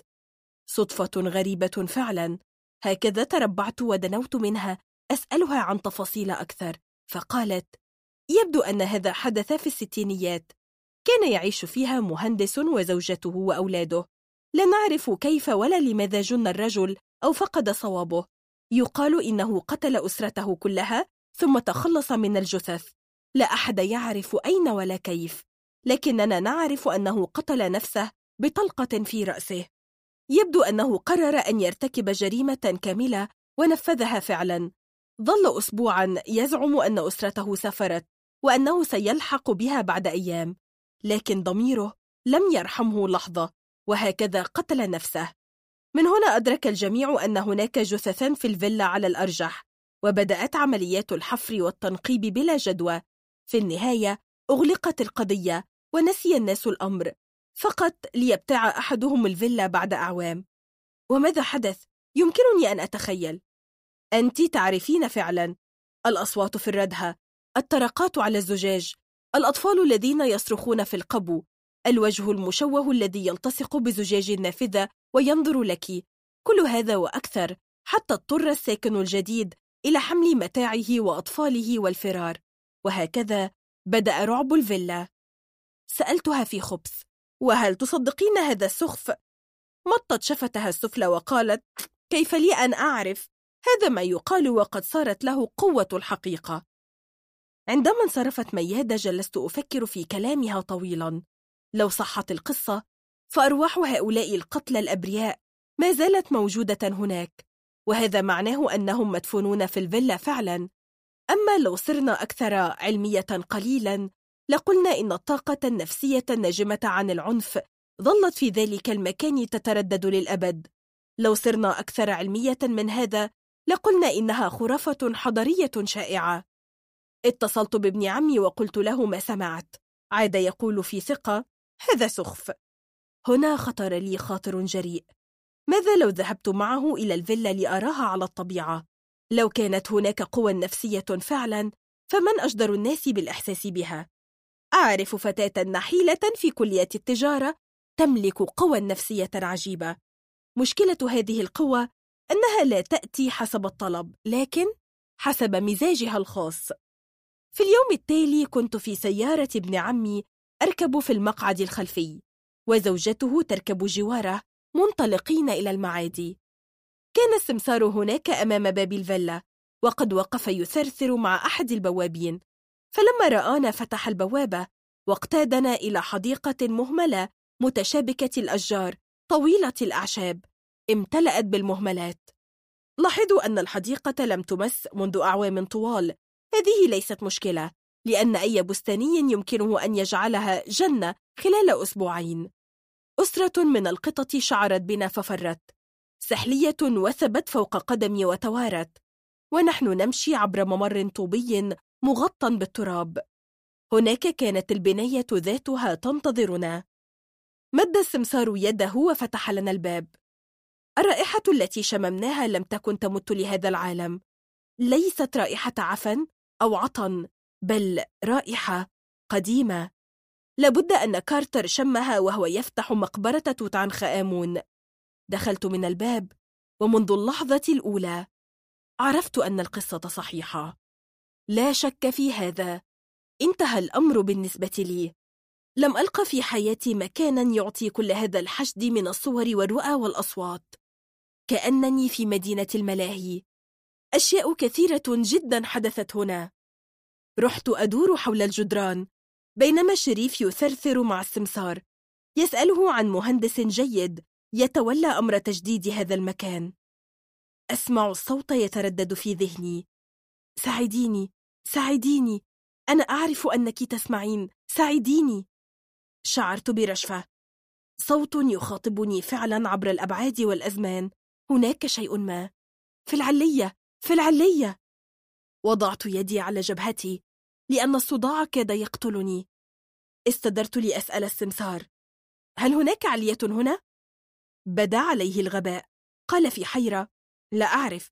لماذا تسألين؟ اهتمام غريب حقا. أريد أن أرى. ومشيت إلى ركن القاعة نحو ممر جانبي ضيق فدخلته. هناك في نهاية الممر سلم حديدي شبه رأسي يتجه لأعلى. إذا هذا يقود للعلية. لكن الظلام دامس فكيف أرى؟ مددت يدي لحقيبتي فأخرجت الهاتف الجوال وفتحته فبعث ضوءا شاحبا لن يطول الأمر على كل حال. تسلقت الدرجات الحديدية العمودية بصعوبة إلى أن بلغت قمة السلم. هناك كوة مغلقة أزحتها بيدي فانفتحت. رفعت الجوال بينما الصوت يدوي بلا انقطاع. ساعديني! ساعديني! ساعديني! هنا سمعت صرخة. تصلبت للحظة. ثم سمعت زوجة ابن عمي تقول بصوتها الرفيع المزعج هناك شيء رأيت من يعبر هذه الردهة أنت واهمة بالتأكيد. لكني كنت أعرف أنها على الأرجح ليست واهمة. حشرت جسدي داخل الكوة فوجدت أنني في علية ضيقة ترغمك على الانحناء. نسيج عنكبوت وغبار ورائحة خانقة. لكن لا فئران. شعرت بحاستي أنه لا فئران. هناك نافذة عليها ستار كثيف في ركن المكان. اتجهت نحوها ومزقت الستائر فتسرب بعض من ضوء النهار الشحيح واستطعت أن أرى. هناك صناديق صناديق صناديق. رحت أمشي بينها متسائلة. لو صح حدسي فبقايا الأسرة التعسة موجودة هنا. هذا هو المكان الذي تم إخفاؤهم فيه وهم يريدون من يساعدهم ويدفنهم. لكن كيف يفلت شيء كهذا من كل من فتشوا الفيلا من قبل؟ كيف لم تتصاعد رائحة؟ منطق غريب. يمكنني أن أراه. لا أعرف من هو ولا أعرف ملامحه لكنه شبح ضبابي يقف وسط المكان. من الغريب أنني لا أشعر ذعرا. ربما لفظة ساعديني جعلته يفقد رهبته بالنسبة لي. إنه يقف جوار صندوق من الصناديق. بالتأكيد يشير له. اتجهت إلى الصندوق. فشعرت بذلك الشيء يتلاشى كأنه دخان. مددت يدي وعالجت القفل. ثم فتحت الصندوق بصعوبة. أغمضت عيني متوقعة أن أرى مجموعة من العظام المتحللة النخرة لكني لم أجد شيئا مجرد أوراق.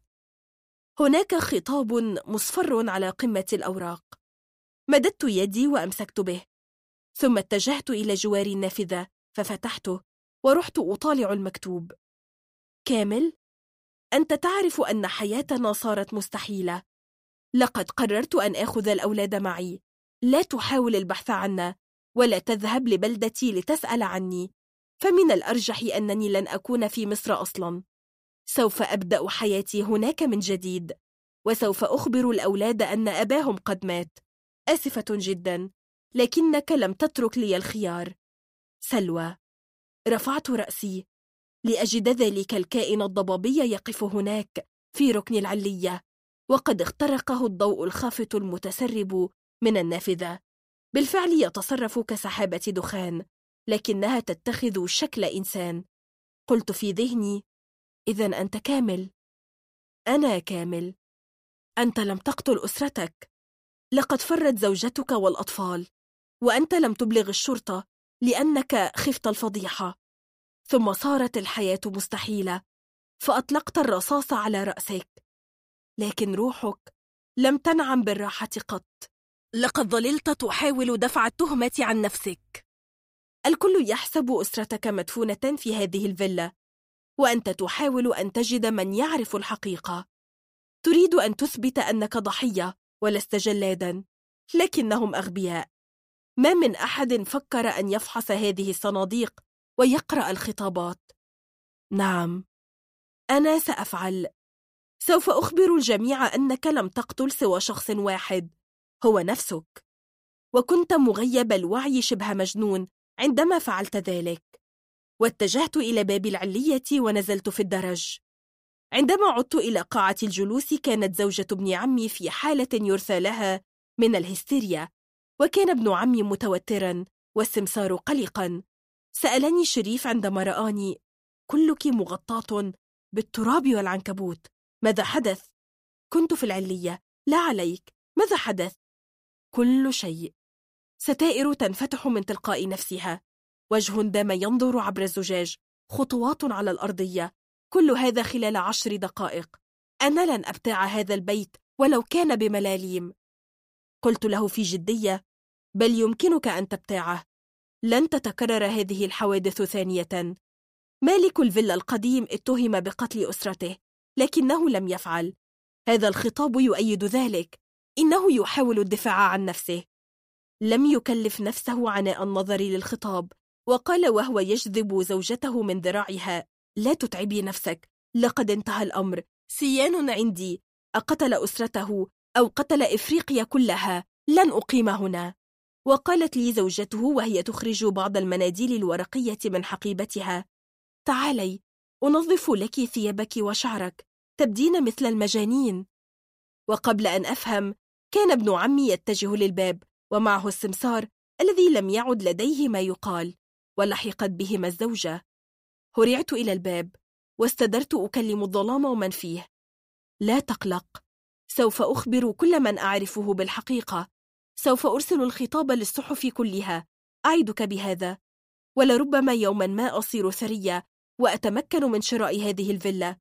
هي رخيصة الثمن لكني لا أملك عشر ثمنها حاليا. أعدك بهذا. فقط حاول أن تخلد للراحة التي تستحقها. كنت أشعر بأنه راض عما أقول. أعدك بهذا. أعدك بهذا. من خلفي سمعت زوجة ابن عمي تقول من تكلمين يا هند؟ قلت وأنا ألحق بها وأغلق الباب. لا عليك. لقد جننت. ألم تقولي أنت نفسك إنني أبدو كالمجانين؟ النذير. عمتي في حالة خطرة كنت أقف في المستشفى مع أمي وأختي. نشرب جالونات من القهوة. ونلتهم أطفارنا ونراقب الممرضات التي يدخلن الغرفة ويخرجن منها. ماذا يبدو على وجوههن؟ هل هن يتحاشين النظر لنا؟ الطبيب كذلك دخل الغرفة واستغرق بعض الوقت ثم خرج. كنا جالسات في الاستراحة فهرعت ألحق به وسألته عنها. لم يكن يملك وعودا لم يكن يملك أكاذيب. قال بلهجة محيده إن الحالة خطيرة لكن لن نفقد الأمل. طبعا بالنسبة لي كان معنى هذا الكلام هو أن أفقد كل الأمل. لا أمل. لم أتكلم وعدت لأجلس في الاستراحة مستعيدة شريط ذكريات لا نهاية له.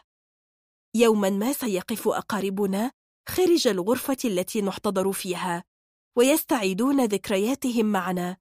لا مفر من هذا. أين ذهبت موهبتي؟ كما قلت هي كطفل شقي. لا يأتي لك إلا عندما يريد هو ذلك. لا توجد قواعد. ولا توجد طريقة لإرغامه على عمل شيء. هكذا نامت أمي وأختي ونهضت أنا بعد قليل لأقف خارج غرفة عمتي. كانت الساعة الثالثة بعد منتصف الليل. في العادة تكون هناك ممرضة في الخارج تمنعنا من الدخول قائلة لو سمحت يا آنسة لدي تعليمات صارمة بمنع الزيارة. نظرت إلى الكاونتر لأجدها هناك بالفعل. لكنها نائمة تماما كطفل. رأسها بين الأوراق والقلم في يدها كأنها لم تستكمل كتابة ما كانت تدونه. هكذا أطللت برأسي داخل غرفة عمتي حيث كانت راقدة هناك في الفراش. وذلك الخرطوم يدخل قصبتها الهوائية وعشرات الأقطاب تخرج منها كأنها أخطبوط بشري. هنا رأيت ذلك الرجل. كان يقف هناك عند رأس الفراش من هو؟ كيف سمحوا له بالدخول؟ كان فارع القامة يلبس بذلة سوداء أنيقة وكان يضع يديه في جيبه ويرمق النائمة في شيء من الأسى رآني فرفع نحوي عينيه كانتا خاليتين من التعبير قلت له بصوت مشروخ هل أنت طبيب؟ بدا الرعب في صوتي وضايقني هذا كثيرا لكنه لم يرد. فقد ابتسم ابتسامة عابرة خفيفة واتجه إلى الباب دون أن ينظر خلفه.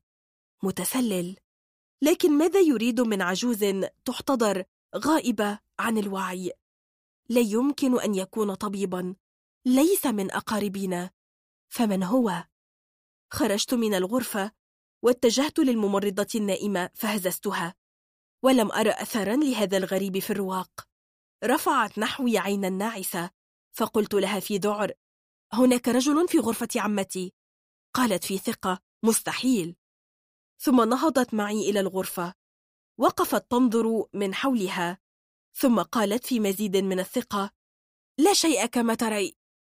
ثم سقطت عيناها على المرقاب جوار الفراش. رأيتها تتوتر. ثم هرعت إلى جهاز الهاتف تطلب طبيبا. نظرت للشاشة فرأيت خيطا صامتا غبيا. لا أفهم في الطب لكن هذه الرسالة بليغة جدا. وعندما جاء الطبيب عرفت أن عمتي قد لبت نداء الخالق. سوف أعفيك من التفاصيل الأليمة لما حدث. لكن السؤال ظل يطاردني. هل فعل هذا المتسلل شيئا عجل بموت المريضة؟ هل يكون قد انتزع خرطوما ما أو عطل جهازا ما؟ سألت الطبيب الذي غرق في العرق عما إذا كان هناك شيء ما خطأ. تفقد الخراطيم وجهاز التنفس وقال كل شيء في موضعه. هذه النتيجة متوقعة على كل حال. لكن دعك من الخيالات. لم يتسلل أحد للغرفة. لا شك أنك نمت وحلمت. لكني كنت أعرف حواسي جيدا. لا لم أنم. كنت واعية تماما عندما رأيت هذا المشهد. هكذا مرت الأيام السخيفة الكئيبة المعتادة وبدأت الحياة تعود لمجراها. ابن جارتنا حمدي في الخامسة والعشرين من عمره وهو شاب مهذب لطيف أقابله من حين لآخر على الدرج فينظر للأرض ويهز رأسه في لطف ثم يبتعد. هذا كل ما أعرفه عنه. مهندس شاب يملك سيارة صغيرة. لقد تعلم القيادة مؤخرا. لا شيء يمكن قوله عنه. هو ذا يفتح باب سيارته. يراني. فيهز رأسه باسما. أمر بجواره وأبتسم ابتسامة عابرة. توحي بالمودة المتحفظة. ثم أرفع عيني فأجد بجواره رجلا. فارع الطول. يلبس بذلة سوداء. رجلا يقف جوار باب السيارة. كأنه ينتظر. ومن الغريب أن حمدي لم يظهر أي علامة على أنه رأى الرجل برغم أنه يقف جواره. استدرت في ذعر أرمق الرجل. وجهه مألوف جدا. أعرف هاتين العينين بلا شك. إنه هو. كنت أنظر للخلف فاصطدمت بعمود النور الموجود أمام البيت. انتبهي. قالها ابن جارتنا وقد أصابه الذعر من قوة الارتطام. كانت هذه آخر كلمة سمعتها منه. آخر كلمة سمعتها منه على الإطلاق لأنه فقد حياته في حادث مروع على الطريق عندما انفجر إطار سيارته لتطير في الهواء وعندما خلصوا جسده من الحطام لم يبقى الكثير منه. يقول السينمائيون إنه لابد من التكرار ثلاث مرات حتى يفطن المشاهد للعلاقة الغامضة بين الأحداث. وقد كان علي أن أنتظر الحادثة الثالثة لأفهم. كان زوج صديقة لي مريضا بمرض خطير أعتقد أنه السرطان في المستشفى وقد ذهبت مع صديقاتي لزيارتها والشد من إزرها وقفنا خارج حجرة المريض نتكلم وهي تبكي بلا توقف. هنا نظرت فوق كتفها فرأيت ذلك الرجل الفارع الذي يلبس بذلة سوداء ينصرف من الغرفة وهو ينظر للأرض كأنه آسف. صحت في صديقتي. من هذا؟ نظرت للخلف وسط دموعها وسألت. عمن تتكلمين؟ هذا الذي يمشي مبتعدا في نهاية الردعة. هزت رأسها أنها لا تدري عما أتحدث وعادت تحكي عن معاناتها مع زوجها و... لكني لم أنتظر لأسمع بل رحت أركض في الردهة محاولة اللحاق بهذا الزائر الغامض. للأسف كان هناك باب جانبي وعندما اقتربت منه كان قد اختفى. لم أستطع اللحاق به عبر ذلك الباب لأنه كان يفتح على سلم مزدحم بالناس. ومن يدري؟ لعله لم يجتز الباب أصلا. أنت تعرف أن زوج صديقتي توفي في تلك الليلة. الأطباء قالوا إن هذا حتمي ومعروف منذ البداية. لكني لم أستطع نسيان ذلك الرجل فارع القامة الذي يمشي قرب من ينتظرون الموت. لم أستطع النوم لعدة أيام وأنا أفكر في معنى هذا. اتصلت بدكتور محمود الألفي صديقي المخلص وحكيت له القصة وأنهيت كلامي قائلة بشيء من الخيال يمكن تصور أن هذا الزائر هو الموت. أنا أراه وهو يزور من اختار أن يلفهم بعباءته الكئيبة. قال مفكرا لا أحد يقدر على رؤية الموت. وهل أنا كالناس؟ دعك من أننا نتحدث عن ملك الموت ذاته. الفكرة عجيبة وتصطدم بالدين بشدة. لا أصدق هذا. ثم فكر من جديد هنيهة وقال هناك أسطورة مجرية عن صبي رباه الموت ذاته وبالتالي صار قادرا دون سواه على رؤيته. وعندما كبر الصبي صار طبيبا عظيما. علمه الموت أن يراقب سرير المريض.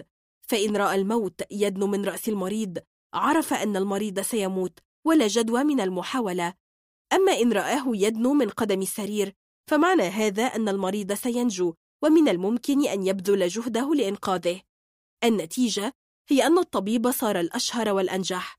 كل من يعالجه سينجو وكل من يرفض علاجه مائت لا محالة. هذه القصة تبدو لي مألوفة. يبدو هذا حلا مريحا. ليس بالضبط. لقد طلب الطبيب ليفحص ابنة الملك كانت رائعة الحسن وأحبها على الفور. هنا رأى الموت يتجه ليقف عند رأس الفراش. على الفور أمر الخدم بتدوير الفراش. حاول الموت ثانية فدور الخدم الفراش من جديد. هكذا ظل الموت يحاول بلا جدوى وفي النهاية انصرف غاضبا وعاشت الفتاة. هل تقترح أن أقوم بتدوير أسرة الناس؟ لا أقترح أي شيء. هذه أساطير. لا حظ لها من الحقيقة. لا أحد يمكنه رؤية الموت ولا أحد يقدر على خداعه. أعتقد أنك تخرفين يا هند. لا أكثر. أتمنى هذا من صميم قلبي. ثمة شيء آخر. لو كانت موهبتك تتيح لك رؤية الموت المتربص بالناس فلماذا حدث هذا الآن؟ لماذا ظهرت هذه القدرة فجأة؟ أين كانت في الأعوام الماضية؟ ووضعت السماعة حائرة. يجب أن أنسى هذا. لكنني لم أنسى. وظل هذا الوجه يطاردني. مساء الجمعة. كنت في غرفتي. عندما سمعت ذلك الأنين هرعت لأبحث عن مصدره. فوجدت أمي في فراشها تئن وتتلوى. ماذا حدث؟ قالت وهي تضع يدها على ضلوعها من الناحية اليمنى. المرارة. لابد أنها المرارة. اطلبي الطبيب حالا.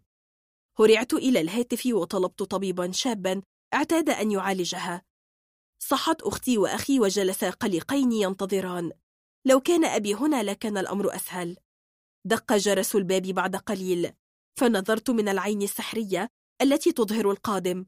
رأيت الطبيب الشاب واقفا هنالك. ولكن رأيت خلف ظهره. رأيت ذلك الغريب فارع الطول. صرخت في جزع وصحت لن أسمح له بالدخول. لا! جاء صوت الطبيب الحائر عبر الباب. تسمحين لمن؟ أنت طلبتني بنفسك. لن أسمح لهذا القادم معك. نظر للخلف ثم قال عم تتحدثين؟ هل أنت على ما يرام؟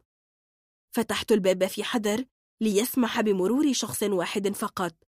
فدخل الطبيب وهو ينظر لي في عدم فهم لكني لم أعطي تفسيرات.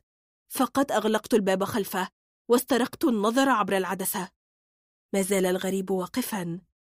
دخل الطبيب وتفحص أمي وأعلن أنها حالة التهاب مرارة حادة بالفعل واقترح أن نذهب للمستشفى لكنني أصررت على ألا نفعل.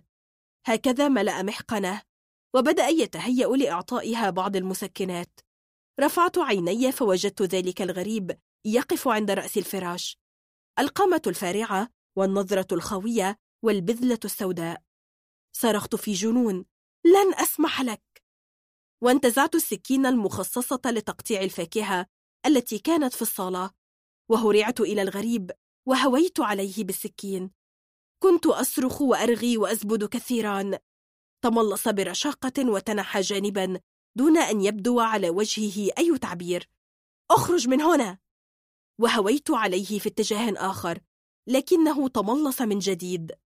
وشعرت بأختي والطبيب يمسكاني بمعصمي وأنا أصرخ وهما يرددان عبارات التهدئة لي ثم فقدت الوعي. كان أول وجه رأيته أمامي عندما فتحت عيني هو وجه دكتور محمود الألفي العزيز. كنت في فراشي. كان يبتسم وقال لي وهو ينزع المحقن من ذراعي أنت بخير يا هند. مشوشة التفكير والشعر شبه نائمة. سألته بصوت مغلق متحشرج أين ذهب؟ هو لم يأتي أصلا ألم تفهمي بعد أن هذا الشخص وليد خيالك؟ لقد كان العبء النفسي ثقيلا عليك وأنت قد عشت لحظات وفاة عمتك بثقلها ومرارتها هكذا ولد هذا الشخص الغريب الذي لا يراه سواك يجب أن تصدقي هذا ثم مد يده إلى كتاب جوار فراشي كتب عليه أساطير من شرق أوروبا وقال أنت قرأت الأسطورة التي حكيتها لك ونسيت أنك قرأتها لكنها ظلت هناك في عقلك الباطن تنتظر الخروج. قلت في تعب كلامك منطقي لكنه غير مقنع. وأنت تخرفين. لقد حقنتك بشيء يهدئك ويريحك. حاولي أن تنامي قليلا. كان الظلام يتزايد من حولي. ورفعت عيني لوجه دكتور محمود فخيل لي أنه مألوف. ليس وجهه. منذ متى صار فارع القامة بهذا الشكل؟ لماذا يلبس هذه البذلة الغامقة؟ إنه هو. سوف أنام الآن. أنزلق لهوية مظلمة. لو لم أعد لعالمنا هذا فأنا محقة وقد رأيت الموت فعلا. أما إذا صحوت من النوم فقد كنت واهمة. هذا هو الاختبار الأخير لي. فقط لأنم الآن ولسوف أعرف الحقيقة عن قريب. سأعرف كل شيء. أخطاء لغوية. الساعة الأخيرة في عمل المصرف. يوم حار ثقيل لزج والصراف ياسر يتنهد. إن جهاز المكيف لا يعمل على ما يرام وقد أبلغ الصيانة. لكن أحدهم لم يأتي. لهذا كان العرق يغمر ياقة قميصه وبالتأكيد كان بوسعه أن يعتصر ربطة عنقه. لم يبق في المصرف سوى أربعة أشخاص يجلسون على المقاعد ينتظر كل منهم سماع رقمه.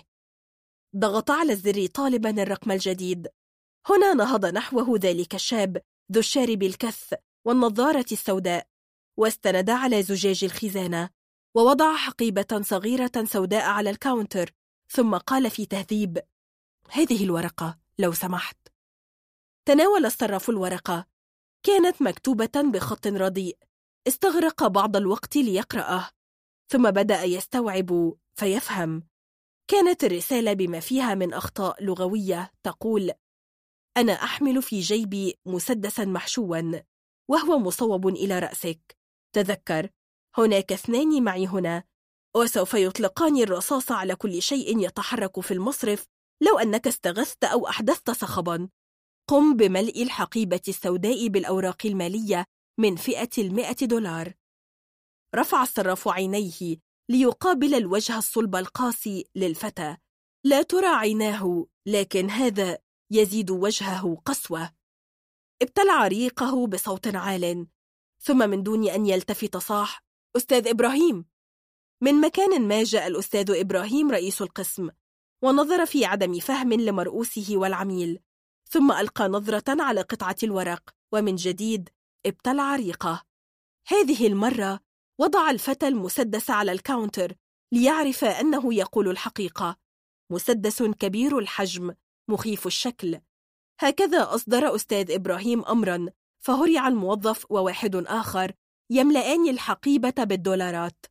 لم يكن يريد مشاكل. قال لنفسه إن هناك احتمالا لا بأس به أن يكون المسدس مسدس صوت لا أكثر. لكن حتى لو كان خطأ هذا الاحتمال خمسة بالمئة فإنه مقلق بما يكفي. هكذا امتلأت الحقيبة وعلى الفور أغلق الشاب السحاب ثم دس المسدس في جيبه واستدار. وقال قبل أن ينصرف بعد ربع ساعة يمكنك طلب الشرطة أو الصراخ أو أي شيء. قبل هذا لا تجازف. وسرعان ما كان يغادر المصرف أمام عيني رجل الحراسة العجوز الجالس في الظل يشرب الشاي فلم يلحظ أي شيء غريب. فيما بعد قال رجل الحراسة إن الشاب استقل سيارة زرقاء فيها راكب ينتظره. وقد انطلقت السيارة بسرعة جنونية لتختفي في شارع جانبي. لم يعرف طرازها ولا رقمها لأنه لم يشك في شيء. وعندما جاء رجال الشرطة بعد ربع ساعة أيقن المحاسب ياسر أن ما قاله الفتى عن وجود زملاء له في المصرف لا صحة له لكنه عجز عن أن يجازف على كل حال. كما أدرك الجميع أن عملية سطو بسيطة جدا وساذجة جدا تمت لهم وكانت النتيجة الحصول على مئة ألف عشر مليون دولار بضربة واحدة والأدهى أنه ما من خيط على الإطلاق. سأله ضابط الشرطة هل لديك أرقام الدولارات؟ قال الصراف في حيرة لا نحتفظ بكشوف كهذه. على كل حال عممت صفات السيارة وبعد ساعات وجدوها في شارع جانبي. قاموا بفحصها فوجدوا أنها سيارة حمراء مسروقة. قام اللصوص بدهانها بلون أزرق.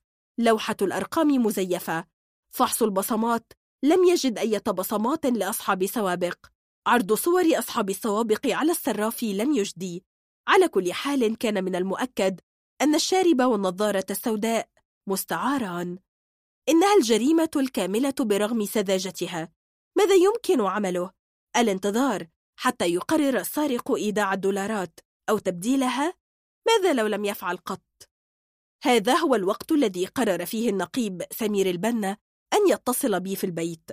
بعدما سألني عن دراستي وأخباري وكل الأسئلة السخيفة المعتادة قال لي القصة كلها. ثم سألني عن كيفية مساعدتهم. قلت في مرارة لو كنت تعتقد أنني سألعب دور الكلب البوليسي فأشم مكان الجريمة ثم أجري بين الأزقة حتى أجد السارق وأنشب أنيابي في ذراعه فأنت غالبا مخطئ. ضحك في الهاتف طويلا حتى غلبه السعال ثم قال بيني وبينك تمنيت لو أمكن عمل هذا. سيكون كل شيء رائعا وقتها ولكن أرجو أن تفكري قليلا وتخبريني. هكذا رحت أفكر في شيء يمكن عمله. اقترحت عليه هاتفيا أن يرتب لي رؤية السيارة المستعملة في الجريمة وأن أقابل المحاسب فوعدني بأن يرتب لي هذا. في اليوم التالي جاءت سيارة مدنية عادية إلى شارعنا ورأيت وجه النقيب يطل منها. هو يعرف كراهيتي الشديدة لوقوف سيارة الشرطة تحت بيتنا ونزولي لأركبها وسط تساؤلات الجيران عما يحدث. أخيرا وصلنا إلى ساحة السيارات التي يتم التحفظ عليها. لم يسلموها لصاحبها بعد. كانت سيارة حمراء من طراز لادا بحالة رثة. وقد بدا واضحا أن عليها طلاء أزرق في عدة مواضع قاموا بمحوه قدر الإمكان. جلست خلف المقود ورتبت ذهني. أغمضت عيني. سلبي. لا أرى أي شيء. لا توجد خواطر. فقط أشعر بالشر. الشر له وجود معنوي محسوس. وقد اعتدت أن أشعر به. لكن لا أعرف كيف أصفه. هناك أماكن تفوح به.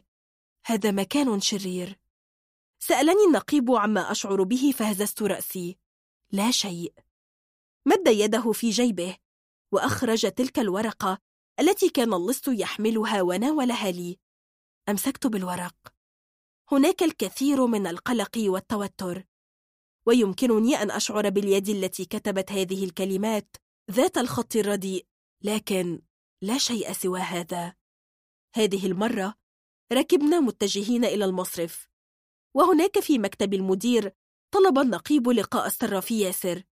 وهكذا ظهر بعد دقائق شاب نحيل وسيم نوعا له شعر ناعم طويل يغطي أذنيه. في ملامحه شيء يوحي بطفل مذعور. قال له النقيب الآنسة صحفية يهمني أمرها وهي ترغب في أن تحكي لها قصة السطو من جديد. صافحني الفتى وجلس. يده ملوثة بالعرق وترتجف نوعا. كان الفتى متوترا لكنه عاد يحكي القصة منذ البداية. أما أنا فلم أسمع ما يقول. الورقة واليد. اليد والورقة. هذه هي اليد التي لامست الورقة. أعرف هذا يقينا. لم تلمسها لتقرأ ما فيها بل لتكتبه. لو كنت تفهم ما أعنيه. قاطعته فجأة وقلت وأنا أفتح حقيبتي وأخرج قلما ومفكرة هل يضايقك لو كتبت ما أمليه عليك؟ نظر لي في دهشة. فمال النقيب ليهمس في أذني؟ فيما تفكرين ليس الخط خطة. هو خط رديء جدا. أرجو أن تتركني أفعل. صاح المحاسب محتجا. لكن النقيب أعاد الطلب بشيء من الحزم قائلا أرجوك هذا سوف يفيد التحقيق. هكذا رحت أملي على الفتى الجملة التالية. الشيء الغريب الذي حدث هو أنني سمعت صوت ملء الكوب وسمعت صوتا آخر لن يفارق ذاكرتي ولو بعد مئة عام. انتهى من الكتابة. فمددت يدي أتناول الورقة وأنظر فيها. رأيته قد كتب. الشيء الغريب الذي حدث هو أنني سمعت صوت ملء الكوب وسمعت صوتا آخر لن يفارق ذاكرتي ولو بعد مئة عام. انتحيت جانبا بالنقيب وقلت له همسا وأنا أريه الورقة هل ترى؟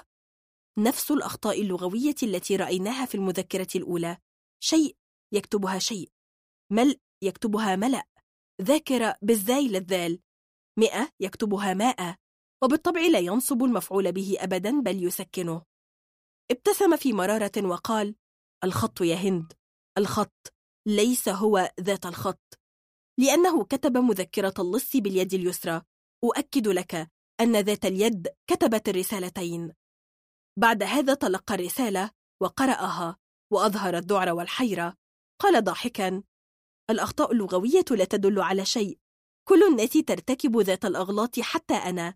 لا يمكن أن أقدم رجلا للمحكمة لأنه لا ينصب المفعول به. ثم لماذا يكتب هو المذكرة بنفسه؟ كان بوسعه أن يطلب ذلك من أي واحد من العصابة البصمات ماذا عنها؟ بصماته على الورقة طبعا ماذا تتوقعين؟ لقد أمسك بها مرارا ليقرأ ما فيها قلت في إصرار كيف عرف اللص أن المصرف يحتفظ بهذه الكمية من الدولارات؟ كانت ساعة متأخرة ومن الوارد أن يقال له تم توريد الإيراد للخزينة الرئيسية أو شيء من هذا القبيل لابد من واحد من داخل المصرف يعرف عمل المصرف ويعرف أن هذا المبلغ سيكون موجودا. نظر لي في اهتمام ثم قال هذا احتمال مهم ولم يدر بذهننا من قبل لكنه كذلك لا يعني أن المحاسب متورط. رحت أفكر في عمق. المشكلة في حستي هذه هي الحدس. الحدس ليس دليلا في أي محكمة ولا يؤخذ بجدية أبدا. لابد من دليل مادي أو اعتراف. عدت أكرر بصوت أعلى قليلا. الصراف متورط لا شك في هذا. أعرف أنه رتب الأمر مع صديقين له. كل شيء. الموعد. السيارة اللادة. الحقيبة. المذكرة. سمعني الفتى هذه المرة. فنهض متجها نحوي عيناه الواسعتان الخائفتان تنظران لي. عين الطفل. قال بصوت مبحوح. لا أعرف من أنت يا آنسة حقا. لا يهمني أن أعرف. فقط أنت تدمرين سمعتي ومستقبلي وتلقين علي ظلال الشك للأبد لمجرد أنك تعتقدين. لا أعرف إن كنت تصدقين أم لا لكن لا علاقة لي بهذه القصة. أنا ضحية مذعورة كادت تفقد حياتها واليوم توشك على فقدان سمعتها. لا علاقة لي بالسطو ولا المذكرة ولا السيارة اللادة الحمراء ولا المسدس ولا أي شيء. شعرت بقلبي يتمزق. هل أنا متحاملة؟ من الخطأ أن أعتمد على حاستي فلقد خدعتني مرارا. فعلا لا يستحق هذا الفتى الطيب ذلك.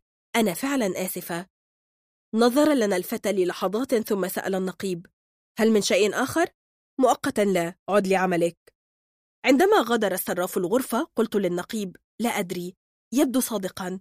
حستي تتهمه لكن عينيه صادقتان فعلا. أخشى أن أكون قد تماديت. قال وهو ينظر إلى الصراف الذي جلس إلى مكتبه. بالعكس لقد بدأت أثق بك أكثر. لقد ذكر أن السيارة اللادة حمراء. لا أحد يعرف ذلك سوى رجال الشرطة والمجرمين. لأن ما يعرفه رجال المصرف وما نشر في الصحف أنها زرقاء. فكيف عرف ذلك؟ ما لم يكن موهوبا مثلك. الغول. نظرت لأهدابه الطويلة التي تغطي عينيه وخديه الشاحبين. دنوت منه. فأشفل قليلا.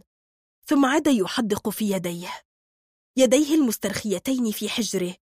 كأنهما طائران نائمان بلا حيلة. صدره الصغير يعلو ويهبط ببطء. مددت يدي. ولمست خده الناعم. فلم يبدي أي علامة على أنه لاحظ شيئا. قلت لهالة وأنا أمسد الخد الصغير. في رأيي أنه مصاب بالأوتزم التوحد. هذا هو التفسير الوحيد. قالت هالة وهي تصب الشاي في قدحين. هذا ما ظننته. حتى قال الطبيب النفسي إن التوحد يظهر في أول عامين من العمر وله أساس وراثي قوي. هذا ليس توحدا على الإطلاق. هذا تأثير ما بعد الصدمة أو شيء من هذا القبيل. كان أكمل يجلس أمامنا. ينظر ليديه ولا يبدو على الإطلاق أنه سمع ما نقول. صعب أن تتصور أن طفلا في السادسة من العمر يمر بهذه الحالة خاصة وقد كان من أفضل تلاميذ صفه التمهيدي وأبرعهم. هذه القصة ترتبط دائما بحدوث حمى مخية أو التهاب فيروسي في المخ لكن الأطباء بالتأكيد فحصوا هذا الاحتمال عدة مرات وأجروا رسم دماغ. لن ألعب دور الطبيب. أنا التي لا أعرف الفارق بين الحصبة والكوليرا. ونظرت إلى هالة في أسى. هالة ابنة خالي الحسناء المدللة. كانت تصغرني بعام. ثم ظهر لها ذلك العريس المتحمس الجاهز الذي أقنع أهلها بأن تتزوج وأن تترك دراستها في الكلية وتسافر معه إلى كندا. بالنسبة لأسرتنا كانت تعتبر محظوظة جدا. لكني بالفعل غير قادرة على أن أتعامل بجدية مع شخص لم يستكمل تعليمه. هناك شيء ما ناقص. صحيح أن الأمومة علم في حد ذاته وأهم من أي رسالة دكتوراه لكني أشعر بأنني لم أكتمل بعد. أنا مثل الرغيف الذي لم ينضج في المخبز ويصعب أن يخرج ليؤكل لأنه سيكون عجينا يثير الغثيان. أنا بحاجة إلى سنوات من النضج قبل أن أكون مسؤولة عن بيت وأطفال. وهذا النضج يحتاج إلى تعليم وخبرات. بعد أعوام عادت هالة محبطة حزينة ومعها صغيرها الجميل الذي تحول إلى نبات بهذا الشكل تقريبا لا يتكلم لا يبذل أي جهد في الأكل أو الشراب ولو لم يدس أحدهم الطعام في فمه لما أكل للأبد. الأطفال يلعبون ويصخبون لكنه جالس هكذا ينظر ليديه. لو عرضت أمامه كل أفلام ميكي ماوس وباربي وسلاحف النينجا لما كلف خاطره بأن يرفع عينه ليرى ما هنالك. جدير بالذكر أن الأطباء الكنديين فشلوا تماما في فهم ما أصاب الطفل وعادت هالة إلى مصر لأنها لم تعد تطيق كندا. زوجها لم يستطع ترك عمله هناك. لهذا سمح لها بأن ترحل لمصر. ما حدث للزوجة بعد ذلك هو السيناريو المعهود. أطباء نفسيون مشايخ. الشيخ الفلاني يمكنه شفاء الأطفال عن طريق شرب عصير النمل. هناك جني كافر يتسلط على ابنك. يقولون إن لدغات النحل قادرة على مزيج من العسل وحبة البركة صباحا قد. في النهاية قالت هالة الحمد لله على أنه حي وسليم الجسد. سوف أعتني به وأمنحه كل شيء وأعتقد أنه سوف يجتاز هذه العقبة. وعادت تمارس حياتها بشكل طبيعي. وإن لم تجد الشجاعة بعد كي تعود إلى كندا. هناك الإمكانيات الطبية أوفر لكن هنا يبدو الناس أكثر ألفة والأمور أسهل. زرت هالة أنا وأمي وأختي وهو شيء اعتدنا عمله كل أسبوع. كانت محاولات اتصالي بالطفل فاشلة دوما. إنه يتعامل معي كأنني ذبابة. فقط ينظر لي النظرة الأولى ثم ينهمك في تأمل يديه. سألت هالة وأنا أجلس القرفصاء أمام الصغير. هل بدأ كل شيء فجأة؟ أعني هل صحوت يوما فوجدت الأمر كذلك؟ يصعب على المرء أن يتكلم براحته في هذا الموضوع لكنها كانت قد تأقلمت فعلا. لذا قالت في بساطة وهي تقدم لي الشاي. لا شيء. نام ليلته في غرفته الصغيرة وكان سعيدا راضيا. في الصباح وجدناه بهذا الحال. لم يحدث شيء ليلا؟ لا شيء. هل تحسبين أن الأطباء لم يسألون ذات السؤال ألف مرة؟ دنوت من الطفل أكثر ولمست يده. إنني أرى جدارا عظيما يحيط به. جدارا يمنعني من الوصول له. وهو الذي بنى هذا الجدار لنفسه. فجأة تم الاختراق. لقد انفتحت فجوة صغيرة في الجدار. فارتجفت ووثبت للخلف. كان ما رأيته مرعبا فعلا. رأيت غرفة هادئة. لونها أزرق. كل شيء فيها أزرق. ستائر زرقاء. ملاءات زرقاء. سقف لبني يوحي بالسماء. خزانة ثياب زرقاء. دمى ألعاب. الإضاءة خافتة هادئة ثم هناك شيء يخرج من الجدار. شيء عملاق مخيف لا أعرف ما هو لكني لا أريد أن أراه بوضوح. رباه إنني أشعر بذات الذعر الذي شعر به الصغير. أشعر به. كل ذرة في جسدي تنتفض. كل عصب ينبض بجنون. لا أعرف ما حدث لكني كنت على الأرض. بينما هالة تصيح في دهشة. ماذا دهاك؟ لماذا تبكين يا حمقاء؟ ولماذا سكبت الشاي؟ لم أرد. فقالت في عصبية. أتوقع من الناس أن يساعدوني لا أن يأتوا ليظهروا حسرتهم وأسفهم.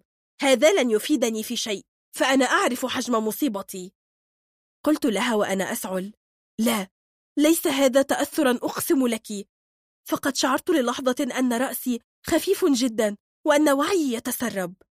ورحت أحاول تنظيف البساط بمنديل ورقي مما أسقطته عليه من شاي. كنت أنظر إلى أكمل. هذا الصغير رأى شيئا مخيفا. شيئا فاق قدرته على التحمل. لذا انسحب إلى عالمه الداخلي. عندما عدت لداري أغلقت الغرفة علي. ورحت أنظر في الظلام مفكرة. الآن أعرف أن موهبتي تحركت. وقد استطاعت أن تلتقط شيئا مما رآه الصبي. الأمر واضح. لكن ما الذي رآه فعلا؟ لص. لو دخل لص الغرفة لترك فجوة وآثارا واضحين. عفريت. كل العفاريت تشق الجدار. لكن بالطبع لست على استعداد لتصديق هذا الهراء. حتى لو كان هناك ألف خبير مستعد لتصديق هذا. ولكن لم لا؟ خبراتي تؤكد أننا لسنا وحيدين في هذا العالم يبدو لي أن هذه الغرفة مزدحمة فعلا بالكائنات التي لا نراها هل رأى الصبي شيئا من هذا وأصابه الذعر؟ لماذا هو بالذات؟ نهضت إلى الهاتف واتصلت بهالة مع أن الوقت متأخر هالة هل صرخ أكمل أو استغاث في تلك الليلة؟ ليلة ماذا؟ هل جننت؟ لا توجد ليال كثيرة كما تعرفين قالت وهي تتنهد في تلك الليلة لم أكن في البيت. كنت في المستشفى. جراحة نسائية بسيطة. لكن الأطباء طلبوا أن أمضي الليل في المستشفى. أبوه هو من حكى لي في الصباح أنه كان سعيدا راضيا عندما دخل الفراش. في الصباح وجده صامتا غريب الأطوار فتركه وجاء بي من المستشفى. عندما وصلت بدوري أدركت أن الأمر أخطر من غرابة أطوار. في الصباح قصدت دار هالة. كانت مندهشة من اهتمامي المفاجئ لكني لم أقل الكثير. اتجهت لغرفة أكمل ونزعت حذائي لأجلس القرفصاء على فراشه ووضعت يديه الصغيرتين في يدي. ماذا تفعلين؟ هل تلعبين اليوغا؟ أكون شاكرة لو خرست قليلا. وأطبقت على يد الغلام وأنا أنظر في عينيه. عينيه اللتين لم يرفعهما نحوي قط. نعم. المشهد يتكرر. الجدار ينشق ويظهر ذلك الوحش العملاق.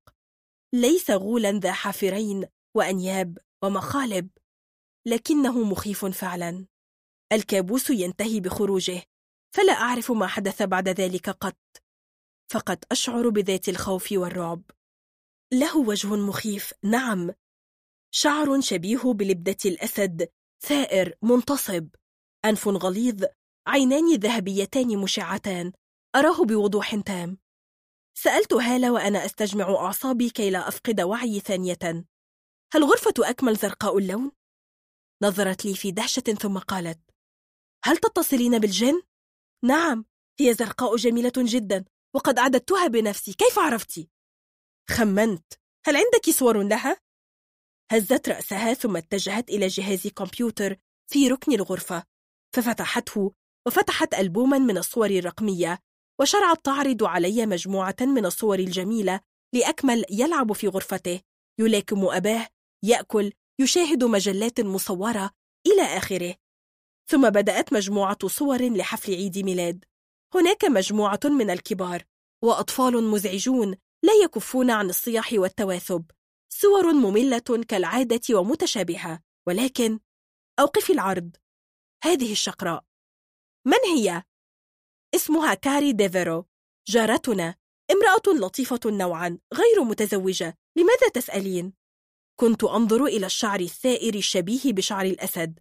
العينين الذهبيتين. الأنف الغليظ. هذه امرأة غير هينة.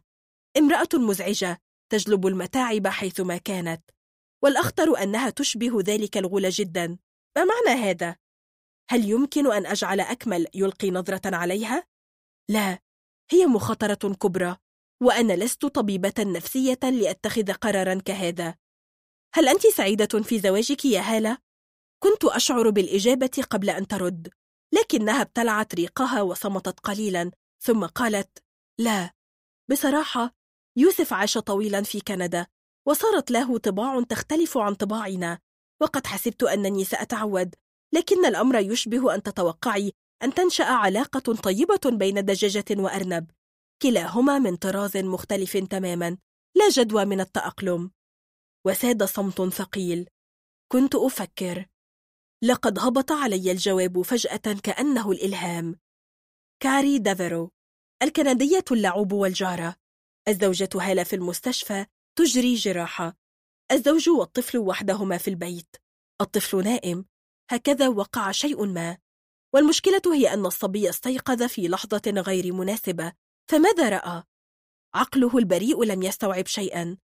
فقط استقر في ذهنه منظر كاري. وقد تحولت إلى غول مخيف يخرج من الجدار ليلتهمه. يلتهم سلامه الأسري. واستقرار بيته. في الصباح كانت الصدمة عنيفة جدا فلم يعد يتكلم وبنى هذا الجدار الشامخ حول نفسه. قلت لهالة وأنا أغلق جهاز الكمبيوتر لست مطمئنة لبقاء زوجك وحده في كندا. هناك من سوف تحسن التلاعب به. مثلا تلك المرأة كاري لا تطمئني لها كثيرا. نظرت لي في شك وقالت هل صرت عالمة بالغيب فجأة؟ أنت غريبة الأطوار اليوم. فلنقل إنه حدس أنثوي. ولم أقل أكثر وانصرفت بسرعة قبل الوقوع في أسئلة محرجة. بعد يومين عرفت أنني كنت على حق على طول الخط. جاء صوت هالة عبر الهاتف يشي بأنها بكت كثيرا جدا. كانت تقول نعم لم أقل هذا الكلام لأحد حتى أمي. زوجي يحب تلك المرأة ويميل لها. وصديقة من هناك تخبرني أن علاقتهما صارت حميمة بعد عودتي لمصر. أعتقد أننا متجهان إلى الطلاق لا محالة. قلت لك إن الدجاجة والأرنب لن ينسجما أبدا. قلت لنفسي المشكلة أن يكون الأرنب خائنا كذلك. ثم قلت لها بنبرات واضحة اسمعي أنا أعرف يقينا أن زوجك على علاقة بهذه الكاري. ابنك شعر بشيء من هذا وهذا سبب اضطرابه. عليك أن تعرضيه على طبيب نفسي وتخبريه بأنه تعرض لهزة نفسية قوية تتعلق بإخلاص أبيه لأمه. ثم أردفت بلهجة غامضة. أما عن علاقتك بزوجك فهذا شأنك. كل ما يعنيني أن يشفى ابنك. كادت تلقي المزيد من الأسئلة الفضولية. لكنني أنهيت المكالمة في عصبية فقد قلت لها مفسرة شعرت بأن هذه المرأة غير مريحة على الإطلاق. كأنها كأنها غول. أنا فاتنة. عرفت منذ اللحظة الأولى ما سيقوله دكتور محمود الألفي وامتلأت قلقا. لا أعتقد أن لموهبتي دورا في هذا بل هي الغريزة الأنثوية أو الحاسة السادسة أو ما شئت من أسماء. الأنثى التي لا تتوقع شيئا كهذا ليست جديرة بلقب أنثى. كنا جالسين في مكتبه وكان يتكلم عن الباراسيكولوجي كالعادة ويحكي لي عن خبراته في هذا المجال. ثم تغيرت نظرة عينه واختفى ذلك الصفاء منها وأدركت أنه يفكر في شيء آخر. هذا التغير ترجمته على الفور إلى أنه يعتزم قول. قلت على الفور دكتور محمود من فضلك لا تقلها. نظر لي في دهشة ثم في فهم. وبعد لحظة مراوغة استسلم وقال لم لا؟ لو قلتها فلن يبقى شيء كما كان ولسوف تصير الحياة بالغة التعقيد. وهل يوجد مانع عندك؟ لهذا أرجو ألا تقولها. لا أريد أن أطالب بالتفسير. كنت أعرف يقينا الخطبة التي سيلقيها حالا. أنا أحبك يا هند وقد صارت الحياة عسيرة من دونك. أعرف أن فارق السن هائل لكن هناك تجارب كثيرة مماثلة ونجحت. إن النضج أهم شيء في الموضوع وأنا ناضج إلى آخره. طبعا هناك ألف سبب للرفض لكن السن ليست السبب الأول. صحيح أنه في الأربعينيات من العمر وأنا في العشرينيات لكنه يبدو شابا وسيما ولا مشكلة هنالك. السبب الأهم هو أن العلاقة بين متحبين ليست بالبساطة والتلقائية التي تميز علاقة صديقين. لن أتصل به بهذه البساطة أطلب رأيه. لن آتي لمكتبه بهذه التلقائية. لن أكلم أمي عنه ببراءة. كل شيء سوف يتغير. الخطبة ومشادتها التي لا تتوقف. إنه في نفسي أروع من هذا وأهم. الزواج والخلافات والزوج الغاضب الذي يقف بالمنامة غير حليق الذقن. حافي القدمين على باب الحمام ينتظر دوره. لا هو أسمى من هذا. إنني أحترمك كثيرا لهذا اخترت لك دورا أفضل. دع هذه الأدوار السخيفة لشاب أصغر سنا وأقل مهابة منك أرجوك. نظرت في ساعتي ثم أعلنت أنني سأنصرف. قال لي هل عرفت حقا ما أريد قوله؟ كنت سأطلب منك أن تراجعي كتابا جديدا لي. ابتسمت. طبعا هذه أكذوبة. فقط هو يحاول أن يثبت لي أنني مخطئة بينما أنا متأكدة مما شعرت به.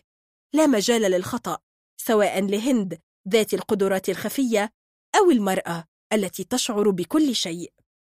قلت له في خبث طبعا هذا هو ما خمنته. لهذا طلبت ألا تقولها لأنني لا أجد في نفسي القدرة على القيام بهذا. تنهد في ارتياح وقال كما تشائين سوف أراجعه بنفسي. هكذا نزلت في الدرج حائرة. لم أحب أن أمر بهذا الموقف ولا أريد أن أؤذيه فهو ناصحي أو my mentor كما يقول الغربيون. ما كنت لأجتاز غابة القدرات الخارقة المخيفة هذه من دون عونه. وبفضله صرت عضوا مفيدا في المجتمع ولم أعد أرتجف خوفا من نفسي. عدت لداري شاردة صموتا وسألتني أمي عما بي فقلت لها الحر لم تقتنع لكنها عرفت على الأقل أنني غير راغبة في أن أتكلم. تناولت الغداء وتأهبت للنوم عندما دق جرس الهاتف. كان هذا هو النقيب سمير البنا ضابط الشرطة الذي يطلب رأيي في القضايا المستعصية. قال لي بصوت مبحوح هند أعرف أن الوقت مزعج لكننا بالفعل نرغب في حضورك. تنهدت في تعب وقلت سيارة مدنية؟ بالتأكيد. سوف تأتي سيارة مدنية لتقلني. لأنني لن أجد سيارة أجرة في هذا الوقت ولأنني لم أعد أتحمل قدوم سيارة الشرطة لأستقلها وسط نظرات الجيران المتسائلة وهمساتهم. لقد خدعنا فيها. واضح أنها فتاة من إياهم وقد لاقت جزاءها. عدت أسأله ماذا حدث؟ فتاة مخطوفة. لن تبحثي عنها لأنها عادت فعلا. المطلوب منك قلت له في نفاد صبر أعرف أعرف. التأكد من أن قصتها حقيقية صادقة. هو كذلك. وفي الطريق في السيارة التي جاء يوصلني بها حكى لي القصة. مها فوزي. طالبة في كلية الآداب. خرجت منذ يومين لزيارة صديقة لها واستقلت سيارة أجرة الساعة الثالثة بعد الظهر. لكن السائق لم يوصلها حيث أرادت. انطلق كالمجنون في الشوارع. وفي شارع جانبي اقتحم السيارة رجلان. قام بوضع منديل مبتل على أنفها فغابت عن الوعي. عندما أفاقت كانت في بناية مهجورة خارج المدينة. كانت وحدها فتمكنت من الفرار وعرفت أنها في الجيزة. هكذا تمكنت من العودة لدارها. وما الذي لا يريحك في القصة؟ قال وهو يحك رأسه. كل شيء. الفتاة لم تمس. لم يمس مالها ولا عرضها فلماذا خطفوها؟ لم يطلب أحد فدية. موضوع المنديل المبتل هذا يحدث في السينما لكنه غير ممكن في الواقع. القصة كلها غير مريحة. دخلنا مكتبه في قسم الشرطة وهناك كان ثلاثة من الضباط يجلسون وأمامهم فتاة دامعة في سن الكليات ومعها أبوها المذهول الغاضب كان يردد بلا توقف. لم يعد هناك موضع آمن في البلد. لا أعرف ما تقومون به أصلا. ما دوركم؟ قال النقيب وهو يجلس خلف المكتب ويجرع جرعة من الماء من زجاجة. سوف نجد هؤلاء القوم يا سيدي. ثق في هذا. ثم أشار لي كي أكلم الفتاة نهضت وجلست جوارها فأشفلت لكني أحط كتفها بذراعي بطريقة فتاة تريد أن تطمئن أختها ونظرت في عينيها. كاذبة. كاذبة. لا شك في هذا. هناك علاء. هناك شاب وسيم لا يقبل أهلها به. علاء وزواج عرفي. علاء يطالبها بالفرار معه ليتزوجا بشكل رسمي.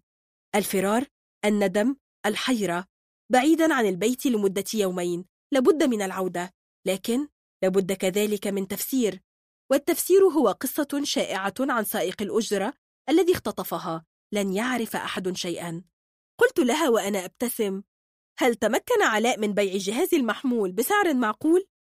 نظرت لي في ذهول وتوحش وهتفت. عما تتكلمين؟ بالطبع. اضطررت لإعطاء المحمول لعلاء كي يتخلص منه. ما كان يمكن أن تعودي به وتستقيم قصتك. رأيت الأب يتصلب وتتسع عيناه. هو يعرف الاسم ولديه شكوكه الخاصة إذن. هنا استدرت إلى النقيب. وقلت بلهجة من يلقي حقيقة لا شك فيها. اسمه علاء. لم يختطفها لكنه سيعترف لكم بكل شيء. بعد يومين من فرارها قرر أن الخطة مستحيلة التنفيذ. نهض الأب وانقض علي وقد تحول إلى ثور آدمي غاضب. من أنت؟ آمرك أن تخرسي. وقبل أن يبلغني استدار وهوى بصفعة مدوية على خد الفتاة. قبل أن ينقض عليه الضباط لمنعه من التمادي وجروا الاثنين خارج الغرفة. نظر لي النقيب سمير باسما وقال لقد حللت لي المشكلة كنت أشك في شيء كهذا لكن إثباته كان صعبا. والآن من الواضح أن الأب والابن سيتكلمان كثيرا ولا سوف تتضح الحقيقة. خطوة كهذه أعفتنا من أشهر من البحث عن سائق سيارة الأجرة المزعوم. ساد الصمت. فقلت له هل بوسعي العودة لداري؟ بالطبع سأوصلك. وهنا لاحظت أن نظراته غريبة. لقد شرد قليلا ثم سافر ذهنه إلى أراض غريبة. يمكنني أن أخمن ما يفكر فيه الآن. سوف يقولها. قلت في توتر بالله عليك لا تقل ما تنوي قوله.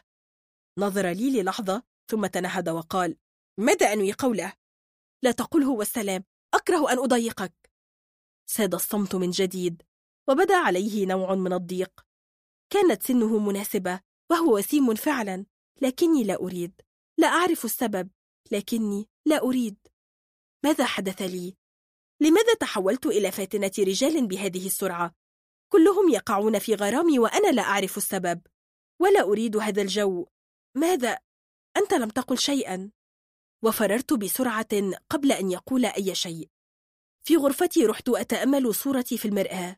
نفس الوجه ونفس الملامح. ربما أكثر أناقة في هذا الثوب. لكن هذا لا يعني شيئا. هل أنا أظرف؟ أذكى؟ ثم خطرت لي فكرة. زجاجة العطر التي أرسلتها لي صديقتي المقيمة في فرنسا.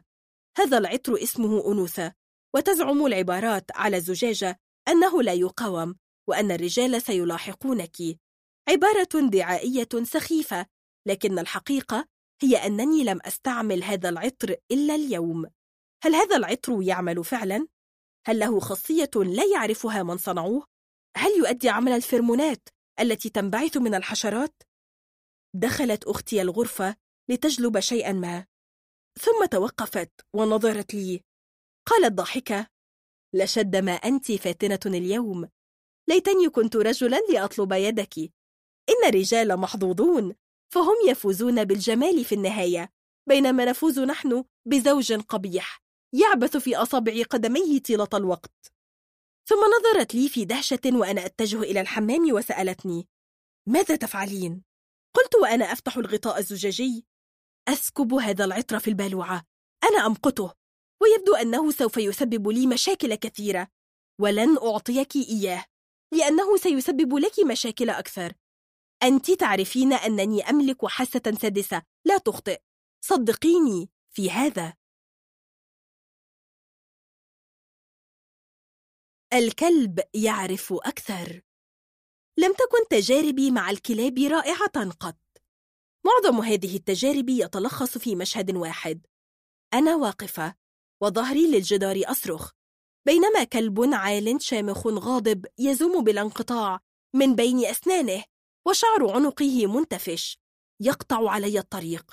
هناك درجات لعواء الكلب لكن أسوأها ذلك الزوام الخافت المنذر بالويل. هنا يظهر أحدهم ملوحا بعصا ويطرد ذلك الكلب المتمرد وأتنفس الصعداء. هذه هي علاقتي بالكلاب وهي علاقة ليست جميلة جدا كما ترى. ماذا عن الاتصال النفسي؟ لم يحدث قط وهو لغز غريب. قيل لي دوما أنه من السهل الاتصال بالحيوانات العجماء لأن قواها النفسية قوية ولأنها أرواح فقط لا يخفي حقيقتها تفكير عاقل لكني دائما مخطئة في هذا. فشلت في الاتصال بالقطط أو الكلاب أو الأرانب أو الخيول. قيل لي ذات مرة أن بوسعي الاتصال بدجاجة مذعورة ثم عرفت أن هذا مستحيل. إلى أن جاءت القصة التالية. كنت عند خالتي. إن لديها خمسة أطفال هم أقرب إلى الشياطين وقد قضينا وقتا مزيجا من الممتع والعصيب. المجاملة كذلك تجعل لحظات حياتك أصعب. عندما يقذف أحدهم بالكرة في عينك فأنت لا تجرؤ على صفعه أو إلقائه في الشارع من النافذة. وإنما تبتسم لأن خالتي ستتضايق لو فعلت ذلك. وعندما تتضايق خالتي تتضايق أمي. كان أخي يلعب معهم وكانت أمي تثرثر مع أختها. عندما انفتح الباب ودلف ذلك الشيء المرعب. كلب. لقد اقتنوا كلبا أخيرا وهو شيء غير مفهوم خاصة مع مساحة شقتهم شديدة الضيق. هذا الكلب يحتاج إلى مزارع واسعة ممتدة يرمح فيها ليصطاد البشر. أحاط الأطفال بالكلب وراحوا يشرحون لي كيف أنه مسالم ودود. فقط علي ألا أبدي ذعرا أكثر من اللازم فهذا يوتره وقد يقدم ذراعي كلها. ما اسم هذا الشيء المفزع؟ اسمه ميلو. كان صموتا بالفعل وقد قررت أن أتحاشاه قدر الإمكان لكنه من الطراز كثير التدخل الذي يمقت أن يكون وحيدا. لذا كنت أجلس إلى المائدة لأشعر بشيء يلعق ساقي أو يشم قدمي فأكفل. عندها يقول لي الأطفال حاولي ألا تثيري أعصابه بهذا التوتر. الكلاب حساسة جدا. كأنني لا أملك أي نوع من الحساسية وكأنني يجب أن أظل صامتة بينما هذا الغول يلتهم ساقي. في نهاية اليوم أعلنت خالتي خبرا ظريفا. إن زوجها قد ابتاع أرضا صحراوية في منطقة وادي النطرون وهو يلح عليها أن تذهب معه والأولاد لقضاء يوم هناك. سوف تأتين معنا. سوف نستأجر سيارة فان تتسع لهذا العدد. قالتها لأمي في مرح فوافقت على الفور. كنا في الإجازة الصيفية ولم يكن هناك ما يشغلها أو يشغل أختي أو أخي. صاح الأطفال في مرح. سوف نأخذ معنا الكلب. كانت خالتي مترددة طبعا لكن الفكرة لم تبدو سيئة. الكلب البائس بحاجة إلى مساحات يركض فيها ومن العسير تركه وحده في الشقة يوما كاملا. لأنه سيدمر كل شيء. الرفض الحقيقي كان من جهتي أنا. لن أقضي يوما كاملا مع هذا الشيء. لكن أمي أقنعتني أنه سيكون في عهدة الأطفال ولن يضايقني في شيء. إن بشرتي شاحبة وبحاجة إلى بعض الشمس إلى آخره. حسنا. هكذا تبدأ الكوارث. لو رغبت في قضاء يوم ممتع في الصيف فلا تذهب لوادي النطرون من فضلك. سوف تحرق الشمس كل خلية في جسدك ولن تعرق أبدا لأن الشمس ستحرق كل خلية عرق في جلدك. سوف ينسف الصداع مخك نسفا ولسوف يدخل الهواء الساخن إلى رئتيك فيحرقهما. دعك من الذباب الذباب الصحراوي المرعب الذي يحاول أن يقضم قطعة من لحمك. كنت مرهقة جدا ومتعبة في السيارة الفان وقد لحقت بنا سيارة نصف نقل. يركب فيها زوج خالتي مع سائق لأنه ينوي نقل بعض الأشياء من هذا المكان. بلغنا بيت الميعاد في الصحراء ولا أعرف سبب الحماسة التي تدعو إنسانا لشراء أرض وسط هذا القفر. كان البيت قد بيع مع الأرض ويخص ملاك الأرض السابقين الذين طبعا أخذوها بوضع اليد. مجرد بيت صغير من طابق واحد بني من قرميد أحمر وله باب خشبي مغلق وعدة نوافذ يبدو كأنها لم تفتح منذ دهور. كنت أتوق للدخول. مكان ضليل واحد في هذا العالم. العربة ضليلة لكنها جمعت كل حرارة الكون داخلها وهي غير مكيفة. عالج زوج خالتي الباب الخشبي فانفتح. ومن الداخل تصاعدت رائحة عطن ورائحة أثاث قديم. قال لي باسما لا تدخلي على الفور تمهلي. قلت له لاهثة لست ممن يخافون الفئران. قال وهو يدق الباب بقدمه من تكلم عن الفئران؟ أتكلم عن الثعابين والعقارب طبعا.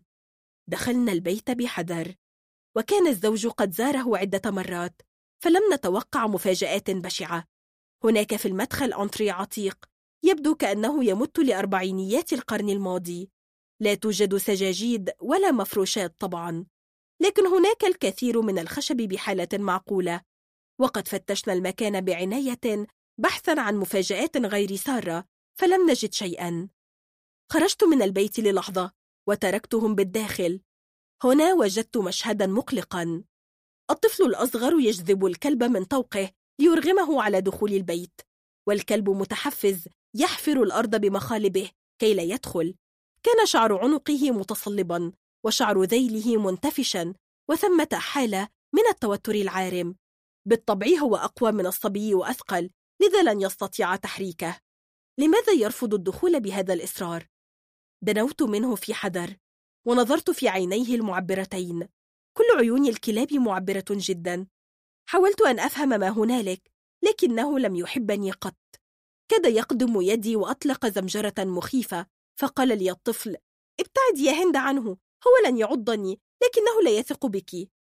هنا ظهر زوج خالتي فسألته عن سبب توتر الكلب فقال بلا مبالاة لقد ضربناه على عدم دخول أي منزل غريب يجب أن يكون بريا. ثم نادى سائق السيارة نصف النقل وبدأ ينتخب بعض قطع الأثاث لتحميلها على السيارة. سألته عن السبب فقال إن بعض قطع الأثاث ثمينة يمكن أن تكون أنتيكات حقيقية فقد تحتاج إلى نجار بارع وحرفي دهان خشب أكثر براعة. سوف ترين قطع الأثاث هذه بعد تجديدها. تحفا فنية. تم نقل كل شيء وتناولنا وجبة سريعة. ثم لعب الأطفال لعدة ساعات مع الكلب الذي بدأ يهدأ قليلا. وعند الغروب تحركت السيارتان عائدتين إلى المدينة. عند بيت خالتي ترجل سائق العربة نصف النقل وتعاون مع زوج خالتي على نقل قطع الأثاث إلى الشقة الخالية. التي تملكها الأسرة في الطابق الأول بينما يسكنون في الطابق الرابع. أخيرا عدنا إلى بيتنا منهكين فأخذنا حماما وتناولنا وجبة عشاء وقلت لأمي هذه آخر نزهة من هذا الطراز أقوم بها في حياتي. في المرة القادمة سيكون أفضل ما تقومين به هو تركي وشأني. أنت غدوت صعبة الإرضاء فعلا. دخلت فراشي. فأغلقت النور وساد ظلام مريح. أشعر بأن كل عضلة من جسدي في اتجاه وأنني ما زلت أركب السيارة الكريهة. الشمس الشمس. الفجر يقترب. هل نمت حقا؟ نباح الكلب. ماذا أتى به هنا في أحلامي؟ لماذا يركض خائفا؟ في هذه اللحظة أدركت الحقيقة. إنني على اتصال به. هذه هي المرة الأولى التي أدرك فيها أن روحي على موجة واحدة مع موجة حيوان. أرى كل شيء من عينيه. رؤية منبعجة ومن أسفل أشعر بالخطر. أشعر به ولكن من أين يأتي الخطر؟ هذه الأريكة العتيقة لا شك في هذا. لا أريد أن أقترب منها. أخشاها كثيرا. كل ذرة في جسدي ترفضها. صحوت خائفة أرتجف. نظرت للمنبه. التاسعة صباحا. لا أعرف كيف نهضت فغسلت وجهي وارتديت ثيابي. ثم خرجت والجميع نيام. ركبت سيارة أجرة قاصدة بيت خالتي. الشقة في الطابق الأول كانت مفتوحة. عرفت هذا؟ اقتحمت الشقة لأجد زوج خالتي واقفا يثرثر ويضحك. ورآني فبدت عليه معالم الدهشة. كان الأنتري مكدسا هناك حيث تركناه أمس. ما زال يحمل رمال الصحراء وغبار الطريق. ويبدو أن خالتي وزوجها استيقظا مبكرا. فقرر النزول لمعاينة ما عاد به من الصحراء.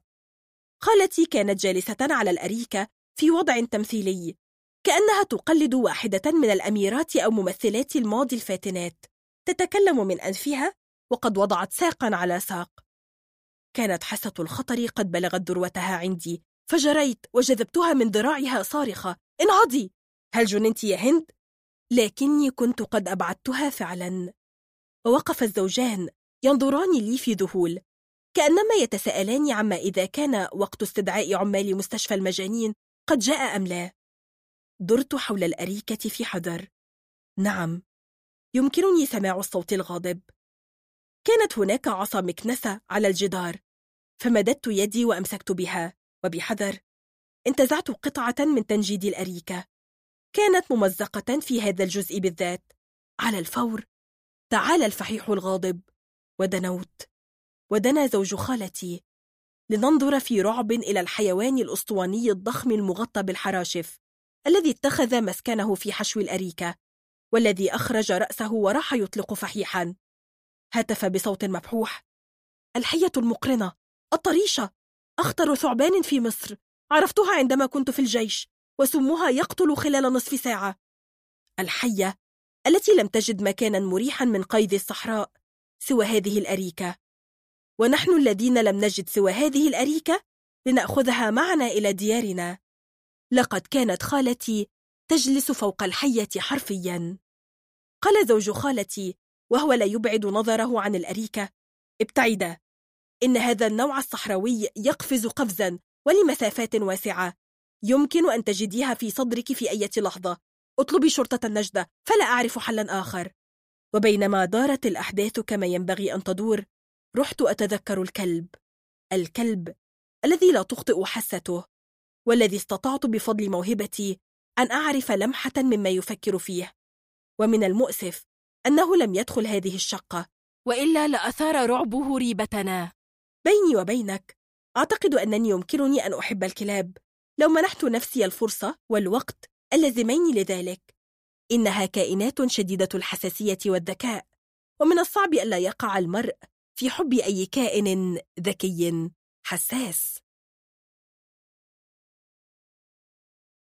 أضواء.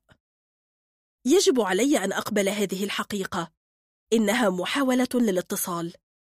كانت تلك الفيلا الصغيرة ذات الطبق الواحد في نهاية شارعنا وكنا نعرف أن أحدا لا يقيم فيها منذ زمن لأن سكانها بالخارج معظم العام. في النهاية تلخص هؤلاء السكان في السيدة عواطف. لم أرها قط لكني عرفت ممن حولي أنها عجوز مسنة غريبة الأطوار. وكانت بدورها زائرة غير منتظمة. تدب الحياة في الفيلا وتفتح النوافذ فنعرف أنها هناك. من كنت أعرفه فعلا هو قريبها عادل وهو شاب ظريف مهذب. كان يزور أبي كثيرا من وقت لآخر. كان ضابطا بحريا يعمل في الإسكندرية ويتردد على قريبته العجوز من حين لآخر ليمضي يوما أو يومين ثم يزورنا ليودع أبي لم يكن يتكلم عنها كثيرا لكنه كان يعطي إيماءات ساخرة خافتة توحي بأنها مجنونة فعلا. برغم هذا كان يجلب لها الكثير من الهدايا كما كان يحمل لها الأسماك البحرية التي يصعب أن تجدها هنا. بالطبع لم يكن أبي موجودا في الفترة الأخيرة لذا لم نرى عادل لأنه كما قلت مهذب جدا ولا يمكن أن يزورنا في غياب صاحب البيت. في مراهقتي كنت أتخيل السيدة عواطف كما يظهرون هذا الطراز من النساء في السينما. عجوزا متشككة تربي الكثير من القطط وتدخر مال قارون في علب طعام محفوظة. ربما هي تمارس السحر الأسود كذلك. أو تأكل الخفافيش. الحق إنني كنت أخافها كثيرا وساعد على ذلك أني لم أرها قط. الخيال يضخم الأشياء ويجعلها غريبة. بالطبع لابد أن تكتمل قصة هؤلاء النسوة بأن يمتن مقتولات أو يمتن ميتة شنيعة. ولم تخيب السيدة عواطف ظنوني. هناك فتاة تعسة مصابة بفقر الدم اسمها هالة. تتردد على بيت العجوز لتنظيفه. وقد دخلت البيت في ذلك اليوم وغابت بضع دقائق في الداخل. ثم خرجت وصراخها يهز الشارع هزا. خرج الجميع ليرى ما هنالك ووقفت مع أمي وأختي في الشرفة لنعرف مصدر الصراخ. كانت الفتاة تولول وفهمنا من الكلام أن السيدة عواطف ماتت. عندما جاءت سيارة الإسعاف وسيارة الشرطة كان ما رأيناه بشعا برغم أننا رأيناه من مسافة. كانت المحفة التي حملها رجل الإسعاف مغطاة لكن الغطاء تحرك فأدركنا أن هناك جثة متفحمة تماما. لقد احترقت العجوز. كانت هالة تصرخ وتولول وعندما استعادت صوابها دعتها أمي إلى بيتنا لتعرف منها ما حدث. قالت هالة راجفة لابد أن المدام كانت تسخن شيئا على الموقد عندما تمسكت النار بثوبها المصنوع من قماش صناعي. لابد أنها عرفت أنها تحترق وهرعت إلى الحمام محاولة أن تغمر جسدها في المغطس. لكن النار كانت أسرع وسقطت على الأرض وماتت. لهذا السبب لم تشتعل الفيلا كلها لأن النار حوصرت في الحمام. مسكينة. وراحت ترتجف. ثم أضافت كأنها تخشى أن تتهم بالرقة. مجنونة فليرحمها الله ومغبولة تماما. لكن من الحرام أن تلقى ميتة كهذه؟ سألتها في حذر. هل تعتقدين أنها أشعلت النار في نفسها؟ قالت في صلابة. مستحيل! كانت تعشق الحياة عشقا والموت هو الشيء الوحيد الذي يثير ذعرها. بدا لي هذا مقنعا. ويبدو أن الشرطة اقتنعت كذلك. كان هذا منذ عام وقد ظلت الفيلا مغلقة من حينها لكنها صارت ذا ثقل خاص في شارعنا. هذا مكان ملوث بالموت. مكان شهد أحداثا درامية عنيفة. منذ عام كانت هنا امرأة حية تصرخ وهي تحترق منذ أسبوع كنت أقف وحدي في الشرفة. أنظر لظلام الليل. مفكرة في عشرات الأشياء التي تفكر فيها الأنثى عندما تنظر لظلام الليل. دخلت أمي الشرفة لتجمع الغسيل. وكانت تمارس هذه العملية ليلا لأنها تكره أن يراها الجيران. رحت أنظر للأفق وأنا أثرثر معها ثم سألتها هل عاد عادل لفيلا قريبته؟ قالت وهي تفرد قطعة من الغسيل على يدها كيف لي أن أعرف؟ ولماذا تسألين؟ أشرت إلى الفيلا إلى تلك الأضواء المتقطعة الصادرة منها في الواقع بدا لنا أن هناك من يضيء النور ثم يطفئه بلا توقف نظرت أمي في دهشة وغمغمت لا أعرف مصدر هذه الأضواء بصراحة لكن من المؤكد أن أحدا بالداخل. ظللت أرقب المشهد للحظات واعترفت لنفسي بأن فيه شيئا رهيبا لا أعرف كنهه. في اليوم التالي جاءت هالة الفتاة التعسة لتساعد أمي في شغل البيت كعادتها. فسألتها أمي عما إذا كان أحدهم قد جاء لفيلا السيدة عواطف. هل عاد عادل قريبها؟ قالت هالة في رعب لا يا سيدتي لكن أكثر من واحد من سكان شارعكم رأى هذه الأضواء. يعتقد البعض أن هذا لص. لكن الفيلا خالية كما تعلمين. البعض يعتقد أن بسم الله الرحمن الرحيم. طبعا عرفنا ما تقصده بهذه البسملة. فاتهمتها أمي بالجنون وطلبت منها أن تسكت. بدأت أشك بالأمر فعلا عندما رأيت الأضواء ذاتها في الليلة التالية. كان الضوء يتوهج لفترات ثم يتوقف. يضيء فترات طويلة ثم قصيرة باستمرار مريب. حاولت أن أغمض عيني وأستجمع موهبتي لفهم ما يحدث لكني لم أرى شيئا. هنا دخلت أختي الشرفة وراحت تراقب الأضواء بدورها والدهشة تعقد لسانها ثم هتفت. لولا خشيتي أن تتهميني بالجنون لقلت إنها إشارات ضوئية. إشارات؟ تشير لماذا؟ راحت تشير. هذه إضاءة تدوم لفترة قصيرة. ثم إضاءة طويلة. نقطة شرطة شرطة نقطة شرطة نقطة. سألتها في حدة. هل تعنين أنها إشارة مورس؟ ومن يرسلها؟ لا أدري لكن يخيل لي أن لها معنى.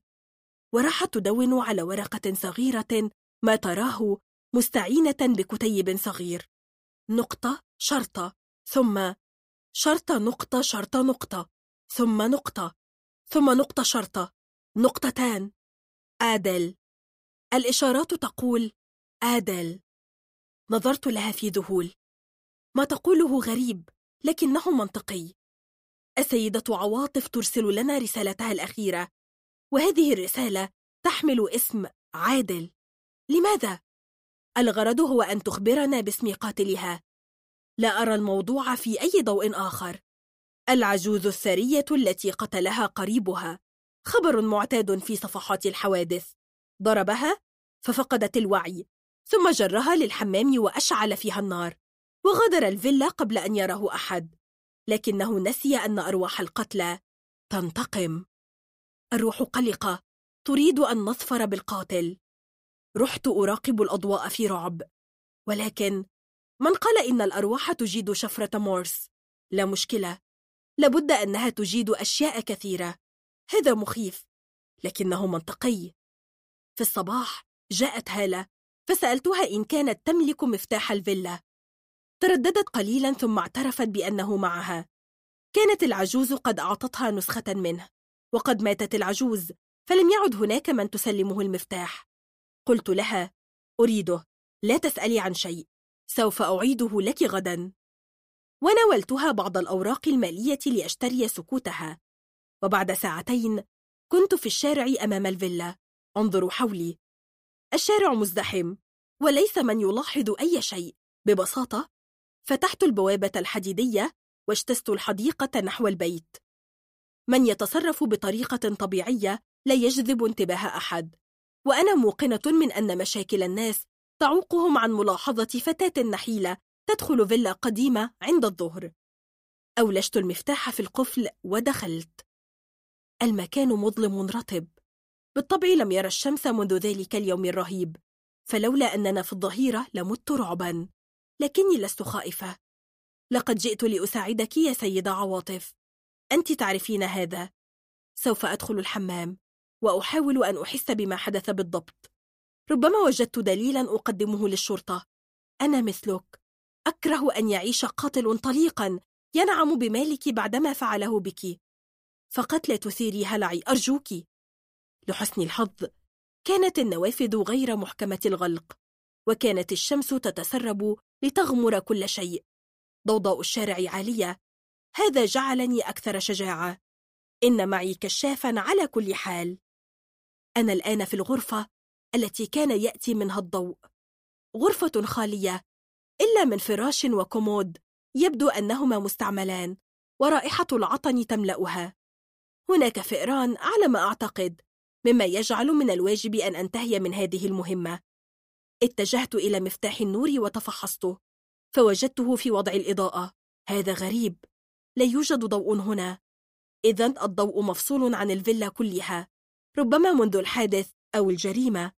وهذا يؤكد من جديد نظرية الشبح الذي يبعث رسالة. خرجت من الغرفة وبحثت عن الحمام. بالفعل كان الحمام في مواجهة المطبخ. دخلته حيث كانت الشمس تغمره متسللة من نافذة ذات قضبان. ووقفت للحظات أنتظر الشعور بشيء. لابد أن يتم الاتصال الآن.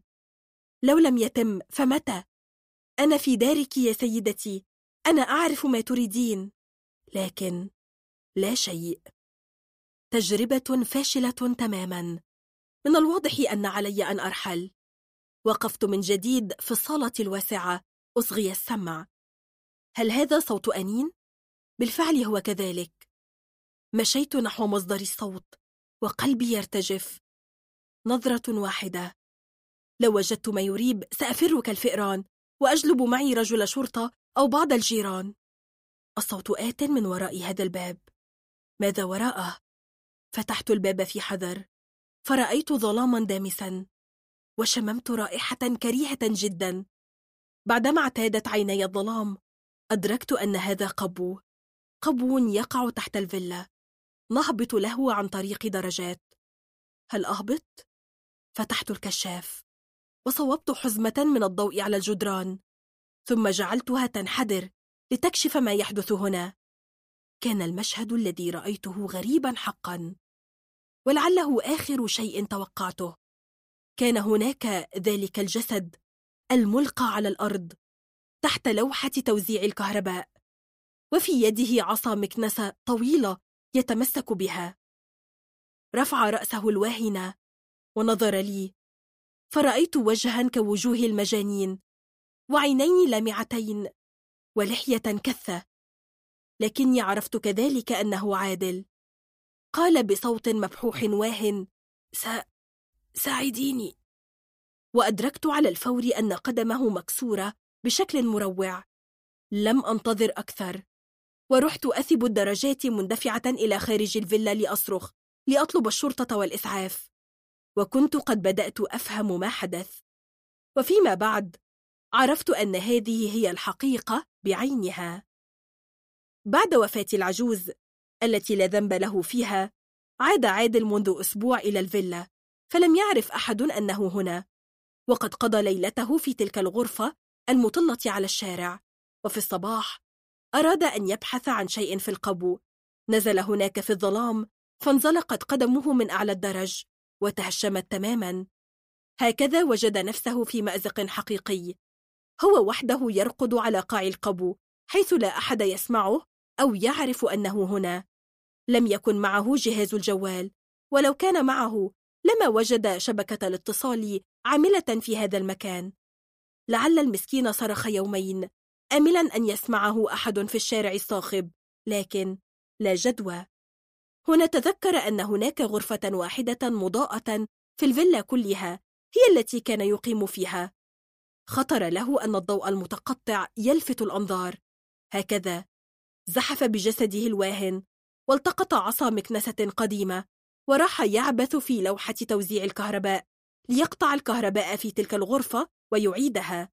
وقرر أن يمارس هذا النشاط ليلا ليلفت الأنظار. كان يعمل في البحرية لذا قرر أن يرسل حروف اسمه بطريقة مورس عن طريق الضوء المتقطع. كما كان يحاول أحيانا إرسال إشارة الاستغاثة الشهيرة SOS ثلاث نقاط ثلاث شرط ثلاث نقاط. قال لي كنت قد يئست تماما وصرت أفعل هذا بشكل تلقائي لكني كنت متأهبا للموت. هكذا عرفت أنه لم يقتل العجوز وإنني لأحمد الله بشدة على أن غبائي لم يطل يوما آخر وإلا لوجدنا جثة أخرى في القبو. فما كان هذا المسكين ليتحمل يوما آخر بلا طعام ولا شراب؟ حفل صاخب من وقت لآخر أتلقى دعوة لحضور حفل زفاف أو خطبة واحدة من صديقاتي لا تنسى أننا في سن التخرج وأن الفتيات كبرن بعضهن لم ينتظرن يوم التخرج ليرتبطن هذه لحظات مليئة بالشجن تعرفها كل فتاة دعك من القلق الداخلي بصدد قدوم دور الواحدة منا متى؟ هل تكون فرصة جيدة؟ ماذا لو تأخر الأمر أكثر من اللازم؟ يجب أن تمتلك الفتاة حاسة شديدة التعقيد كي تنتظر حتى ترى أفضل الفرص. وفي الوقت ذاته لا تفوت فرصة ممتازة. الأمر يشبه المضارب في البورصة. لا يجب أن يتعجل ويبيع فورا لكن عليه كذلك أن يشعر بحاسته بأفضل فرصة للبيع.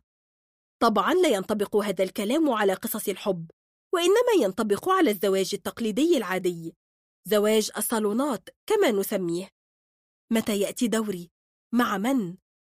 من الغريب أنني أملك هذه الحاسة العجيبة لكن الغد مستغلق أمامي تماما فقد أمني نفسي بأنني لحظتها سأعرف إن كان صالحا أم لا ها أنا ذا في حفل خطبة شاهندة صديقة الدراسة الثانوية والتي صارت طالبة في كلية علوم الآن وهي فتاة ظريفة لكنها أقرب لعجوز طيب قصير القامة يضع عوينات غليظة.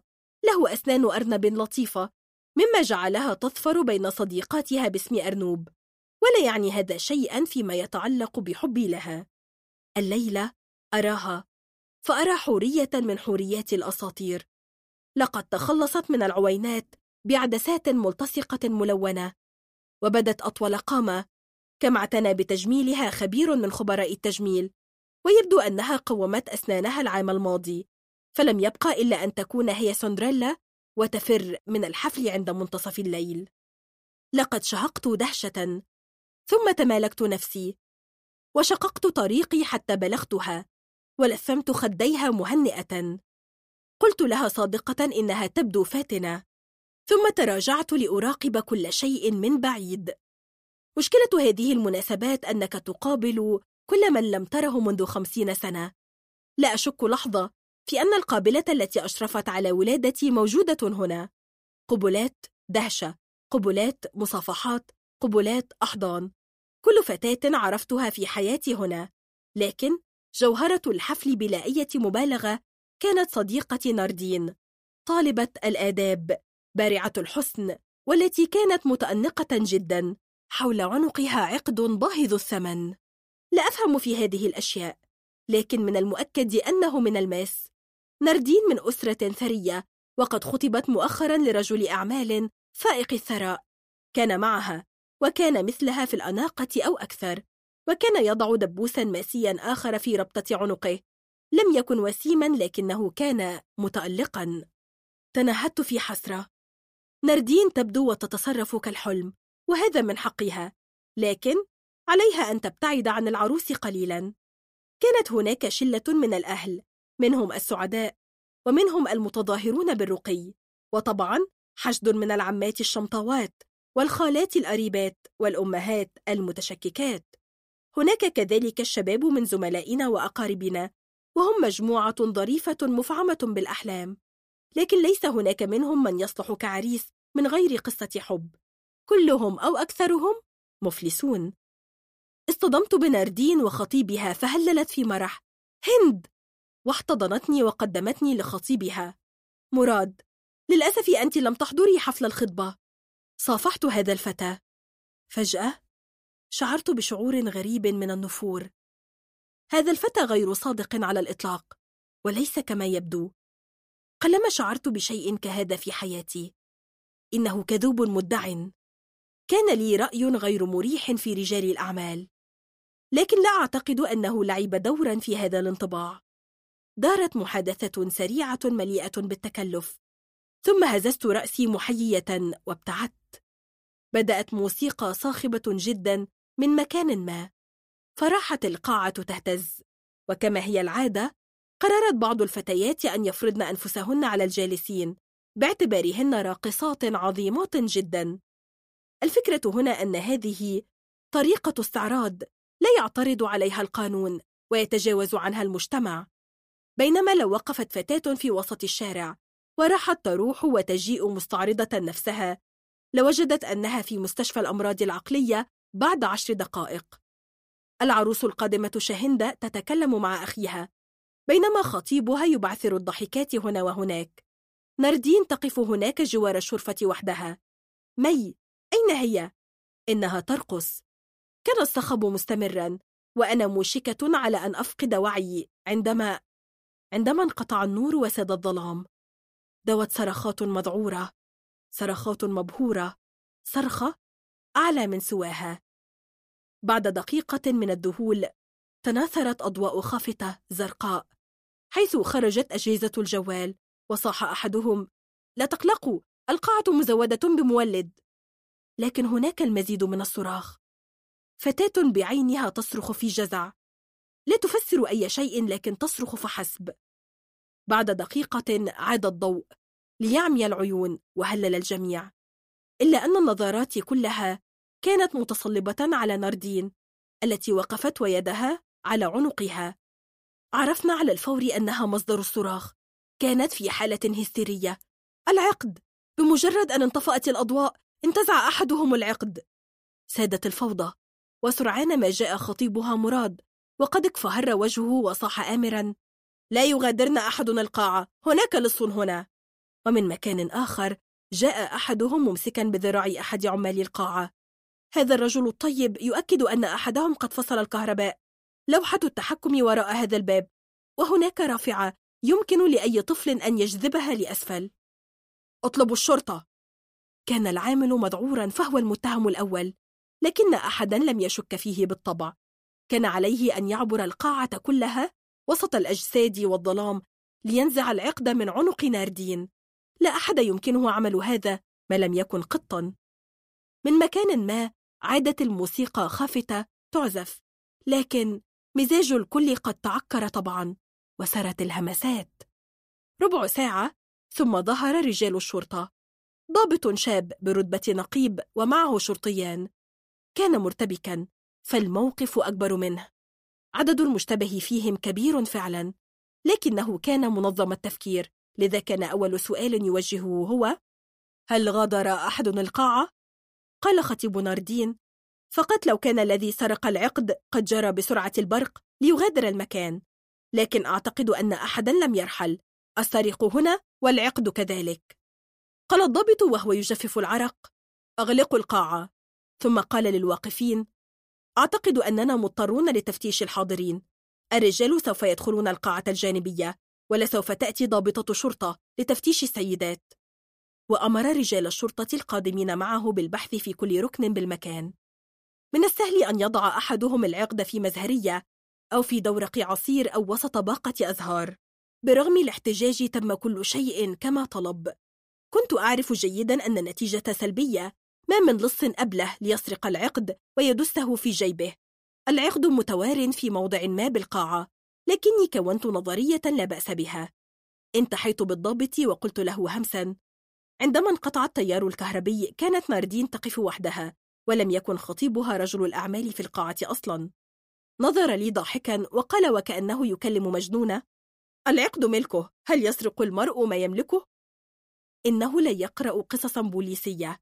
يسرق المرء ما يملكه عندما يكون مؤمنا عليه ويسرق عندما يكون في ضائقة مالية ويحتاج إلى ثمن العقد دون أن يتشاجر مع خطيبته.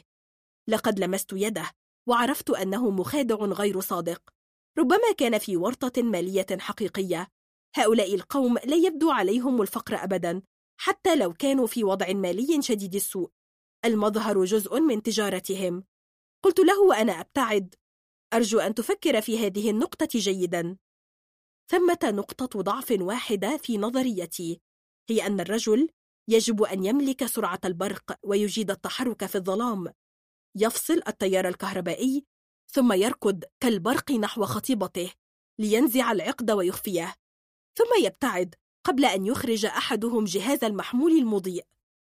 الضابط بالفعل اهتم بالأمر واتجه نحو مراد ليتبادل معه الحديث. نظرت لساعتي الحادية عشرة مساء وسوف يصل خالي بسيارته بعد قليل ليقلني للبيت. هكذا اتجهت إلى العروس لأقبلها وألتقط صورة معها. من المؤسف أن هذه الليلة توترت بسبب هذا الموقف لكنها ستنسى بسرعة.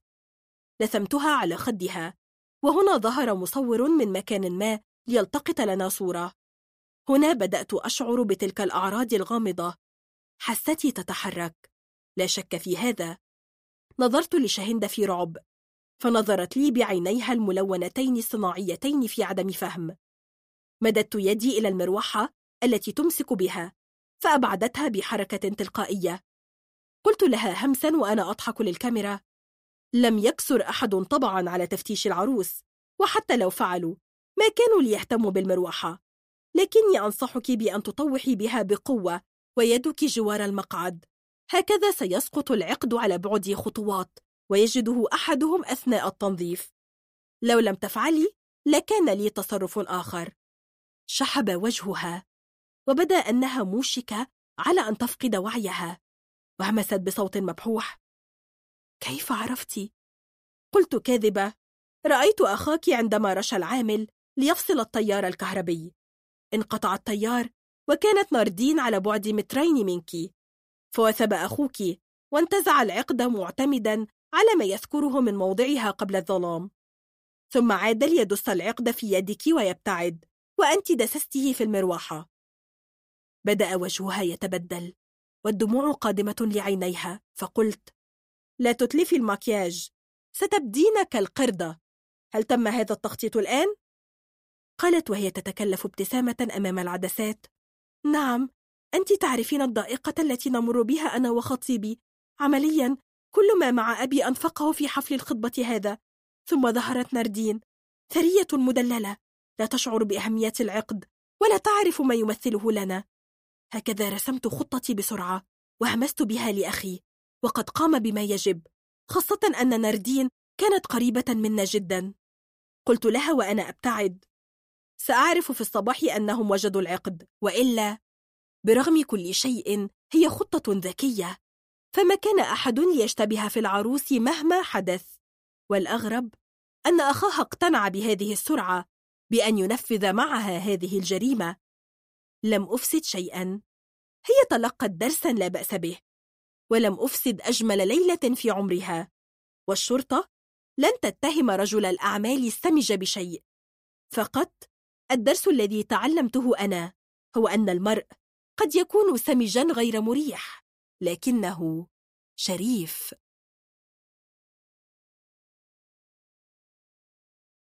استمعتم إلى ESP Extrasensory Perception. تأليف دكتور أحمد خالد توفيق بصوت أسماء سمير.